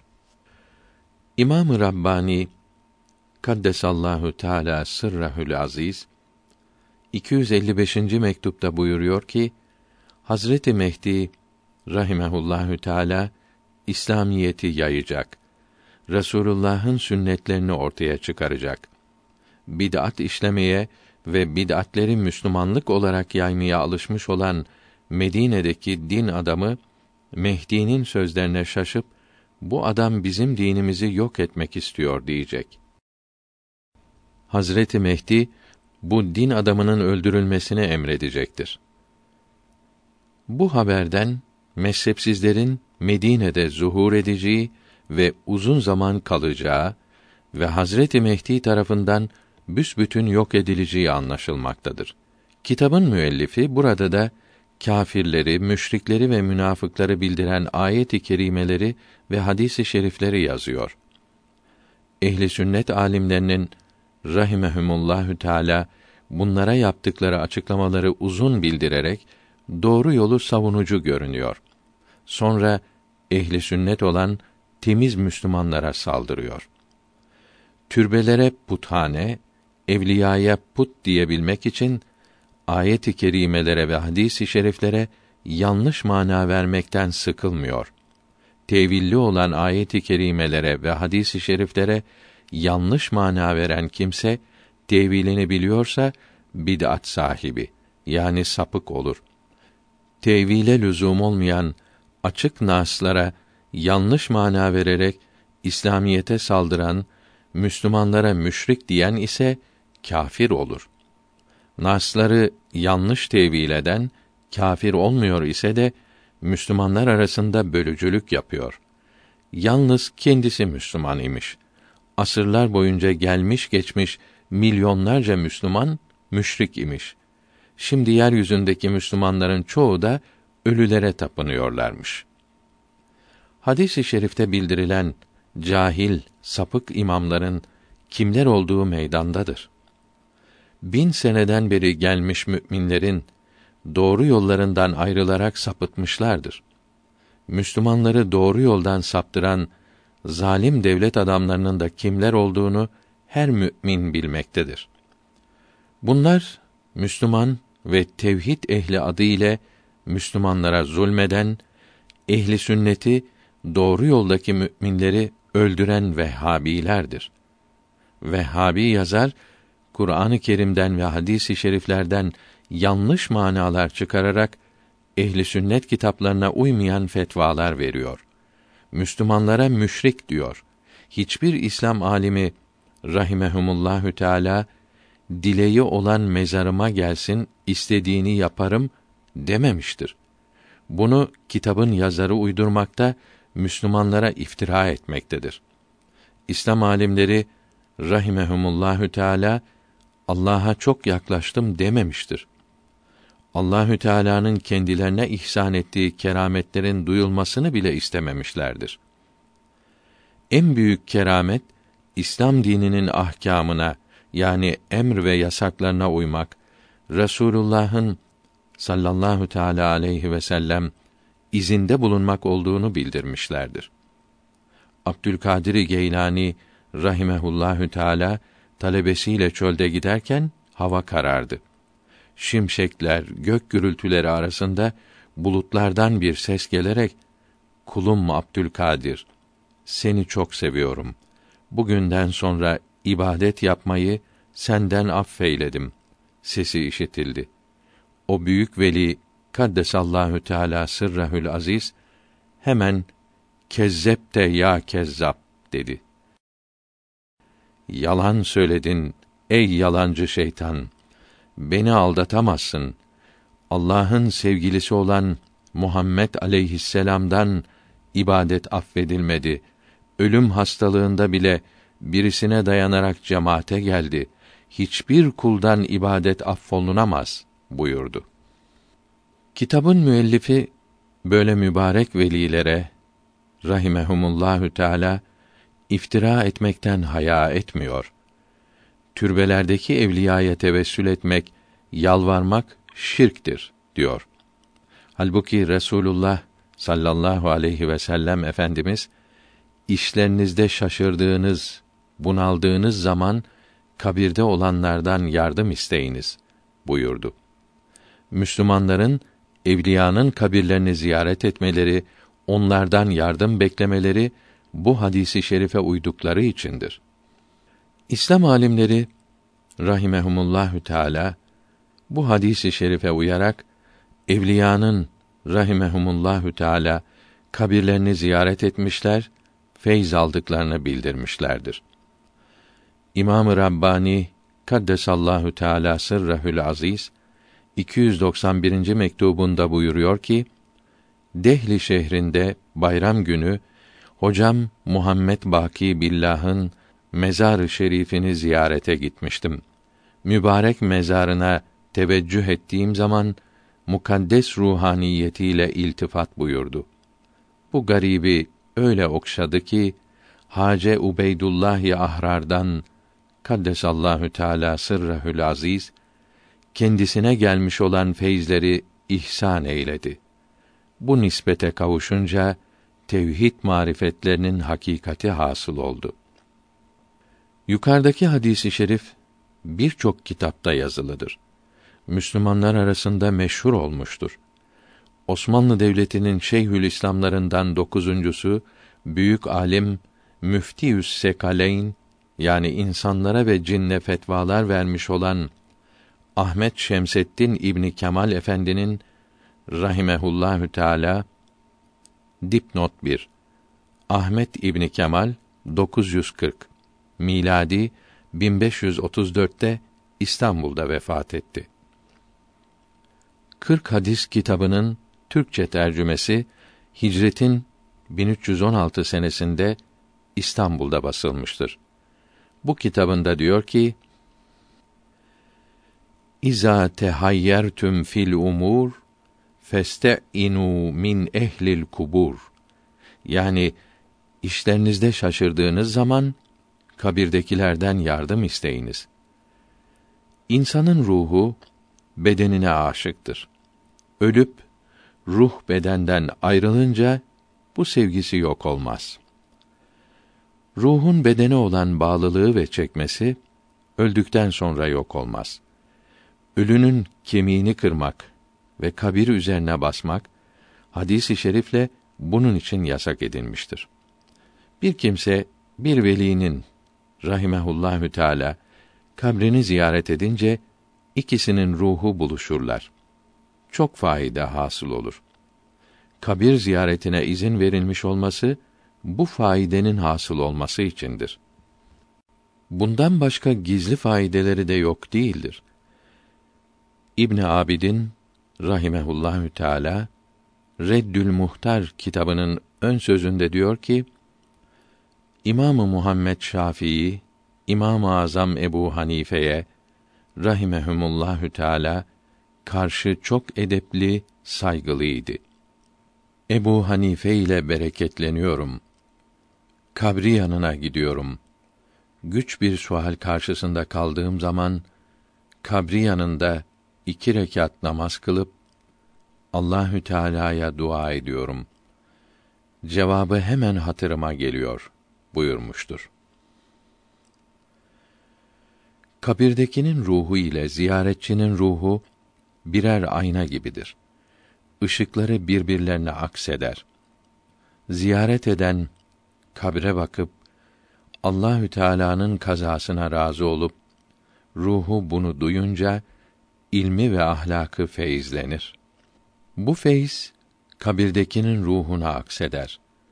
Meyyitin ruhuna Cenab-ı Hak'tan gelmiş olan ilm ve feyzler de ziyaret edenin ruhuna akseder. Şafii alimlerinden Alaüddin Ali bin İsmail Konevi rahimehullahü teala dipnot 1 Ali Konevi 729 miladi 1328'de vefat etti. El Alam fi Hayatil Enbiya aleyhimüsselatu vesselam kitabında diyor ki peygamberlerin aleyhimüsselavatü ve teslimat ve bütün Müslümanların ruhları kabirlerine ve anıldıkları yerlere inerler. Ruhların kabirleriyle bağlılıkları vardır. Bunun için kabir ziyareti müstehaptır. Kendilerine verilen selamı işitirler ve cevap verirler.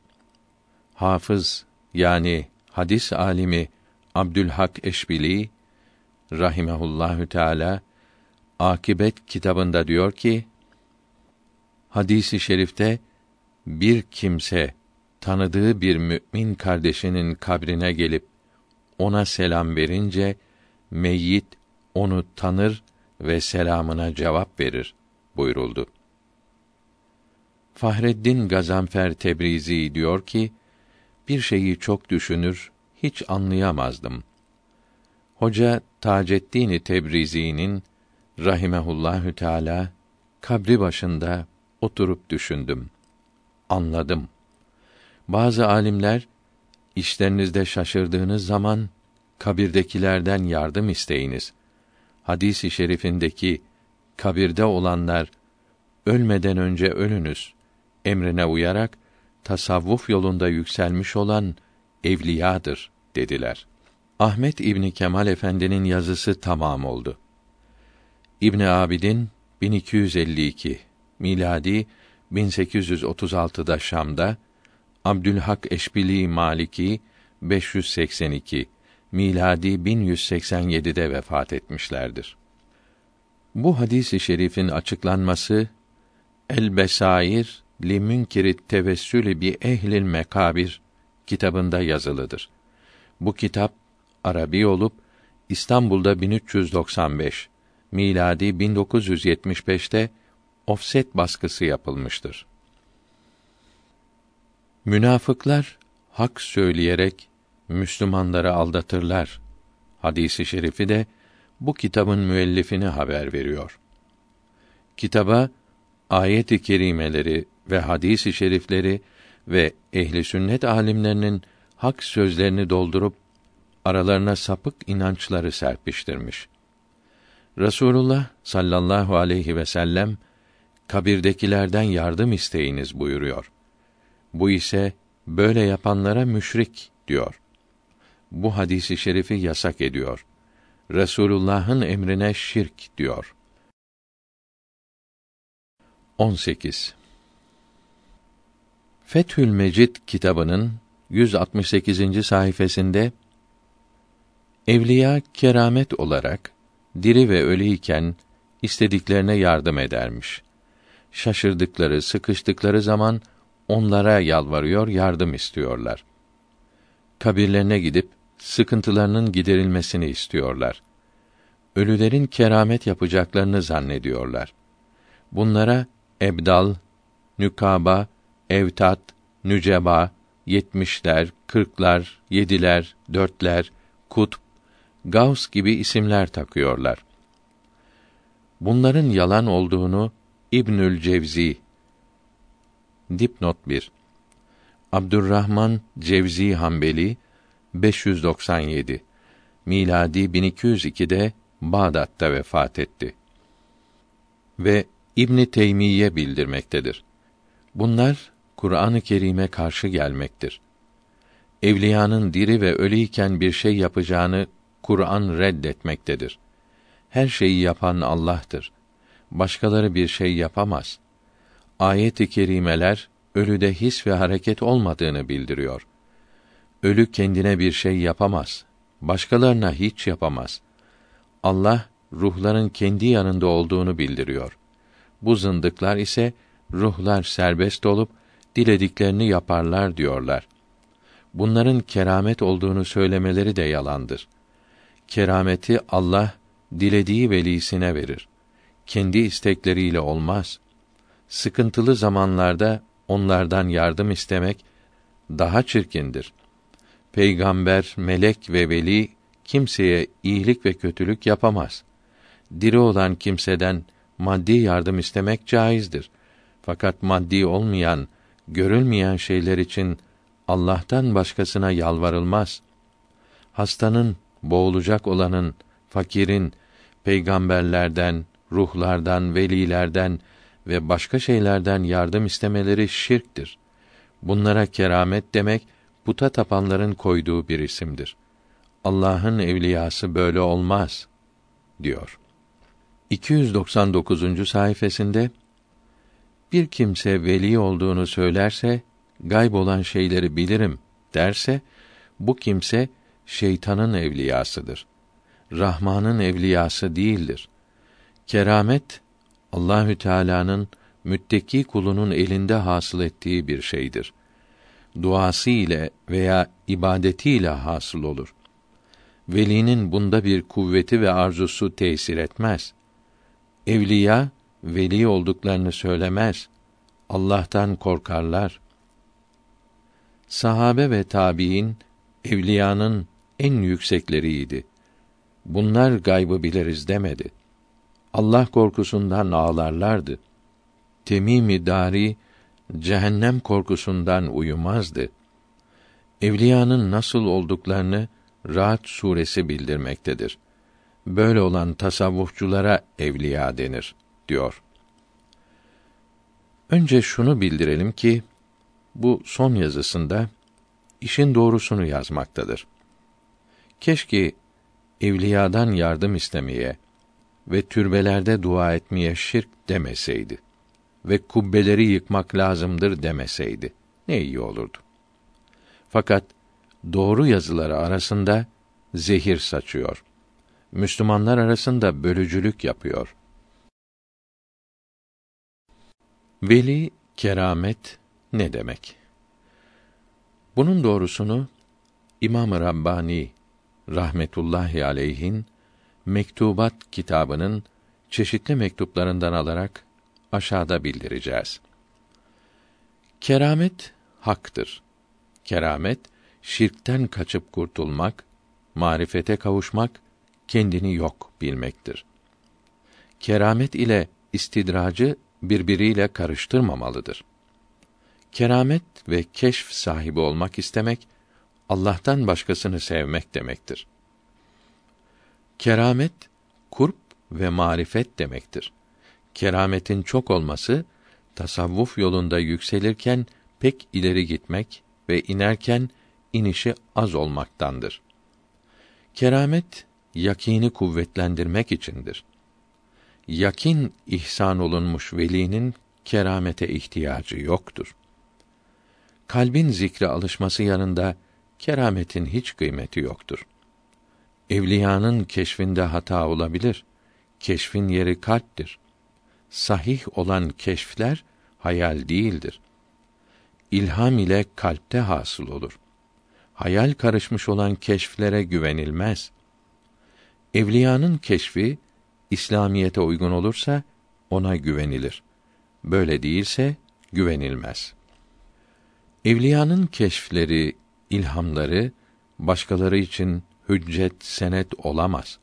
Fakat müçtehidin sözü onun mezhebinde olanlar için hüccettir. Keşf ve keramet sahibi olmak derecenin yüksek olmasını bildirmez. Keşfler, tecelliler tasavvuf yolunun yolcularında hasıl olur. O yolun sonunda olanlar hayrette ve ibadettedirler. Evliyanın önüne boynu bükük gelmelidir ki faide elde edilebilsin.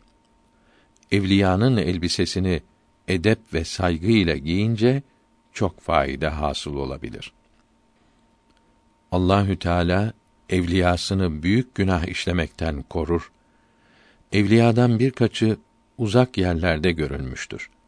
Bu görünüş ruhlarının kendi bedenlerinin şeklinde görünmesidir. Evliya küçük günahtan korunmuş değildirler. Fakat hemen gafletten uyandırılıp tövbe eder ve iyi işler yaparak af dilerler.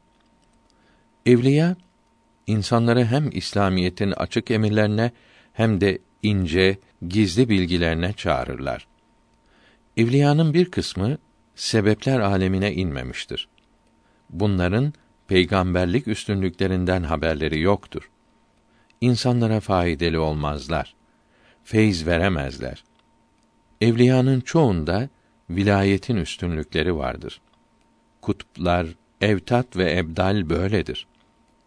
Bunların gençleri yetiştirebilmeleri Ali radıyallahu teala anh'ın yardımı ile olur.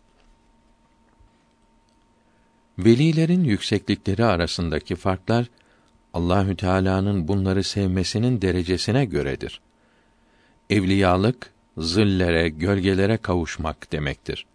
Sevgileri ve zevkleri hep zilleredir. Evliyalık peygamberliğin zillidir, gölgesidir. Evliyalığı abdest gibi, nübüvveti namaz gibi bilmelidir. Evliyalık kötü huylardan kurtulmak demektir. Evliyanın kendinin veli olduğunu bilmesi lazım değildir. Evliyalık verilip de veli olduğu bildirilmezse hiç kusur olmaz. Veli olmak için dünya ve ahiret sevgisini gönülden çıkarmak lazımdır. Peygamberlik üstünlüklerinde ahirete düşkün olmak iyidir. İnsanda ruh aleminden gelmiş olan on latife, on kuvvet vardır. Evliyalık ve peygamberlik üstünlükleri bu on latifede olur. Evliyalık fena ve beka demektir. Yani kalbi dünyaya düşkün olmaktan kurtarıp Allahü Teala'ya düşkün olmaktır. Evliyalık akl ile ve düşünmekle anlaşılamaz. Evliyalık Allahü Teala'ya yakınlık demektir. Mahlukları düşünmeyi gönülden çıkaranlara ihsan edilir. Mahlukların düşüncesini gönülden çıkarmaya fena denir. Evliyalığın bütün üstünlükleri İslamiyete uymakla hasıl olur. Peygamberliğin üstünlükleri ise İslamiyetin görünmeyen, herkesin bilemediği inceliklerine de uyanlara verilir. Peygamberliğin üstünlükleri demek peygamberlik demek değildir. Evliyalık derecelerinin hepsini geçip sonuna varanların keşfleri ve ilham olunan bilgilerin hepsi ehli sünnet alimlerinin naslardan yani kitap ve sünnetten anlayıp bildirdikleri bilgilere tam uygun olur. Evliyalıkta ilerlemenin yarısı yükselmek, yarısı da inmektir. Çok kimse yalnız yükselmeyi evliyalık sanmış, inişe de peygamberlik üstünlükleri demişlerdir. Halbuki bu iniş de yükseliş gibi evliyalıktır. Evliyalıkta cezbe ve sülük vardır. Bu ikisi evliyalığın iki temel direğidir. Peygamberlik üstünlükleri için bu ikisi lazım değildir. Evliyalık derecelerinin sonu kulluk makamıdır. Kulluk makamının üstünde hiçbir makam yoktur. Veliler hakka doğrudurlar. Peygamberlikte hem hakka hem de halka doğru olup birbirine engel olmaz. Evliyanın nefsleri mutmainne olmuş ise de bedendeki maddelerin ihtiyaç ve istekleri vardır. Evliyalık beş derecedir. Her biri beş latifeden birinin yükselmesidir. Her biri ulul azm peygamberlerden birinin yoludur. Birinci derecesi Adem aleyhisselam'ın yoludur. Evliyalığı birinci derecede olan bir peygamberin evliyalığı, beşinci derecede olan bir velinin evliyalığından daha kıymetlidir. Evliyalığın vilayet-i hassa denilen en yüksek derecesine kavuşabilmek için nefsin fani olması lazımdır. Ölmeden önce ölünüz emri bu faniliği göstermektedir. Evliyalık ya hassa hususi olur veya umumi olur. Vilayet-i hassa Muhammed aleyhisselam'ın evliyalığıdır. Onun ümmetinden ona tabi olan evliya da bu vilayete kavuşabilir. Bu vilayet tam fena ve olgun bekadır. Burada nefs fani olmuş, Allahü Teala'dan razı olmuştur. Allahü Teala da ondan razıdır. Evliyalığın yüksekliği beş latifenin derecesine, sırasına göre değildir. En yüksek derecedeki ahfa latifesinin evliyalığına kavuşmak öteki derecelerde bulunan evliyadan daha yüksek olmayı göstermez. Evliyalığın üstünlüğü asla yakınlık ve uzaklıkla ölçülür. Kalp denilen aşağı derecedeki latifenin evliyalığına kavuşmuş bir veli asla daha karip, yakın olunca ahfa latifesinde bulunan fakat o kadar yakın olmayan veliden daha üstün olur. Muhammed aleyhisselam'ın evliyalığına kavuşan veli geri dönmekten korunmuştur. Yani bulunduğu dereceyi kaybetmez. Öteki veliler korunmuş değildirler. Tehlikededirler. Evliyalık yalnız kalbin ve ruhun fani olmasıyla hasıl olabilir. Fakat bunların fani olmaları için öteki üç latifenin de fani olmaları lazımdır. Evliyanın evliyalığına vilayeti sugra denir. Peygamberlerin evliyalığına vilayeti kübra denir. Vilayeti sugra'nın sonu enfüsteki ve afaktaki ilerlemenin sonuna kadardır. Vilayeti sugra'da vehimden ve hayalden kurtuluş yoktur. Vilayeti kübrada vehimden ve hayalden kurtuluş vardır. Vilayet-i sugra beş latifenin arşın dışındaki asıllarını geçtikten sonra başlayıp bu asılların da asılları olan Allahü Teala'nın sıfatlarının zillerini, görünüşlerini geçince biter. Vilayeti sugra afakta ve enfüste yani insanın dışındaki ve içindeki mahluklarda olur. Yani zillerde, görünüşlerde olur. Bunda sona erenler tecelli-i berkiye yani şimşek gibi çakıp geçen tecellilere kavuşurlar. Vilayeti kübra bu tecellilerin, görünüşlerin aslında olur. Allahü Teala'ya yakın olan ilerlemedir. Peygamberlerin evliyalığı böyledir. Burada tecelliler daimidir. Vilayeti sugra cezbe ile sülüktür. Evliyalık kemalatına kavuşmak, sülük yani çalışarak ilerlemek, kalbin zikretmesi ve murakaba ve rabıta ile olur. Peygamberlik kemalatında ilerlemek ise Kur'an-ı Kerim okumakla ve namaz kılmakla olur. Bundan sonra ilerlemek için hiçbir sebebin tesiri yoktur. Ancak Allahü Teala'nın lütfu ve ihsanı ile olur. Ne kadar ilerlerse ilerlesin, İslamiyetten dışarı çıkamaz. İslamiyete uymakta sarsıntı olursa bütün vilayet dereceleri yıkılır. Bundan da yukarı yükselmek muhabbet ile sevmek ile olur. Lütf ve ihsan başkadır, aşk ve muhabbet başkadır. Peygamberlerin evliyalığı bile peygamberlik üstünlükleri yanında aşağıdadır. Vilayeti Muhammediye bütün peygamberlerin vilayetlerini kendisinde toplamıştır. Peygamberlerden birinin vilayetine kavuşmak bu vilayeti hassanın bir parçasına kavuşmaktır. Velinin inişi çok olunca üstünlüğü de çok olur. Velinin batını yani kalbi ve ruhu ve öteki latifeleri zahirinden yani duygu organlarından ve aklından ayrılmıştır. Zahirinin gafil olması batınına ulaşamaz. Hiçbir veli, hiçbir peygamberin salavatullahü teala aleyhim ecmaîn derecesine ulaşamaz. Bir veli bir bakımdan bir peygamberin üstünde olabilir. Fakat her bakımdan bu peygamber bu veliden daha üstündür. Veli küçük günah işleyebilir. Fakat hemen tövbe eder ve velilik derecesinden atılmaz. Tasavvuf yolunda aranılan şey fenanın ve bekanın, tecellilerin ve zuhurların, şuhut ve müşahedenin, söz ve mananın,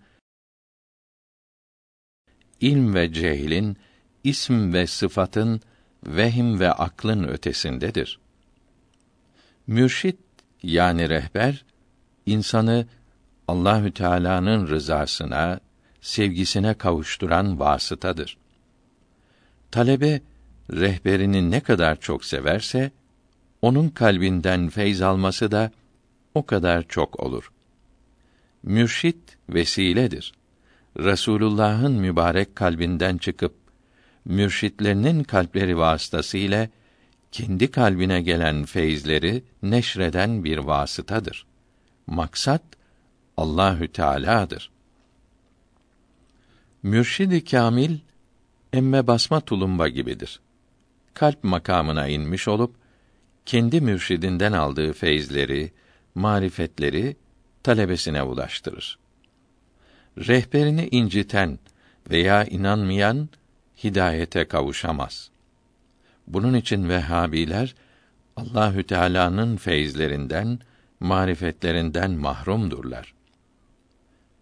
Rehberini incitenden kalbin kırılmazsa köpek senden daha iyidir buyurmuşlardır.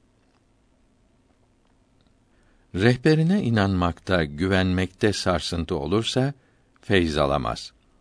Bu sarsıntının ilacı yoktur. rehberden feyz almak için teveccüh olmaksızın yalnız onu sevmek yetişir. Rehber ile bulunanların imanları kuvvetlenir. İslamiyete uymak isteği hasıl olur. Rehberin sözleri, halleri, hareketleri, ibadetleri hep İslamiyete uygundur. Ona uyan, onu dinleyen Resulullah'a uymuş olur. Böyle olmayan kimse rehber olamaz. Doğru yolda olmayıp sözde rehber geçinenler talebesini doğru yoldan saptırır, zararlı olurlar. Tasavvuf Resulullah'ın sallallahu aleyhi ve sellem izinde bulunmaktır. İnsanların yaratılışlarına göre ayrı yollar hasıl olmuştur. Tasavvuf ihlası arttırmak içindir. Tasavvuf yolunda rehber lazımdır. Rehber 12 imam ve Abdülkadir Geylani ve bunlar gibi olanlardır. Rahimehumullahü Teala. Allahü Teala'ya kavuşturan yol ikidir. Nübüvvet yolu, vilayet yolu. Nübüvvet yolunda rehber lazım değildir. Bu yol asla kavuşturur. Vilayet yolunda rehber lazımdır. Nübüvvet yolunda fena, beka, cezbe ve sülük gibi şeyler yoktur. Vilayet yolunda ilerlemek için her şeyi, dünyayı ve ahireti unutmak lazımdır. Gönlün bunlara bağlı olmaması lazımdır. Nübüvvet yolunda ahireti unutmak lazım değildir. Tasavvuf imanı kuvvetlendirmek ve İslamiyete uymakta kolaylık duymak içindir. Tarikat ve hakikat İslamiyetin hizmetçileridir. Tarikat mahlukları yok bilmektir. Hakikat Allahü Teala'yı var bilmektir. Birincisi herkesten kaçıp bir yere kapanmak demek değildir. Emre maruf, nehy münker, cihat ve sünnetlere uymaktır. Mektubattan tercüme burada tamam oldu. Hiçbir İslam alimi rahimehumullahü teala benim kerametim var. Dilediklerinize kavuştururum dememiştir. Kerametlerini örtmeye çalışmışlardır. İslam dinini Kur'an-ı Kerim'in ve hadis-i şeriflerin bilgilerini yaymaya uğraşmışlardır. Fethül Mecid kitabının müellifi sapıkların, münafıkların, zındıkların yanlış, bozuk sözlerini ve cahil Müslümanların bilmeyerek yaptıkları yanlış hareketleri yazarak İslam alimlerine, tasavvuf büyüklerine saldırmakta, doğru yoldaki Müslümanlara iftira etmektedir. Yalanlarına ayet-i kerimeleri ve hadisi şerifleri de alet etmek çabasındadır. Bu ise sapıklığın en aşağı, en iğrenç ve en kötü bir örneğidir. Hiçbir İslam alemi levh-il mahfuzu bilirim dememiştir. Allahü Teala dilediği, sevdiği, seçtiği kuluna gaybten bilgi verir. Kerametler ihsan eder. Fakat bunlar bu kerametleri kimseye söylemez. Kendileri istemeden hasıl olur. Münafıkların, facirlerin hak sözü de söyleyecekleri hadisi i şerifte bildirildi. Bu hadisi şerif mezhepsizlerin, zındıkların ayet-i kerimeler ve hadis-i şerifler söyleyerek Müslümanları aldatacaklarını haber vermektedir. Allahü Teala sevdiklerinin dualarını kabul edeceğini söz veriyor. Müslümanlar da Allahü Teala'nın bu vaadine güvenerek İslamiyete uyan, Resulullah'ın sallallahu teala aleyhi ve sellem izinde giden İslam alimlerinin dualarının kabul olacağına inanıyorlar. Bu mübarek insanlara kendilerine dua ve şefaat etmeleri için yalvarıyorlar. Fatiha suresinde yalnız Allah'tan yardım isteriz dememiz emrolundu. Bu ayeti kerime gösteriyor ki Allahü Teala'dan başka hiçbir mahluk hiçbir şey yaratamaz. Allah'tan başkasından bir şey yapmasını isteyen müşrik olur. Kitabın müellifi insanları ölü ve diri olarak ikiye ayırıyor. Ölüden ve uzakta olandan bir şey isteyen müşrik olur. Yanında bulunan diriden maddi yardım istemek caizdir diyor. Böylece Fatiha suresine karşı gelmektedir. Kur'an-ı Kerim'i değiştirmektedir. Çünkü bu ayeti kerime yanında bulunan diriden de bir şey yapması istenilemeyeceğini, Allah'tan başka kimsenin bir şey yaratamayacağını bildirmektedir. Bunun için böyle söyleyenlerin müşrik olmaları lazım gelmektedir. Halbuki her şeyi yaratan, yapan yalnız Allahü Teala'dır. Fakat Allahü Teala her şeyi bir sebep ile yaratmaktadır. Böyle olduğunu ayet-i kerimeler, hadis-i şerifler ve günlük olaylar açıkça gösteriyor. Cahiller de alimler gibi böyle olduğunu bilmektedir. Bunun için dünya hayatına alemi esbab denilmiştir. Bir şeye kavuşmak için o şeyin yaratılmasına sebep olan işi yapmak lazımdır. Bir şeyin sebebine yapışmak Fatiha suresine karşı gelmek olmaz. Hadis-i şeriflerde her şeye kavuşmak için yol vardır. Cennetin yolu ilmdir ve mağfirete kavuşmanın sebebi Müslümanı sevindirmektir. Ve mağfirete kavuşturan sebeplerden biri aç olan Müslümanı doyurmaktır. Ve biz müşrikten yardım istemeyiz. Ve ilm öğretmek büyük günahların affına sebeptir. Ve her hastalığın ilacı vardır. Ve hafızasını kuvvetlendirmek isteyen bal yesin. Ve şarap içmek kötülüklere sebeptir buyruluyor. Hadis-i şerifler Allahü Teala'nın her şeyi sebepler ile yarattığını göstermektedir. Allahü Teala Kehf suresinde Zülkarneyn'e her şeyin sebebini öğrettim buyurdu. Mukaddemede bildirdiğimiz gibi canlı cansız, yakın uzak her şey bir olaya, bir reaksiyona sebeptirler.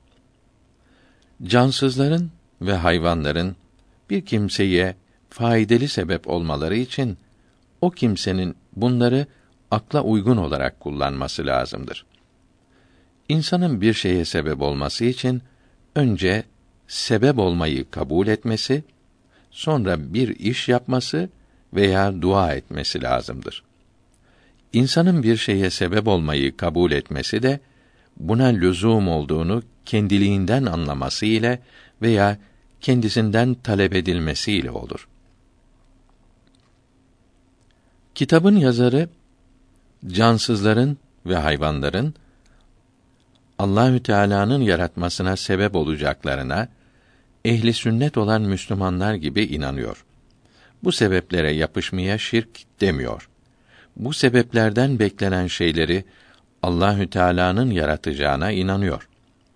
Diri ve yanında bulunan insanın yardım talebini işittiği zaman bunun dua ile yardım edeceğine de inanıyor.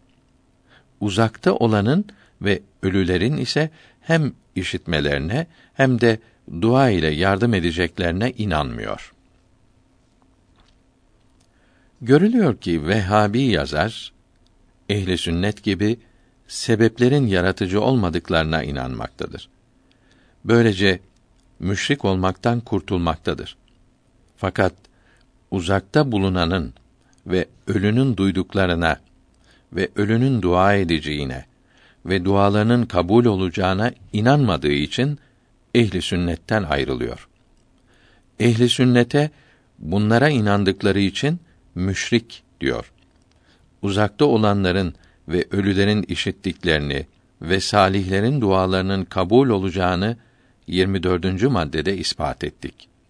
Hadis-i şeriflerde din kardeşine arkasından yapılan dua reddolmaz ve mazlumun duası kabul olur ve ümmetimin günah işlemeyen gençlerinin duaları kabul olur ve babanın oğluna duası peygamberin ümmetine duası gibidir. Ve dua belayı def eder buyuruldu. Yukarıdaki hadisi şeriflerin hepsi Künuzü Dekaik kitabından alındı. Tembihül Gafilin kitabındaki hadisi şeriflerde bir Müslüman dua edince elbet kabul olur ve bir lokma haram yiyenin kırk gün duası kabul olmaz buyuruldu. Bostan'daki hadisi şerifte Bismillahillezî la yedurru ma'asmihi şey'ün fil ardı ve la fis semai ve huves semi'ul alim duasını sabah üç kere okuyan kimse akşama kadar akşam okuyan da sabaha kadar beladan kurtulur buyuruldu. Bu hadisi şerifler salihlerin, velilerin dualarının kabul olacağını göstermektedir. Kitabın müellifi baştan başa her yerinde buna saldırıyor. Allahü Teala'nın sevdiklerine yalvarmaya şirk diyor. Allahü Teala'nın sevdiklerine yalvarmak, bunların sebep olmalarını istemek, Allahü Teala'nın düşmanı olan putlara yalvarmaya, putların yaratmalarını istemeye benzetilebilir mi? Hak ile batıl birbirlerine karıştırılır mı? Allahü Teala Vehhabilere ve bütün mezhepsizlere akıl versin, insaf versin, doğru yola getirsin. Müslümanları bu felaketten kurtarsın. Bu felaketi ortaya çıkaran kimse İslam dininde büyük bir yara açtı. Şimdi cahiller İslam memleketlerine zehir saçıyorlar. Müslümanların bunlara aldanmamaları için İslamiyeti ehli sünnet alimlerinin rahimehumullahü teala kitaplarından doğru olarak öğrenmeleri lazımdır. İslamiyeti doğru olarak öğrenenler Vehhabilerin yalanlarına, yaldızlı yazılarına aldanmazlar. Onların sapık, bölücü olduklarını, Müslümanları bölmeye çalıştıklarını anlarlar. Vehhabiliğin kurucusu Muhammed bin Abdülvehhab genç yaşındayken Basra'da Hemfer isminde bir İngiliz casusunun tuzağına düştü. İslam'ın doğru imanından, temiz ahlakından ayrıldı. İngilizlerin İslamiyeti yok etmek çalışmalarına alet oldu. Casusun yazdırdığı bozuk şeyleri Vehhabilik ismiyle neşreyledi. İngiliz casusunun itirafları kitabımızda Vehhabiliğin kuruluşu uzun anlatılmaktadır. Mehdi rahimehullahü teala Deccal'i öldürdükten sonra Mekke'ye, Medine'ye giderek binlerle Vehhabi din adamını kılınçtan geçireceği hadis-i şerifte açıkça bildirilmektedir. İmam-ı Rabbani rahimehullahü teala bu hadisi şerifi mektubatta uzun açıklamaktadır. Vehhabiler ehli sünnete doğru yoldaki Müslümanlara saldıracakları yerde kâfirlere ve sapık fırkalara saldırsalardı İslamiyete hizmet etmiş olurlardı. Ne yazık ki İslamiyeti yıkanlara İslamiyete hizmet etmek nasip olmuyor. Büyük İslam alimi İmamı Kastalani'nin rahimehullahü teala dipnot 1 Ahmet Kastalani 923 miladi 1517'de Mısır'da vefat etti. Mevahib-i Ledünniye kitabının tercümesi 511. sayfasında diyor ki: Allahü Teala'nın bu ümmete ikram ettiği kerametlerden birisi bu ümmet arasında kutuplar, evtat ve nüceba ve ebdal rahimehumullahü teala vardır. Enes bin Malik radıyallahu anh buyurdu ki ebdal 40 kişidir. İmamı Taberani'nin rahimehullahü teala Evsat kitabında bildirdiği hadisi şerifte buyuruyor ki yeryüzünde her zaman 40 kişi bulunur. Her biri İbrahim aleyhisselam gibi bereketlidir. Bunların bereketiyle yağmur yağar. Bunlardan biri ölünce Allahü Teala onun yerine başkasını getirir. İbn Adi rahimehullahü teala buyuruyor ki ebdal 40 kişidir. İmam Ahmed'in rahimehullahü teala bildirdiği hadisi şerifte buyuruldu ki bu ümmette her zaman otuz kimse bulunur. Her biri İbrahim aleyhisselam gibi bereketlidir.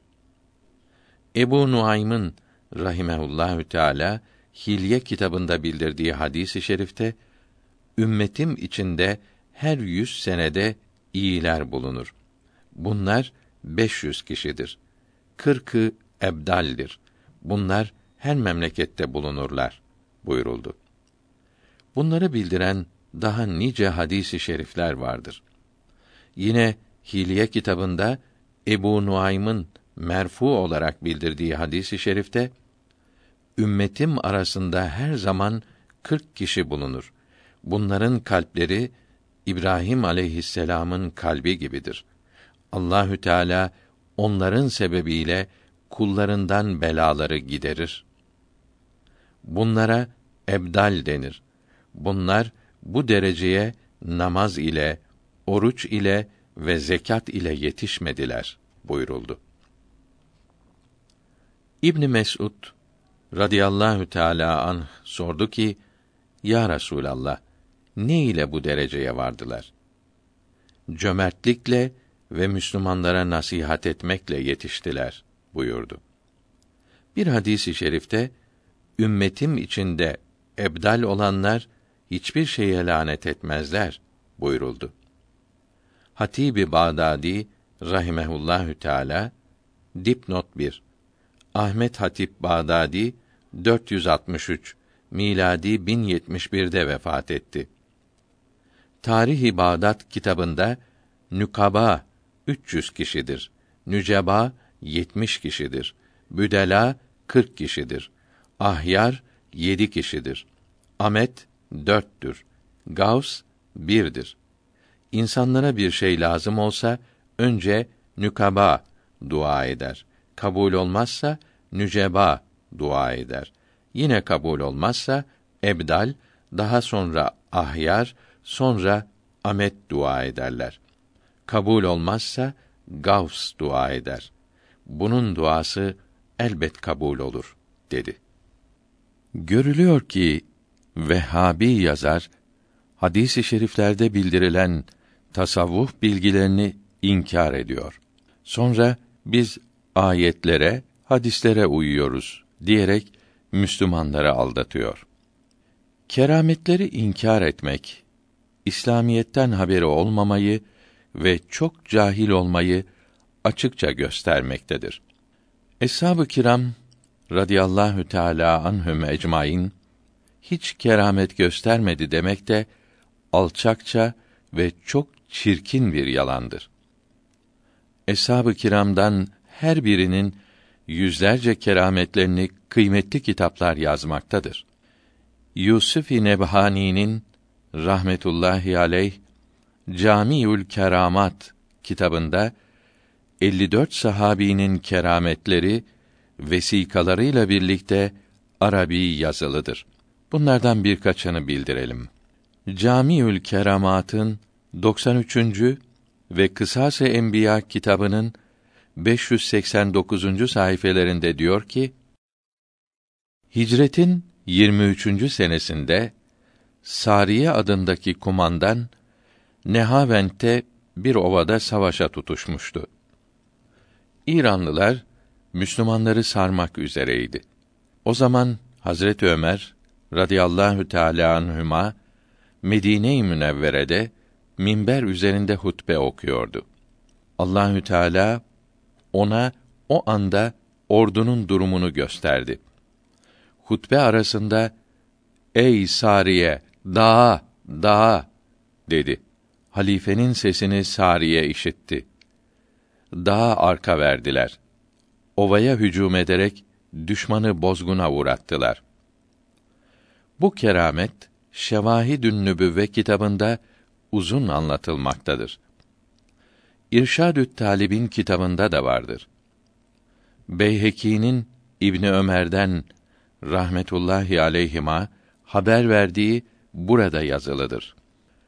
Muhammed Masum Faruki rahmetullahi aleyh Mektubat kitabının üçüncü cildi 19. mektubunda buyuruyor ki Osman radıyallahu anh halifeyken Enes bin Malik radıyallahu teala anh yanına geldi. Yolda bir kadın görmüştü. Hazreti Osman buna bakınca gözlerinde zina eseri anlaşılıyor buyurdu. Bu da Hazreti Osman'ın kerametlerinden biriydi. Camiül Keramat'ta da yazılıdır. Molla Camii Şevahidün Nübüvve'de buyuruyor ki İmam Ahmet bin Hanbel'den rahimehullahü teala sordular. Eshab-ı kiram radıyallahu teala anhum ecmaîn çok keramet göstermedi. Onlardan sonra gelenlerde çok keramet göründü. Bunun sebebi nedir? Cevabında buyurdu ki: Eshab-ı kiramın imanları çok kuvvetli olduğundan imanı kuvvetlendirmek için bunlara keramet verilmesine lüzum yoktu. Sonra gelenlerin imanları öyle kuvvetli olmadığından bunlara verildi.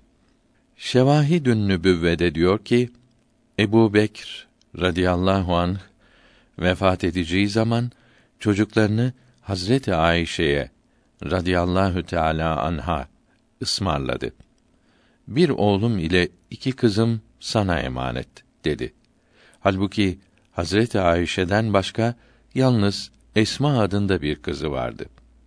Benim bir kız kardeşim var diye sorunca Refikam hamiledir. Kızı olacak sanırım buyurdu. Hazreti Ebu Bekr vefat ettikten sonra dediği gibi bir kızı oldu. Şevahidün Nübüvvede diyor ki Ali vefat edeceği zaman Hüseyin'e radıyallahu teala anhuma buyurdu ki benim tabutumu Arneyn denilen yere götürünüz. Orada beyaz bir kaya görürsünüz. Her yere ışık saçmaktadır. Orayı kazıp beni defnediniz. Öyle yaptılar. Dediği gibi buldular. Şevahidün Nübüvvede diyor ki Hazreti Hasan Abdullah bin Zübeyr radıyallahu teala anhuma dipnot 1 Abdullah bin Zübeyr 73 miladi 692'de şehit edildi. İle yola çıkmıştı. Bir hurmalıkta dinlendiler. Ağaçlar kurumuştu. Abdullah bin Zübeyr, ağaçta hurma olsaydı iyi olurdu, dedi. Hazreti Hasan dua etti. Bir ağaç hemen yeşerip hurma ile doldu. Bu bir sihirdir denildi. Hasan, hayır. Resulullah'ın torununun duası ile Cenabı Hak yaratmıştır buyurdu. Yine Şevahidün Nübüvvede diyor ki Ali Zeynel Abidin bin Hüseyin radıyallahu teala anhuma çoluk çocuğu ile kırda yemek yiyorlardı. Bir ceylan yakınlarında durdu. Ey ahu! Ben Zeynel Abidin Ali bin Hüseyin bin Ali, anam Fatıma binti Resul'dür gel sen de ye dedi. Ceylan gelip yedi ve gitti.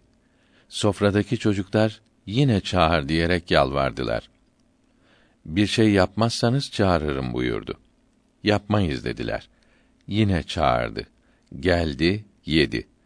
Bir çocuk elini hayvanın sırtına sürdü, ürküp kaçtı.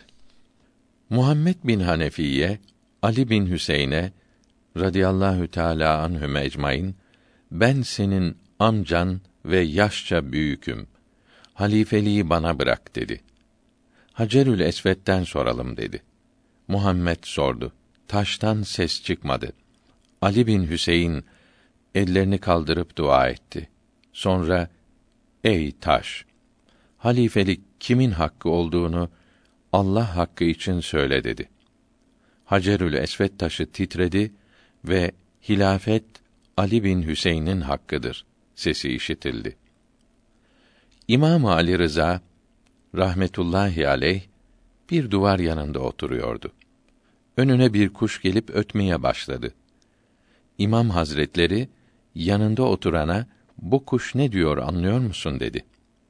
Hayır. Allah ve Resulü ve Resulünün torunu bilir dedi. Yuvama yılan yaklaştı.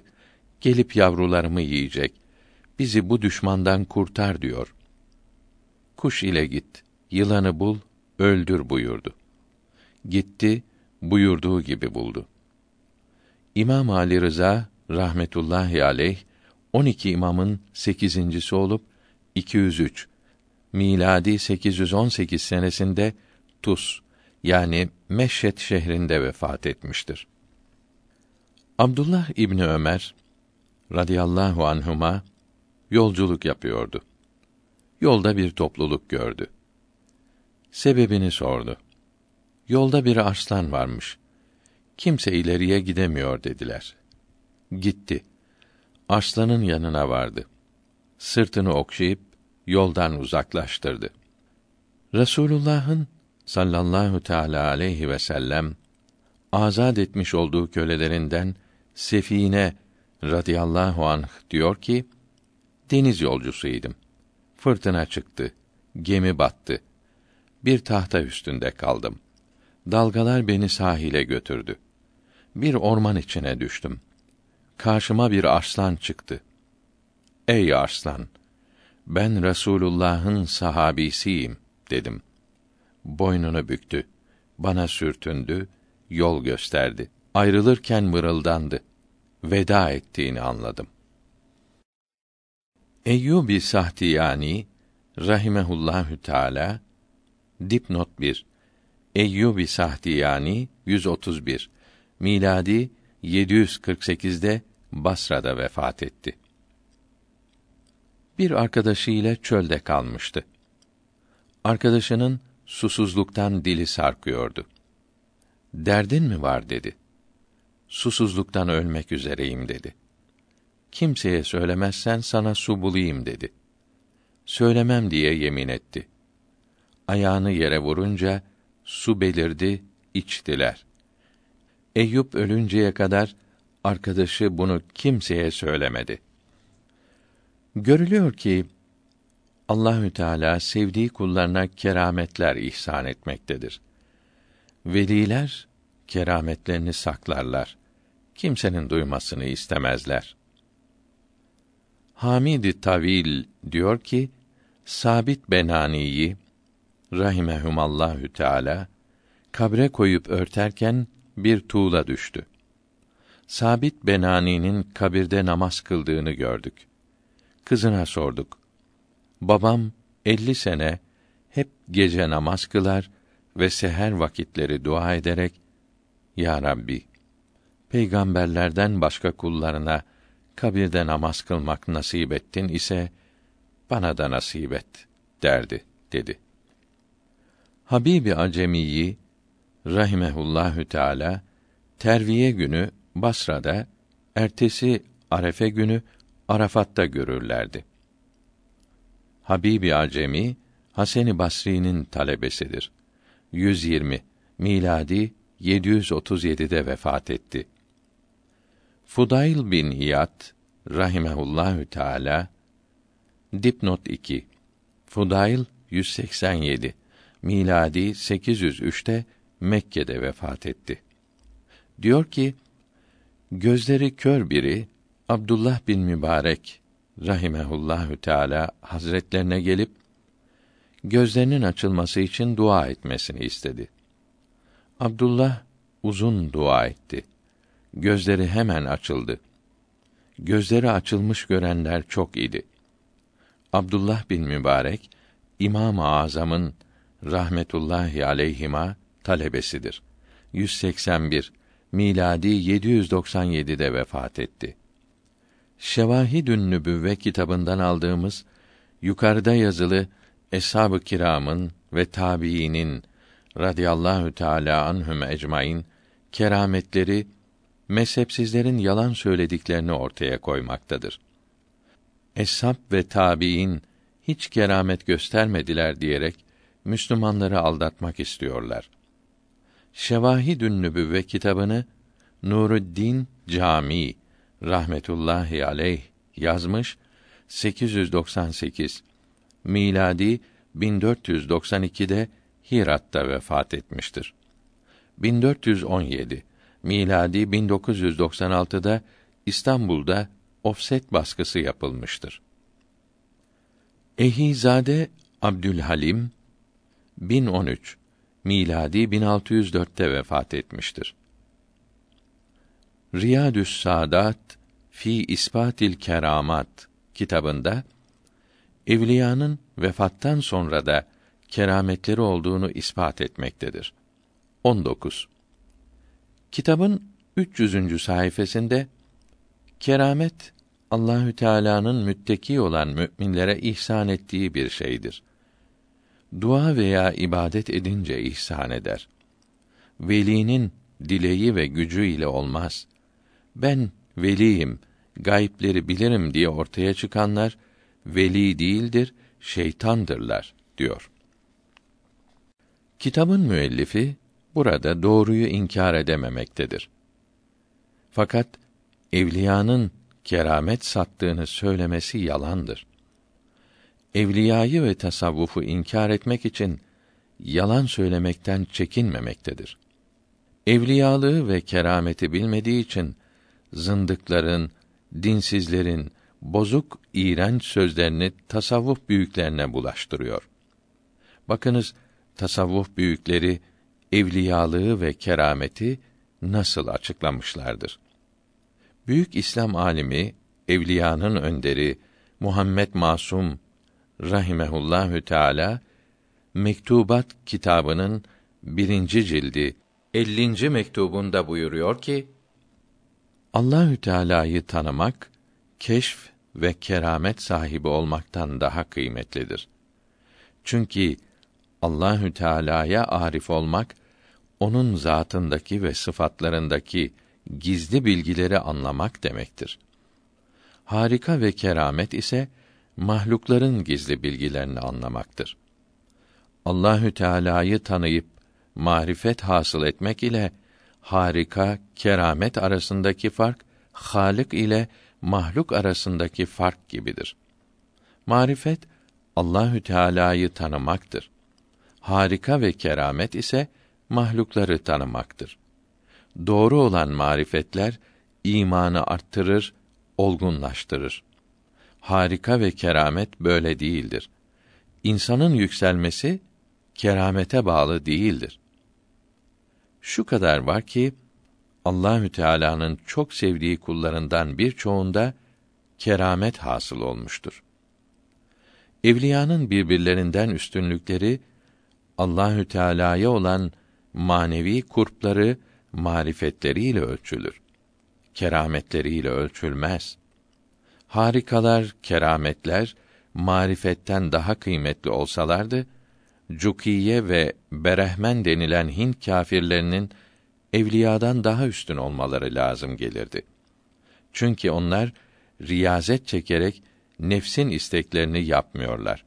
Böylece kendilerinden harika hasıl oluyor. Evliyada ise kurp, marifet hasıl olmuştur. Harika hasıl olmasını istemezler. Allahü Teala'yı tanımak varken mahlukları tanımak istemezler. Harika ve keramet açlıkla ve riyazet ile her alçak kimsede hasıl olabilir. Bunun Allahü Teala'ya karib olmakla tanımakla bir ilgisi yoktur. Keşf ve keramet istemek mahluklarla uğraşmak demektir. Şiir Uğursuz, lain şeytandan harikalar görünür her an. Girer kapıdan hem bacadan, beden, kalp olur ona vatan. Tasavvuf sözlerini anma. Nurdan kerametten dem vurma. Keramet hakka kul olmaktır. Gerisi riya, ahmaklıktır. İnsanın kemali, yüksekliği, fenaya kavuşmak, her şeyi gönülden çıkarmaktır. İbadetleri yapmak, tasavvuf yolunda yürümek ve nefse riyazet çektirmek, insanın kendi hiçliğini anlaması ve varlığın ve varlık sıfatlarının yalnız Allahü Teala'ya mahsus olduğunu anlaması içindir. Bir kimse keramet göstererek herkesi yanına toplamak, böylece başkalarından daha üstün tanınmak isterse kibir yapmış, kendini beğenmiş olur. İbadetlerin, seyir ve sülûkün ve riyazet çekmenin faydelerinden mahrum olur. Allahü Teala'nın marifetine kavuşamaz. Tasavvuf büyüklerinden Şihabüddin Sühreverdi rahimehullahü teala Avarifül Mearif kitabında buyuruyor ki kerametler kalbin Allahü Teala'yı zikretmesi yanında hiç kalır.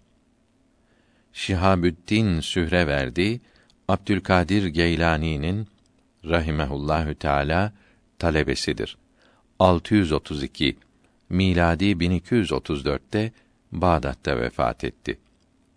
Şeyhülislam Abdullah Hirevi rahimehullahü teala buyuruyor ki marifet sahibi olanların firaseti yani kerameti Allahü Teala'nın marifetine kavuşmaya elverişli olup olmayan kalpleri birbirlerinden ayırabilmektir.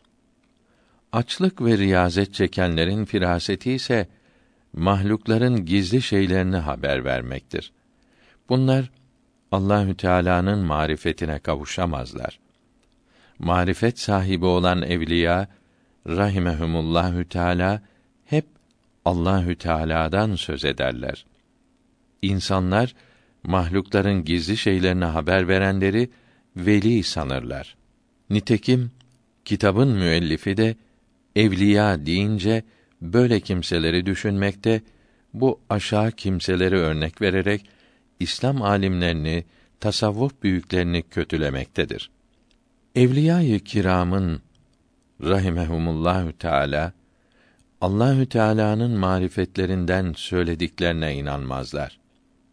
Bunlar veli olsalardı mahlukların gizli şeylerini bilirlerdi. Mahlukların gizli şeylerini bilemeyen Allah'ı hiç bilemez derler. Bu bozuk düşünceyle evliyaya rahimehumullahü teala inanmazlar. Allahü Teala evliyasını çok sevdiği için bunları mahluklarla uğraşmaya bırakmaz. Mahlukları bunların hatırlarına bile getirmez. Allah adamları mahluklara düşkün olanları beğenmedikleri gibi mahluklara düşkün olanlar da Allah adamlarını tanıyamaz ve beğenmezler. Allah adamları mahlukların gizli şeylerini düşünürlerse başkalarından daha iyi anlar. Riyazet çekenlerin ve mücahede yapanların firasetleri kıymetsiz olduğu için Müslümanlarda, Yahudilerde, Hristiyanlarda ve her çeşit insanda hasıl olabilir. Yalnız Allah adamları için değildir. Şeyhülislam Hirevi'nin sözü burada tamam oldu. Abdullahi Ensari 481 miladi 1088'de Hirat'ta vefat etti. Allahü Teala faydalı olacağı zaman evliyasının harika göstermesini diler. Marifetleri işiten kötü kimselerin bunları söyleyerek kendilerini evliyaymış gibi göstermeleri bu marifetleri lekeleyemez. Cevher çöplüğe düşerse kıymetten düşmez. Tasavvuf yolunda rehber lazımdır. Feyz rehber vasıtasıyla gelir. Rehber doğru değilse yol bulunamaz. Eshab-ı kiram radıyallahu teala anhum ecmaîn Resulullah'ın sallallahu aleyhi ve sellem sohbeti bereketiyle tasavvufun yüksek derecelerine vardılar. 50. mektuptan tercüme tamam oldu. 51. mektupta buyuruyor ki: Zariyat suresinin 56. ayetinde mealen cinni ve insanları bana ibadet etmeleri için yarattım buyuruldu. Tasavvuf büyüklerinden birkaçı bu ayeti kerimeden beni tanımaları için yarattım anlamışlardır. İyi düşünülürse iki anlayışta birdir. Çünkü ibadetlerin en iyisi zikir yapmaktır. Zikrin en yüksek derecesi zikrolunanı düşünmekten kendini unutmaktır. Bu ise marifet demektir. Görülüyor ki ibadetin en yüksek derecesinde marifet hasıl olmaktadır. Ayet-i kerimede nefs ve şeytan karışmadan ihlas ile ibadet yapılması emrolunmaktadır. Bu da fenaya kavuşmadan ve marifetsiz yapılamaz. Görülüyor ki marifetsiz ibadet halis olamaz. İmam-ı Rabbani Müceddidi Elfisani Ahmet Faruki Serhendi rahimehullahü teala mektubatın ikinci cildinin 92. mektubunda buyuruyor ki velinin yani Allahü Teala'nın razı olduğu, sevdiği kimsenin keramet göstermesi şart değildir. Alimlerin harika ve keramet göstermeleri lazım olmadığı gibi evliyanın rahimehumullahü teala da keramet ve harika göstermeleri lazım değildir. Çünkü evliyalık kurbu ilahi demektir. Yani Allahü Teala'ya yaklaşmak, ona arif olmak, onu tanımak demektir. 266. mektupta diyor ki: Zariyat suresinde cinni ve insanları bana ibadet etmeleri için yarattım. Mealindeki ayeti kerime bana arif olmaları için yarattım demektir. Görülüyor ki insanın ve cinnin yaratılmaları Allahü Teala'nın kemalatına marifet hasıl etmeleri içindir.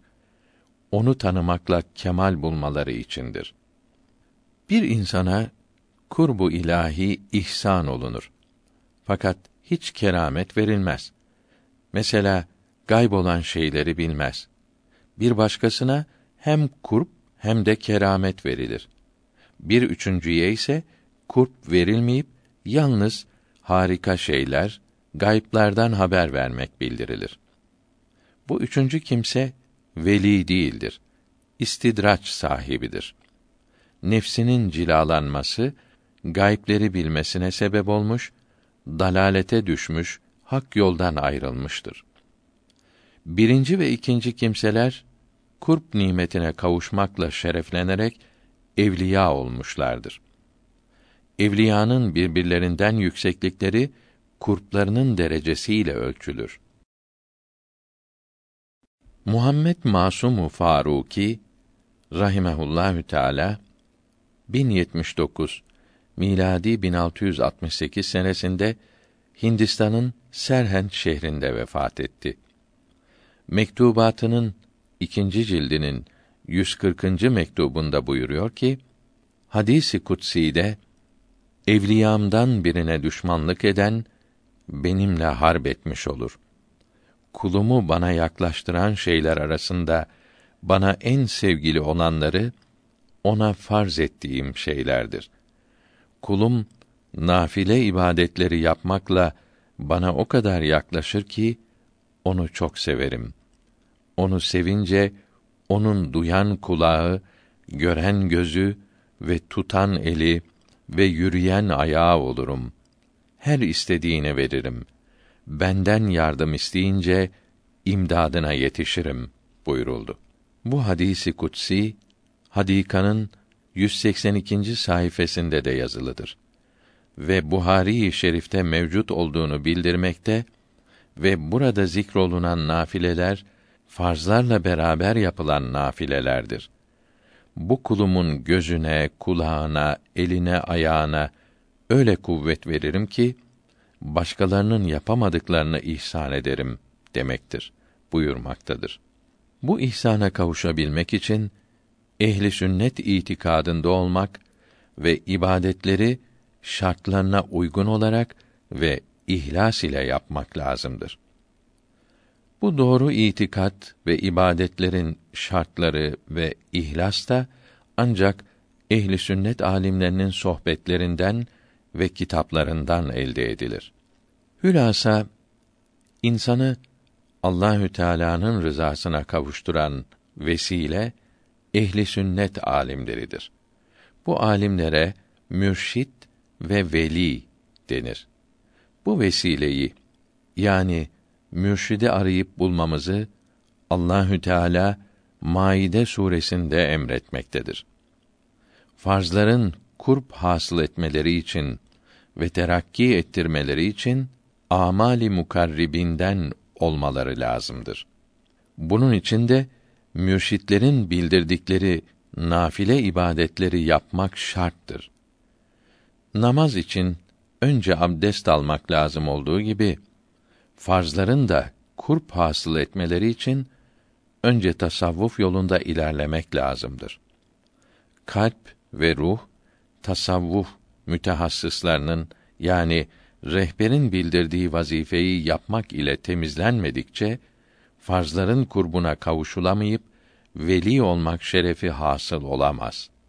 Hadisi şerifte unutulmuş bir sünnetimi ihya edene yüz şehit sevabı vardır buyuruldu. Unutulmuş sünneti ihya etmek ya onu yapmakla olur yahut hem yapmak hem de başkalarına öğreterek onların da yapmalarına sebep olmakla olur. İslamiyeti ihya etmenin bu ikinci şekli âlâ şeklidir. Umumi olan birinci şekilden daha kıymetlidir. Sünneti âlâ şekilde ihya edenlere yani ehli sünnet itikadını, farzları, haramları, sünnetleri, mekruhları, kısacası ilmihal kitaplarını yazanlara, yayanlara ve bunlara para yardımı yapanlara ve kendileri de bunlara tabi olanlara müjdeler olsun. Allahü Teala'nın rızasına kavuşmak ve kurp derecelerinde ilerlemek ancak sünnete yani Resulullah'ın yoluna yapışmakla olur. Ali İmran suresinin 31. ayeti olan onlara de ki Allah'ı seviyorsanız bana tabi olunuz. Allah da sizi sever. Mealindeki emr bu sözümün vesikasıdır. Hadis-i şerifteki sünnet kelimesinin İslamiyet yani bütün ahkâm-ı İslamiye demek olduğunu bu ayeti kerime açıkça göstermektedir. Bid'atten çok sakınmalıdır. Bid'at sahibiyle arkadaşlık etmemeli, onunla görüşmemelidir. Yani itikadı bozuk olan Müslümanlarla, mezhepsizlerle ve bid'at işleyenlerle konuşmamalıdır. Mesela sakalı bir tutamdan kısa yapanın sakal bırakmak sünnetini yerine getirdiğini söylemesi bid'attir. Çünkü sakalı çok uzatmak emrolundu. Bu emrin bir tutamdan kısa yapmayınız demek olduğu Berika'da ve başka kitaplarda yazılıdır. Bir tutam demek sakalı alt dudak kenarından avuçlayıp avuçtan taşan fazlasını kesmektir. Bid'at emrolunmayan şeyi veya emri değiştirerek ibadet olarak yapmak demektir. Emri yapmamak bid'at olmaz. Fısk günah olur. Fasık ibadet yaptığına değil, suçlu olduğuna inanmaktadır. Özürsüz sakal kazımak bid'at değildir. Fısktır, suçtur. Özr ile kazımak fısk da değildir. Bid'at işlemek en kötü fısktır. Adam öldürmekten de daha büyük günahtır. Hoparlör ile ibadet yapmak, çalgı ile, ney ile Kur'an, salavat, ezan ve ilahi okumak ve böyle zikri yapmak da bid'attir. Bazı bid'atler küfre sebep olurlar. Bid'at işleyen ve başkalarının işlemesine sebep olan kimseyi din adamı sanmamalı, ona bir şey sormamalı, onun din kitaplarını okumamalıdır. Hadisi şerifte bid'at sahipleri cehennemdekilerin köpekleridir buyuruldu. Muhammed Masum Faruki rahimehullahü teala ikinci cildin 113. mektubunda buyuruyor ki kalb ile yapılacak vazifeler beş çeşittir. Birincisi Allahü Teala'nın ismini zikretmektir. İnsanın yüreğinde kalp, gönül denilen bir latife vardır. Latife maddesi olmayan, cisim olmayan şey demektir. Ruh da bir latifedir. Sessiz olarak hayal ile kalpte Allah Allah denir. İkinci vazife yine hayal yolu ile kelime-i tevhidi zikretmektir. Her iki zikirde de hiç ses çıkarılmaz. Üçüncü vazife vukufi kalbidir. Bu da hep kalbini düşünüp Allah'tan başka hiçbir şey hatırlamamak için dikkatli olmaktır. Kalp denilen latife hiç boş kalamaz. Mahlukların düşüncelerinden temizlenen kalp kendiliğinden Allahü Teala'ya teveccüh eder. Boşaltılan bir şişeye havanın kendiliğinden dolması gibidir. Kalbini düşmandan boşalt. Dostu kalbe çağırmaya lüzum kalmaz demişlerdir. Dördüncü vazife murakabadır. Buna cemiyet ve agahi de denir. Allahü Teala'nın her an her şeyi gördüğünü, bildiğini hep düşünmektir. Beşinci vazife rabıtadır. Resulullah'a sallallahu teala aleyhi ve sellem tam uyan bir zatın karşısında olduğunu, onun yüzüne baktığını düşünmektir. Böyle düşünmek ona karşı hep edepli olmayı sağlar. Edep ve sevgi kalpleri birleştirir. O zatın kalbinden kendi kalbine feyiz, bereket akmasına sebep olur. Bu beş vazifeden en kolayı, en faydalısı rabıtadır. Resulullah'a tam tabi olmayan kimse kendisine rabıta yaptırırsa ikisine de zarar verir. İmam-ı Rabbani rahmetullahi teala aleyh birinci cildin 286. mektubunda buyuruyor ki tasavvuf yolunda ilerlemek için kamil ve mükemmil yolu bilen bir rehberin teveccühü rehberlik etmesi lazımdır. Böyle hakiki bir rehber bulmak çok büyük nimettir. Ona istidadına uygun olan bir vazife verir. İstidadına göre hiç vazife vermeyip yalnız sohbetinde bulunmasını kafi görmesi de caizdir. Onun haline uygun gördüğünü emreder. Rehberin sohbeti ve teveccühü diğer vazifelerden daha faydalıdır. Beş vazife ve rehberin sohbeti Resulullah'a sallallahu teala aleyhi ve sellem uymayı kolaylaştırmak içindir. İslamiyete uyulmadıkça bu vazifeler ve sohbet faide vermez. Yukarıda bildirilen çeşitli mektuplardan anlaşılıyor ki insanların birinci vazifesi Allahü Teala'nın kurbuna yani marifetine, rızasına, sevgisine kavuşmaktır. Bunun da tek yolu Resulullah'a uymak ve bid'atlerden sakınmaktır. Resulullah'a kolay ve doğru uyabilmek için ihlas lazımdır. İhlas ile yapılmayan ibadetler faydalı olmaz, kabul edilmez. Kurp nimetine kavuşturmaz. İhlas elde etmek de tasavvuf yolunda çalışmakla nasip olur. Görülüyor ki tasavvufun bildirdiği vazifeleri yapmak ibadetlerin ihlas ile yapılması ve kabul olması içindir. Makbul olan ibadetler de insanı Allahü Teala'nın kurbuna, marifetine, rızasına kavuşturur. Eshab-ı kiramın hepsi sohbet ve rabıta vazifelerini yaparak ihlasın en üstün derecesine kavuştular. Onların bir avuç arpa sadaka vermelerinin kıymeti başkalarının daha kadar altın vermelerinden kat kat ziyade oldu. Görülüyor ki tasavvuf yolu bid'at değildir. İslam dininin temellerinden biridir. Eshab-ı kiram radıyallahu teala aleyhim ecmaîn tasavvuf yolunda bulunan vazifeleri yapmışlar. Bu sayede bu ümmetin en üstünleri olmuşlardır. 20. Kitabın 354. sayfasında Enfal suresinin 64. ayetinde Allah sana ve sana tabi olanlara yetişir. Ondan başkasına ihtiyacımız yoktur buyurdu.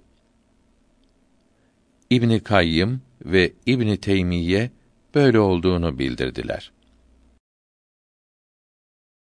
Bu ayete sana Allah ve sana tabi olanlar yetişir demek yanlıştır dediler.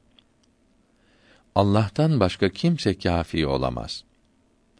İki ayet önce seni aldatmak isterlerse Allah sana elbet kâfidir. Seni kendi yardımı ile ve müminlerin yardımları ile kuvvetlendirdi denildi. Kâfi olmak ile kuvvetlendirmek kelimelerini birbirinden ayırdı. Kâfi olmayı yalnız kendisi için, kuvvetlendirmeyi ise hem kendisi için hem de kulları için kullandı. Müminler de Allah bize kâfidir, yetişir derler. Allah ve peygamber bize kâfidirler diyen olmamıştır.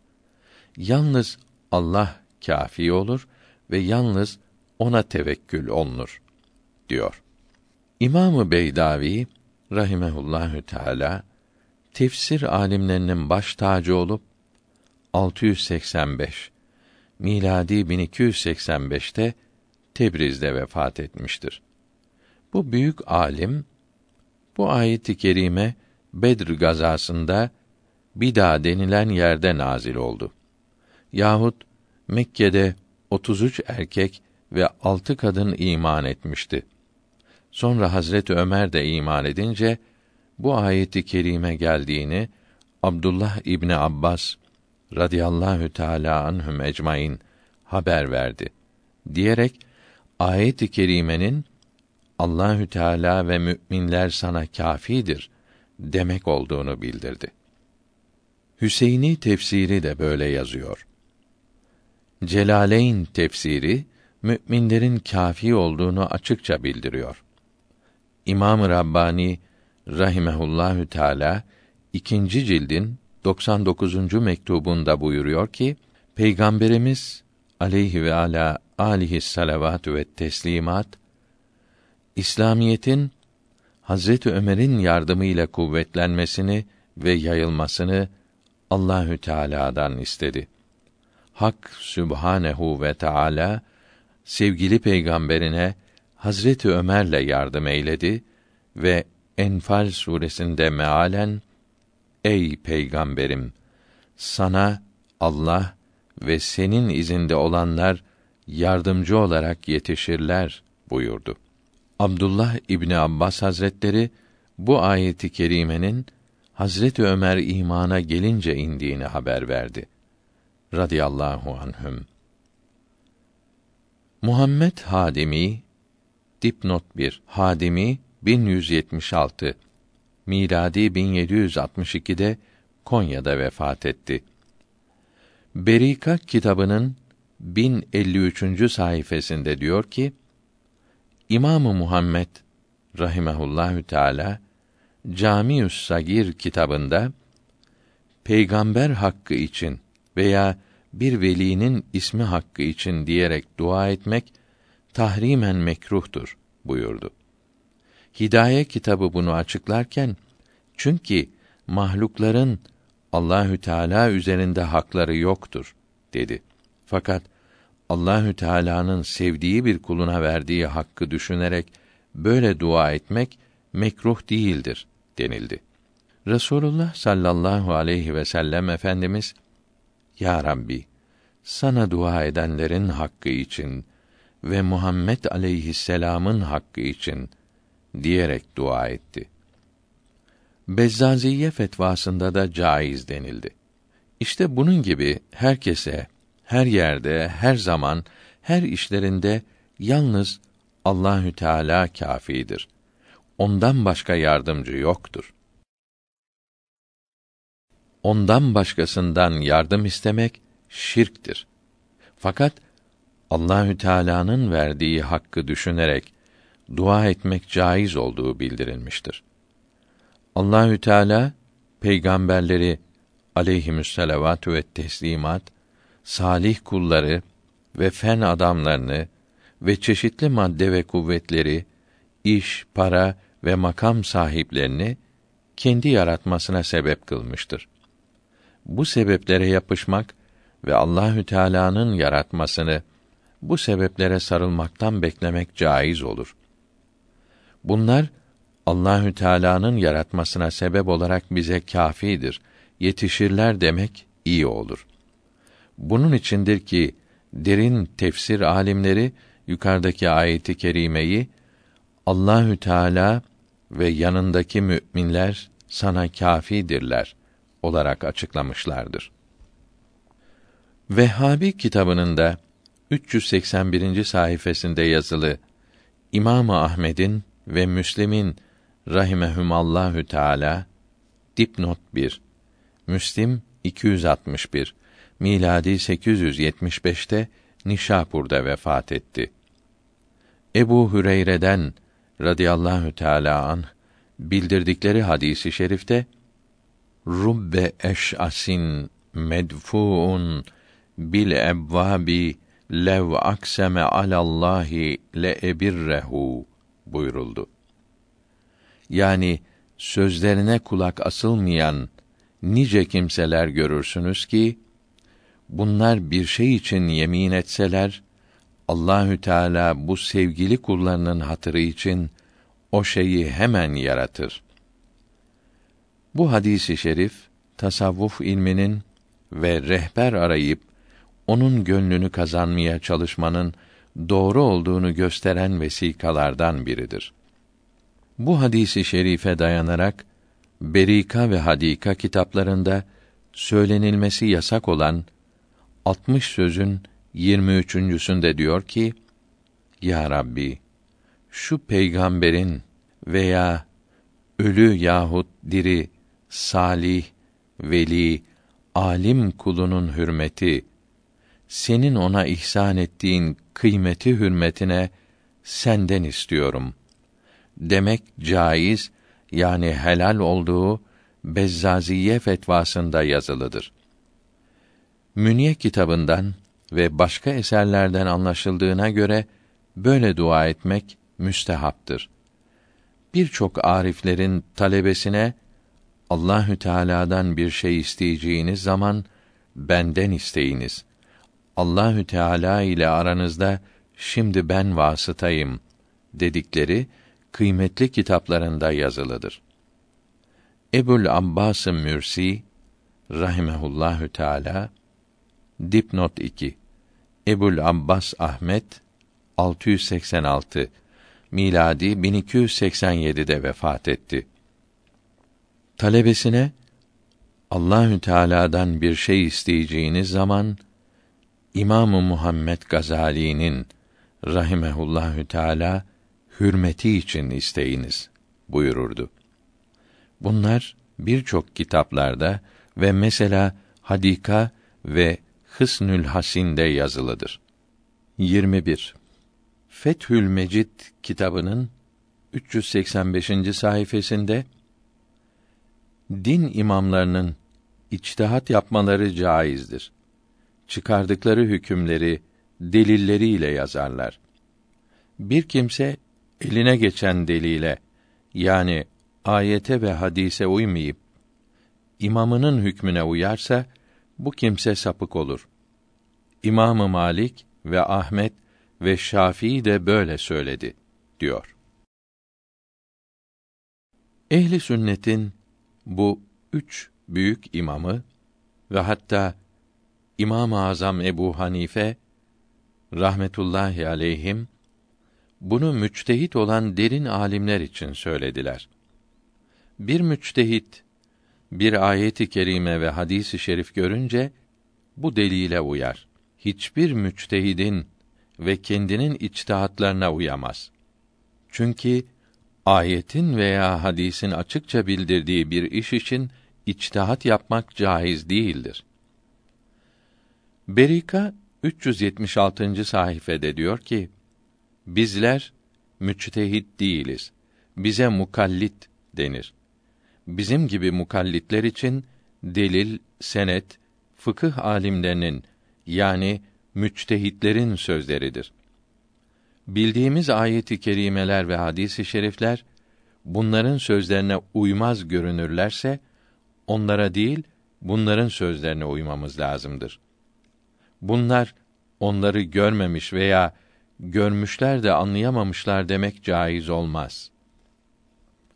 Yazar Ahmet İbni Teymiye'yi dipnot 1 İbn Teymiye 728 miladi 1328'de Şam'da öldü.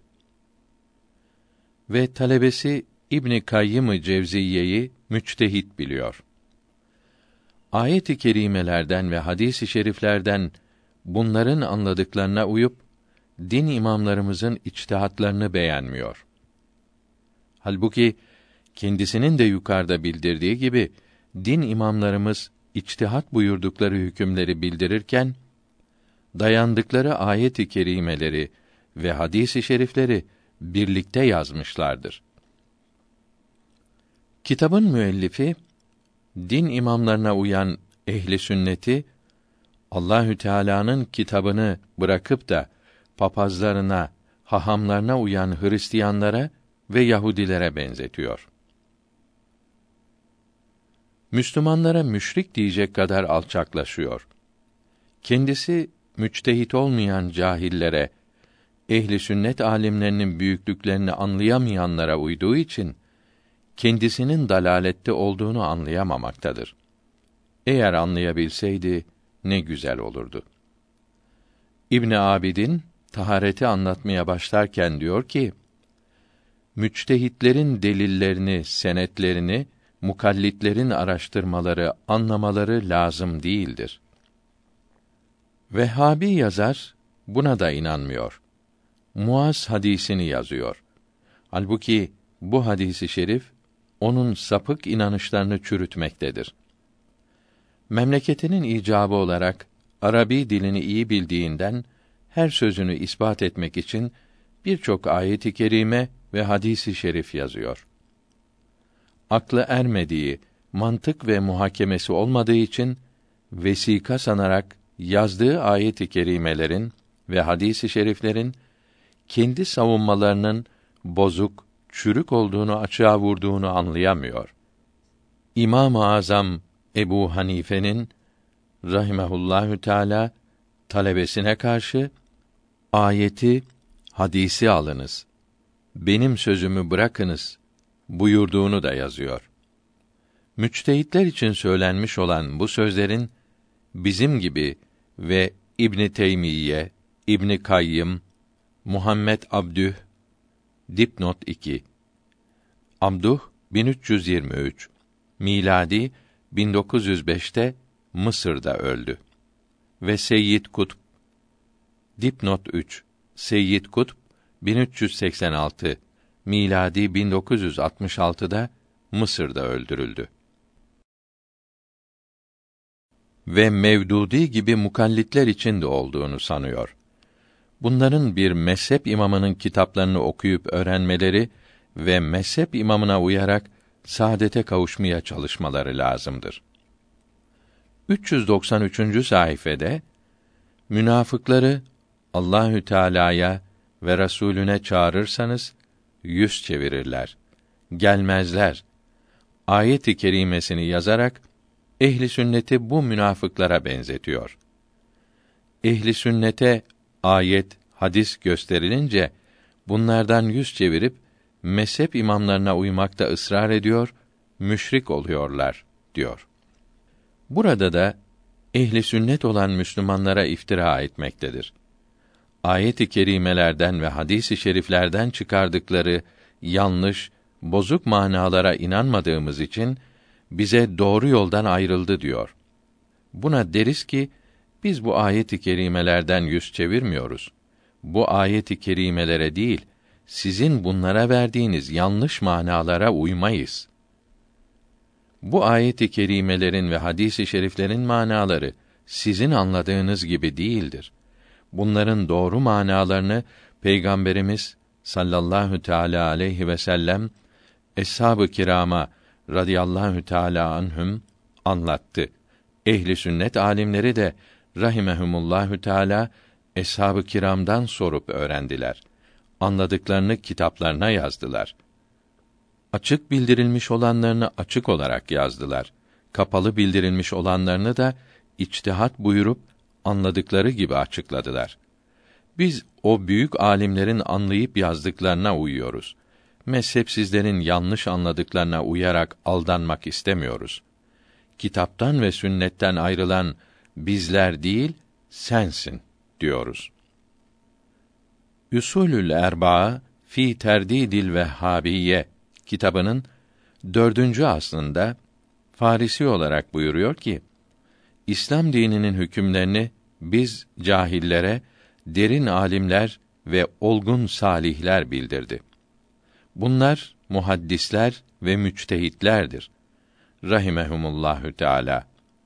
Hadis alimleri hadisi şerifleri incelemişlerdir. Doğru olanlarını ayırmışlardır. Müçtehitler de ayet-i kerimelerden ve hadis-i şeriflerden ahkam çıkarmışlardır.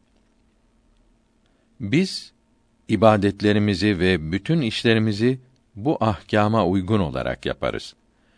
Resulullah'ın sallallahu aleyhi ve sellem zamanından çok uzak olduğumuz ve nasların nasih ve mensuh olanlarını ve muhkem manası açık ve müevvel manası açık olarak anlaşılamayan olanlarını ve birbirine uymaz görünenlerinin uygun olduklarını anlayamadığımız için bir müçtehidi taklit etmemiz lazımdır. Çünkü müçtehit Resulullah'ın sallallahu aleyhi ve sellem zamanına yakın olduğu için ve derin alim ve çok takva sahibi ve hüküm çıkarmakta maharet sahibi olduğu ve hadis-i şeriflerin manalarını iyi anladığı için onun anladığına uymaktan başka çare yoktur.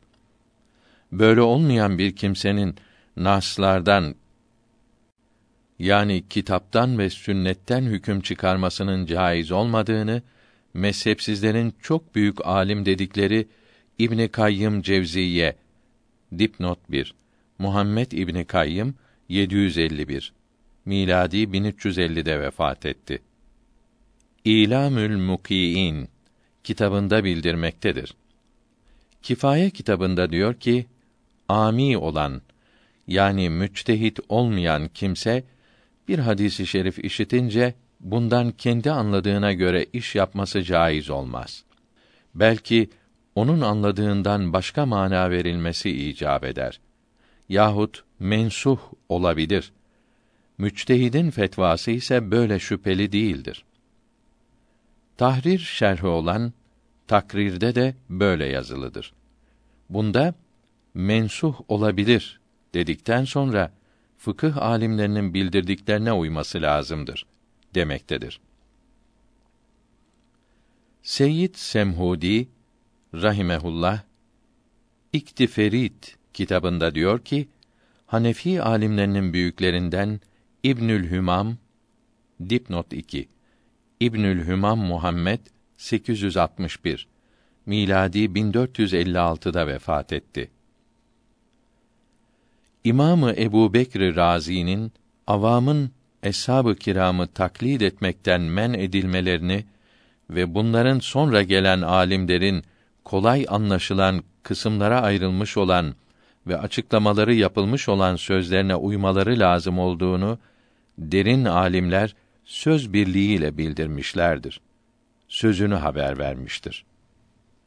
1119 miladi 1707 senesinde vefat etmiş olan Muhibbullah Bihari Hindi'nin rahimehullahü teala Müselleme Sübut kitabında ve bunun Fevatihür Rahemut şerhinde avamın eshab-ı kiramı taklit etmekten men olunmalarını ve bunların İslamiyeti açıklayan, sözleri kolay anlaşılan, kısımlara ayırmış olan alimlere uymaları lazım olduğunu derin alimler söz birliğiyle bildirmişlerdir. Takiyüddin Osman İbnü Salah Şehri Zuri rahimehullahü teala 577 miladi 1181 643 miladi 1243 dört imamdan başkasını taklid etmenin caiz olmadığını buradan çıkarmıştır demektedir.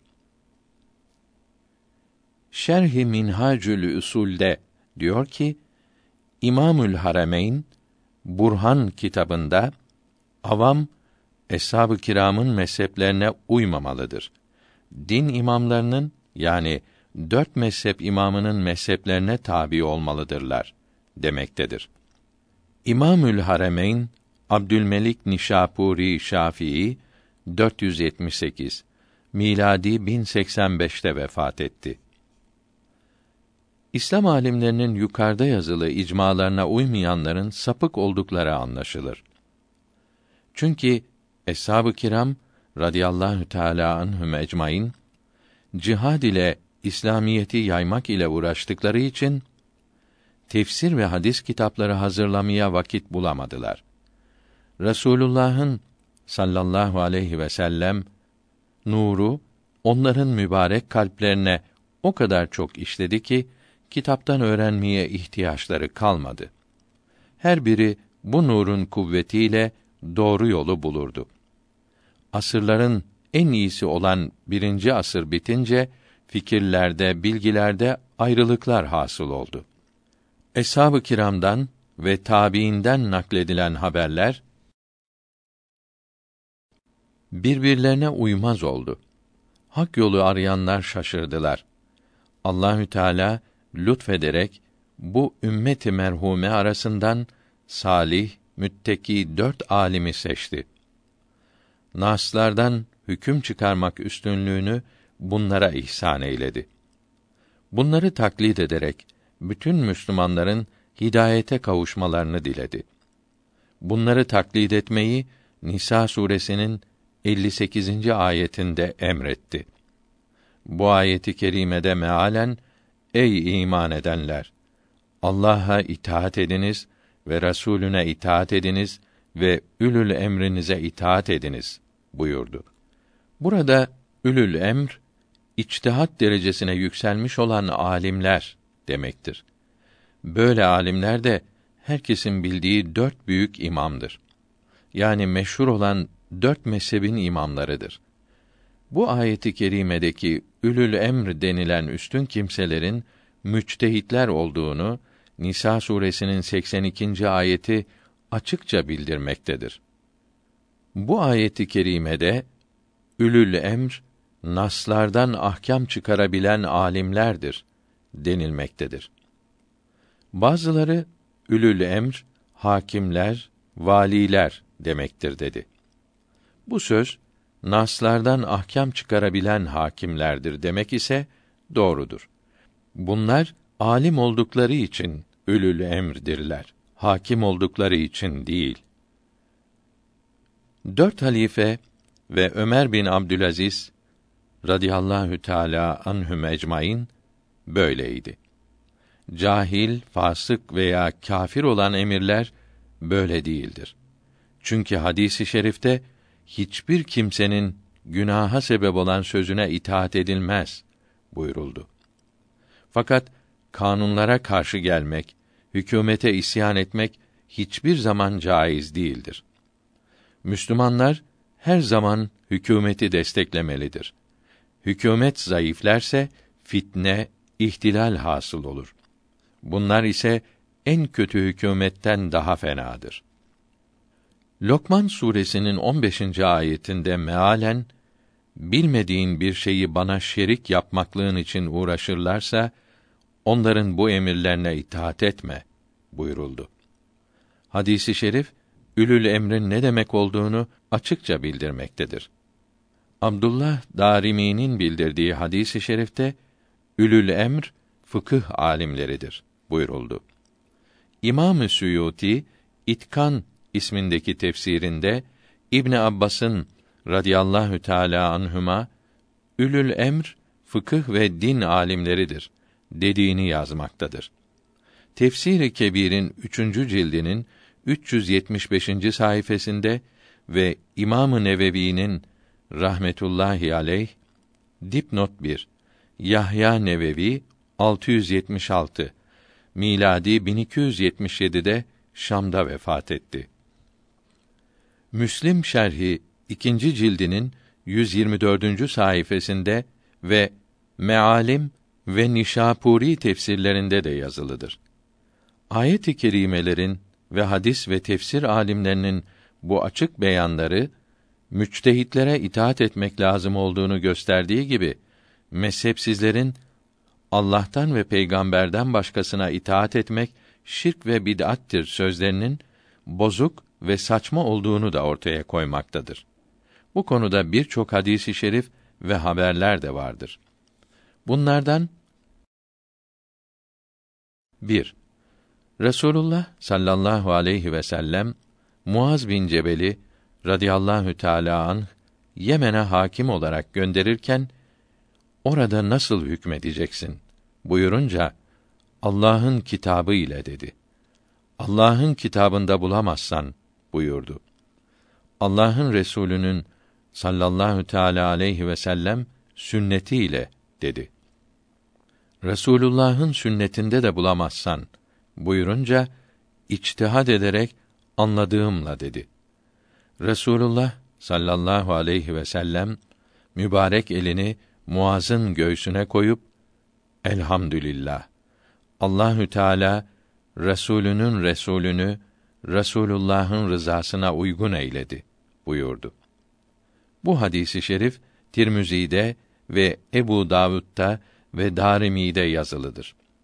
Ülül emrin müçtehit demek olduğunu ve buna itaat edenden Resulullah'ın razı olduğunu bu hadisi şerif açıkça göstermektedir. 2. Ebu Davud'un dipnot 1 Süleyman Ebu Davud Sicstani 275 miladi 888'de Basra'da vefat etti. Ve İbn Mace'nin bildirdikleri hadisi i şerifte ilm üçtür. Ayeti muhkeme, sünneti kaime ve faridatı adile buyuruldu. Eşiyatül Lemaat ismindeki Mişkat şerhi bu hadisi şerifi Farisi olarak açıklarken farida-i adile kitaba ve sünnete uygun ilimdir. İcmaa ve kıyasa işarettir. Çünkü icma ve kıyas kitaptan ve sünnetten çıkarılmaktadır. Bunun için icma ve kıyas kitaba ve sünnete muadil ve müsavi tutuldu ve farida-i adile denildi. Böylece ikisiyle amel etmenin vacip olduğu tembih buyuruldu. Hadis-i şerifin manası dinin kaynağı dörttür. Kitap, sünnet, icma ve kıyas demek oldu demektedir. 3. Ömer İbnül Hattab radıyallahu an Şüreyhi kadi olarak gönderirken Allah'ın kitabında açık olarak bildirilene bak. Bunu başkasından sorma. Burada bulamazsan Muhammed aleyhisselam'ın sünnetine tabi ol.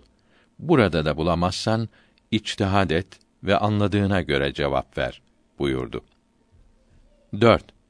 Hazreti Ebu Bekre radıyallahu an davacı gelince Allahü Teala'nın kitabına bakardı. Burada bulduğuna göre hükmederdi. Burada bulamazsa Resulullah'tan sallallahu teala aleyhi ve sellem işittiğine göre cevap verirdi.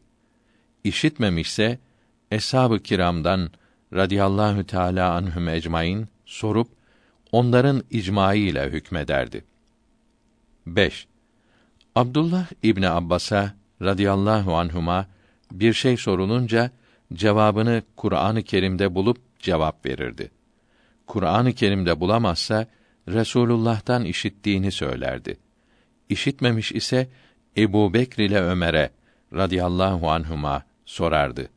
Cevap alamaz ise kendi reyiyle bulup hükmederdi.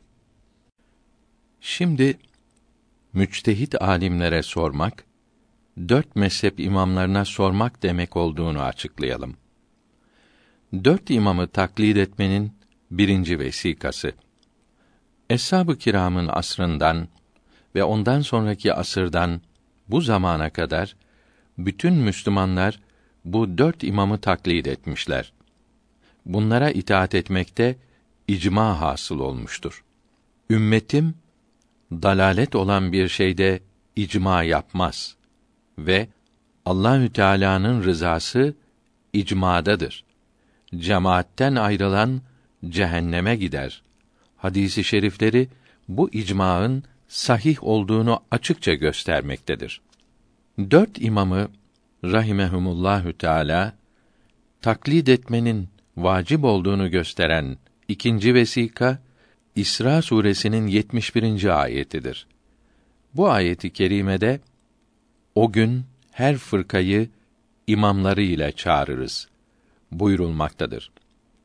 Kadi Beydavi rahimehullahü teala bu ayeti kerimenin tefsirinde her ümmeti kendilerine reis yaptıkları peygamberleri ve dinde uydukları kimselerin isimleriyle çağırırız dedi. Medarik'te de böyle yazılıdır. Mealimü't Tenzil tefsirinde İbn Abbas kendilerini dalalete veya hidayete sürükleyen devlet reisleriyle çağrılır dedi. Said bin Müseyyib dipnot 1 Said bin Müseyyib 91 miladi 710'da Medine'de vefat etti. İse her kavim kendilerini hayra ve şerre sürükleyen reislerinin yanına toplanırlar dedi demektedir. Tefsiri Hüseyni'de ve Ruhul Beyan'da mezhebinin imamı ile çağrılırlar. Mesela ya Şafii yahut ya Hanefi denilir demektedir. Bundan anlaşılıyor ki kamil ve mükemmel olan imamlar kendilerine tabi olanlara şefaat edeceklerdir. Mizanda diyor ki Şeyhülislam İbrahimül Lakani vefat edince bazı salihler bunu rüyada görüp Allahü Teala sana ne yaptı dediler. Sual melekleri beni oturtunca İmam Malik gelip böyle bir kimseye Allahü Teala'ya ve Resulüne imandan sorulur mu? Bunu bırakınız dedi. Beni bıraktılar cevabını verdi. İbrahim İbnül Lakani Maliki kelam alimi olup 1041 miladi 1632'de vefat etmiştir. Yine Mizan kitabında tasavvuf büyükleri ve fıkıh alimleri kendilerine tabi olanlara şefaat ederler.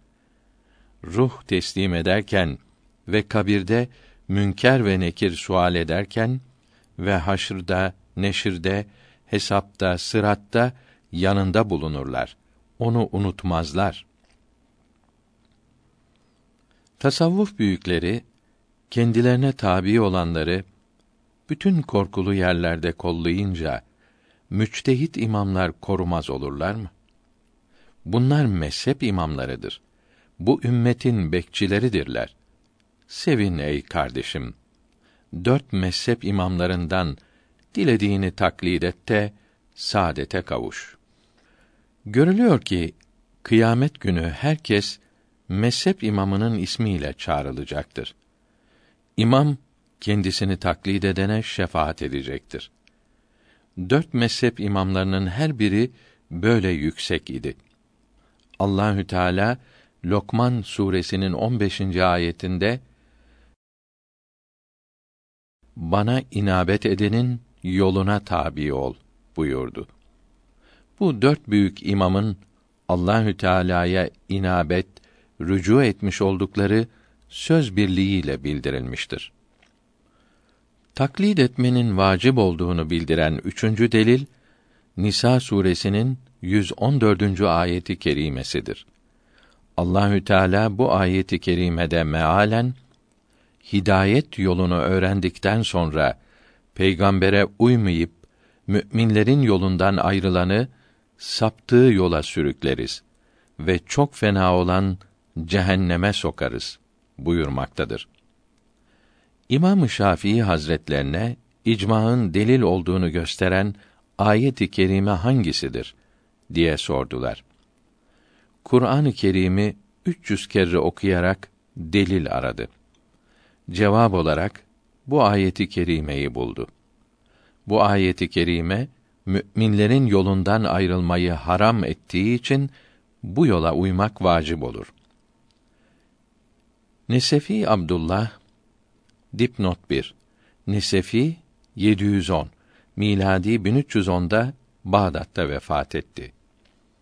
Medarik tefsirinde bu ayeti kerimeyi açıkladıktan sonra icmaın delil olduğunu ve kitaptan, sünnetten ayrılmak caiz olmadığı gibi icmadan ayrılmanın da caiz olmadığını bu ayeti kerime göstermektedir. Yazılıdır. Beydavi dipnot 2 Beydavi Abdullah 685 miladi 1286'da Tebriz'de vefat etti. Tefsiri de bu ayeti kerimeyi açıklarken bu ayet icmadan ayrılmanın haram olduğunu gösteriyor. Müminlerin yolundan ayrılmak haram olunca bu yola uymak vacip olur diyor. Bu ümmetin salihleri, alimleri bir mezhebi taklit etmek vaciptir. Mezhepsiz olmak büyük günahtır dediler. Alimlerin bu söz birliğinden ayrılmak bu ayeti kerimeden ayrılmak olur. Çünkü Allahü Teala Ali İmran suresinin 110. ayetinde mealen siz insanlar için hayırlı ümmetsiniz. İyi şeyleri emreder, fena şeyleri men edersiniz buyurdu. Bu ümmetin alimleri mezhepsizliğin fena olduğunu bildirdiler. Mezhepsiz olmayınız dediler. Bunun için mezhepsiz olmak caizdir diyerek alimlerin bu sözlerinden ayrılan bu ayeti kerimeyi inkar etmiş olur. Sual Kadyaniler dipnot 3 Ahmet Kadyani 1326 miladi 1908'de Hindistan'da öldü. Ve Niçeriler ve diğer mezhepsizler mümin değil midir? Bunlara uymak da müminlerin yolunda olmak değil midir? Cevap Bu mezhepsizlerin alimleri edille-i şer'iyenin dört kaynağından yalnız ikisine uyduklarını söylüyorlar. Diğer ikisini kabul etmiyorlar. Böylece Müslümanların çoğunun yolundan ayrılıyorlar. Ehli sünnet vel cemaat yolundan sapıyorlar. Bunlara uymak insanı cehennemden kurtarmaz. Şiiler, hariciler, Mutezile, Cebriye ve Kaderiye ve tebliğ cemaat ve Vehhabi fırkalarında olanlar da kendi alimlerine tabi olduklarını söylüyorlar.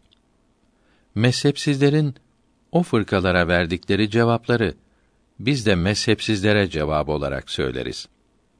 Bir mezhebi taklit etmenin vacip olduğunu gösteren dördüncü delil Nahl suresinin 43. ve Enbiya suresinin 7. ayeti kerimesidir.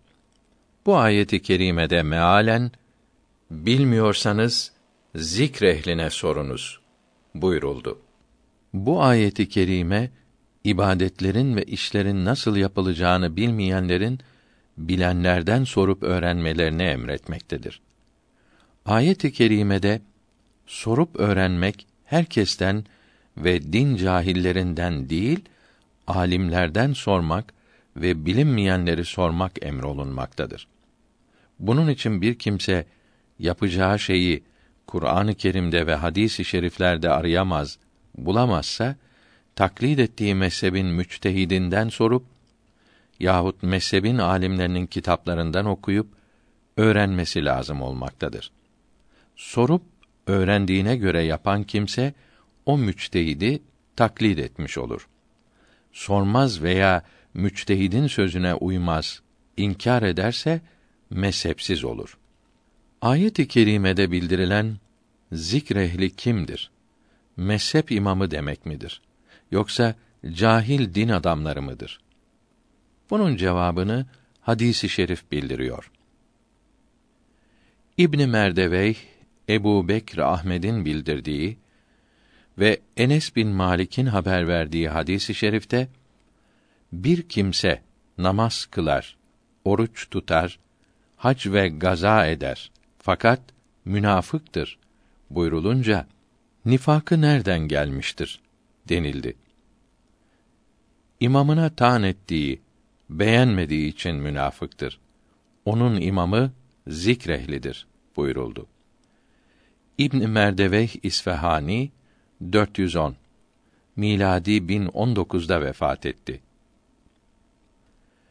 Bundan anlaşılıyor ki ayet-i kerimedeki ehli zikr ülül emr demektir.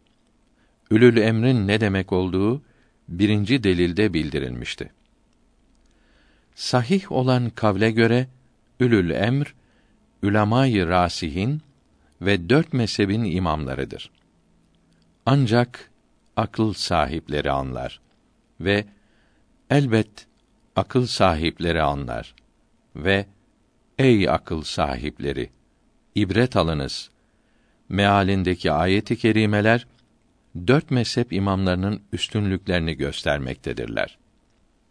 Biraz Arabi, Farisi öğrenip zahitlerden, takva ehlinden ve Allah adamlarından feyz almamış olan ve naslara yani ayet-i kerimelere ve hadis-i şeriflere kendi kısa görüşlerine göre mana veren cahil ve sapıklar mezhep imamlarının üstünlüklerinden çok uzaktırlar.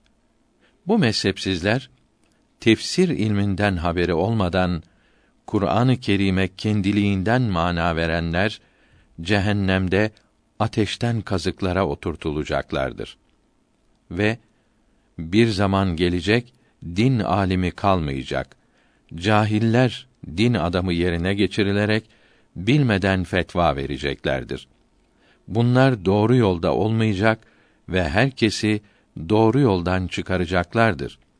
Hadis-i şeriflerinde bildirilen sapıklardır. Mişkat kitabında Cabir radıyallahu anh diyor ki yolculukta arkadaşlarımdan birinin başı yaralandı. Mıska yapmak caiz olur mu dedi. Caiz olmaz. Başını yıka denildi. Yıkadı, öldü.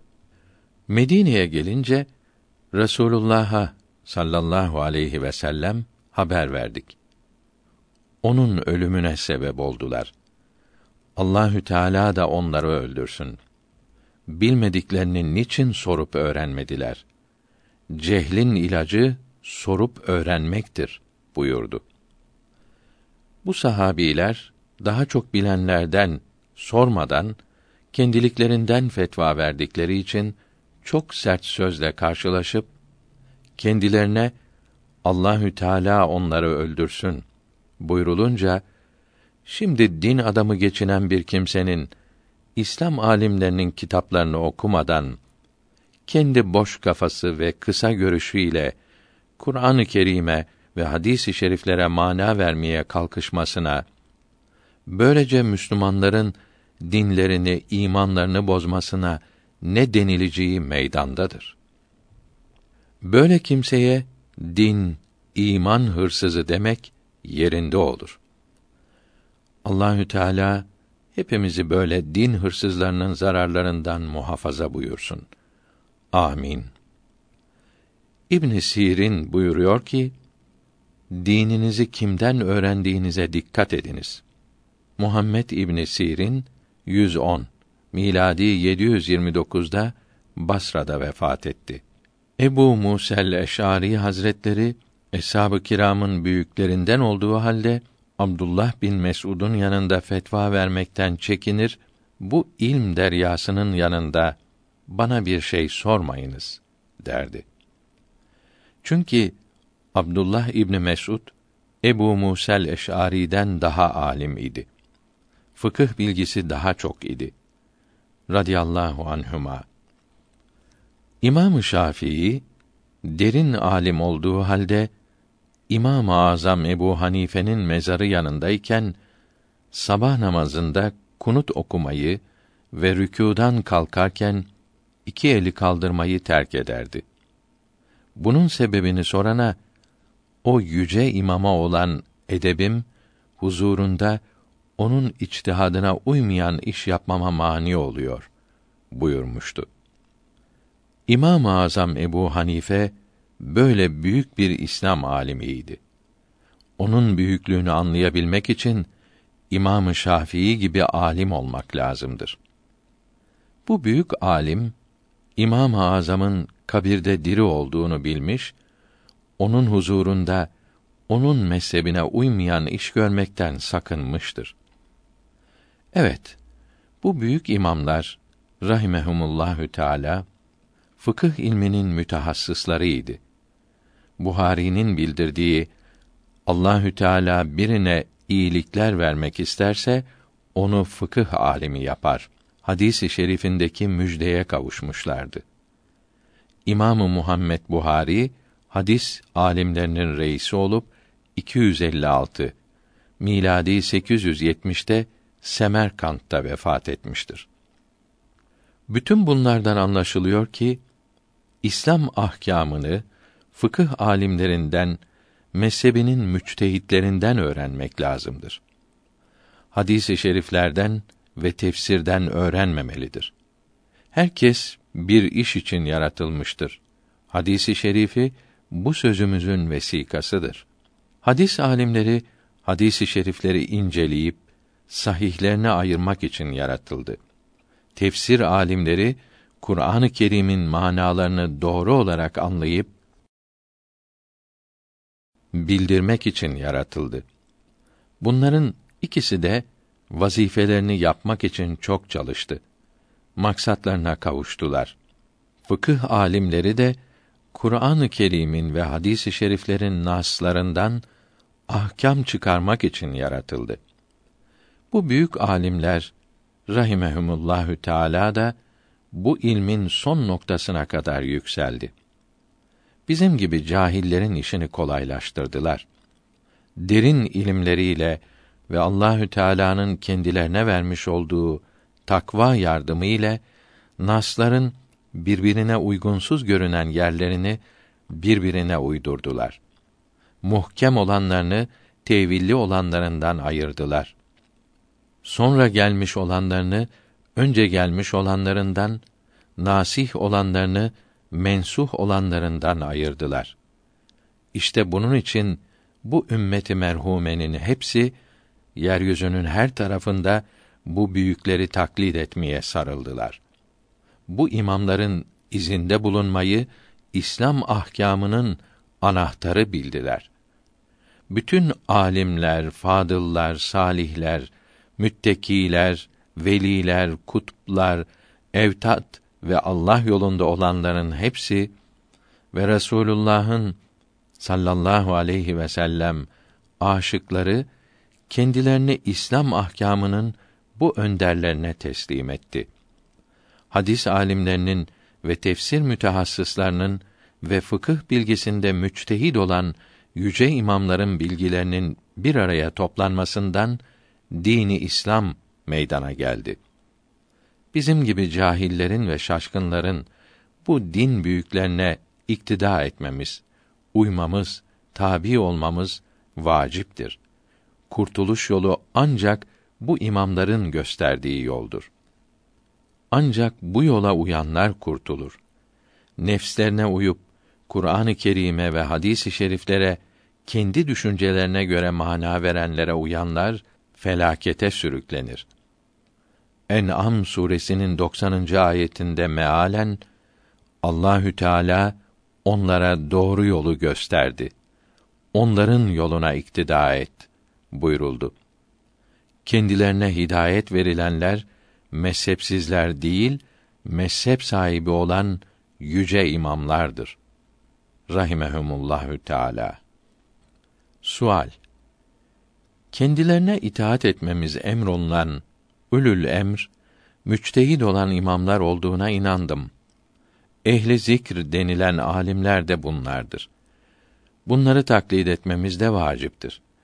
Bunların belli birini mi yoksa hepsini mi taklit etmek lazım olduğu nereden anlaşılmaktadır? Bir işin dört imamdan rahimehumullahü teala herhangi birine uygun olması kafi olur mu? Cevap: İki veya üç yahut dört imamı birlikte taklit etmek mümkün değildir. Çünkü dört imamın içtihatlarının birbirlerine uymadığı çok iş vardır. Bir işi yapmaya biri vacip, diğeri ise haram demiştir. Mesela deriden kan çıkınca İmam-ı Azam abdest bozulur dedi. İmam-ı Şafii bozulmaz dedi. Erkeğin derisi kadının derisine değince İmam-ı Şafii ikisinin de abdesti bozulur dedi. İmam-ı Azam ise ikisinin de bozulmaz dedi. İmam-ı Malik ile İmam-ı Ahmet bin Hanbel arasında da böyle ihtilaflar vardır. Böyle ihtilaflı olan işlerde mesela İmam-ı Azam'a uysa diğerlerine uymamış olur. Diğer imamlara uygun yapan da bu işte İmam-ı Azam'a uymamış olur. Rahmetullahi aleyhim ecmaîn. Böyle bir işi dört mezhebe de uygun yapmak imkansız olduğu gibi üç imama ve iki imama birlikte uyarak yapılamayacak işler çoktur. Böyle ihtilaflı işler ancak bir imama uyarak yapılabilir. Sual Bazı işleri bir imama uyarak, başka işleri de başka bir imama uyarak, daha başkalarını da üçüncü imama uyarak, başka işleri de dördüncü imama uyarak yaparsak, dört imama da uymuş oluruz. Buna ne dersiniz? Cevap Böyle yapmak, dini oyuncak yapmak olur. Helal ve haram ortadan kalkar. Bu ise memnudur, haramdır. Müslim'deki hadisi şerifte münafık iki koç arasında dolaşan koyun gibidir. Bir ona gider, bir ötekine gider buyuruldu. Buhari'deki hadisi şerifte de insanların kötüsü iki yüzlü olanlardır. Bazılarına bir yüz ile, başkalarına başka yüz ile görünür buyuruldu. Bunlar Tevbe suresinin 38. ayetinde bildirilen kimselerdir. Bu ayeti kerimede mealen nesi küfürde ziyade olmaktır. Kafirler bununla aldatılır. Bir ayı helal sayarlar, başka sene ise bu ayı haram sayarlar buyuruldu. Yani bir şeye bir yıl helal derler, başka zamanda haram derler.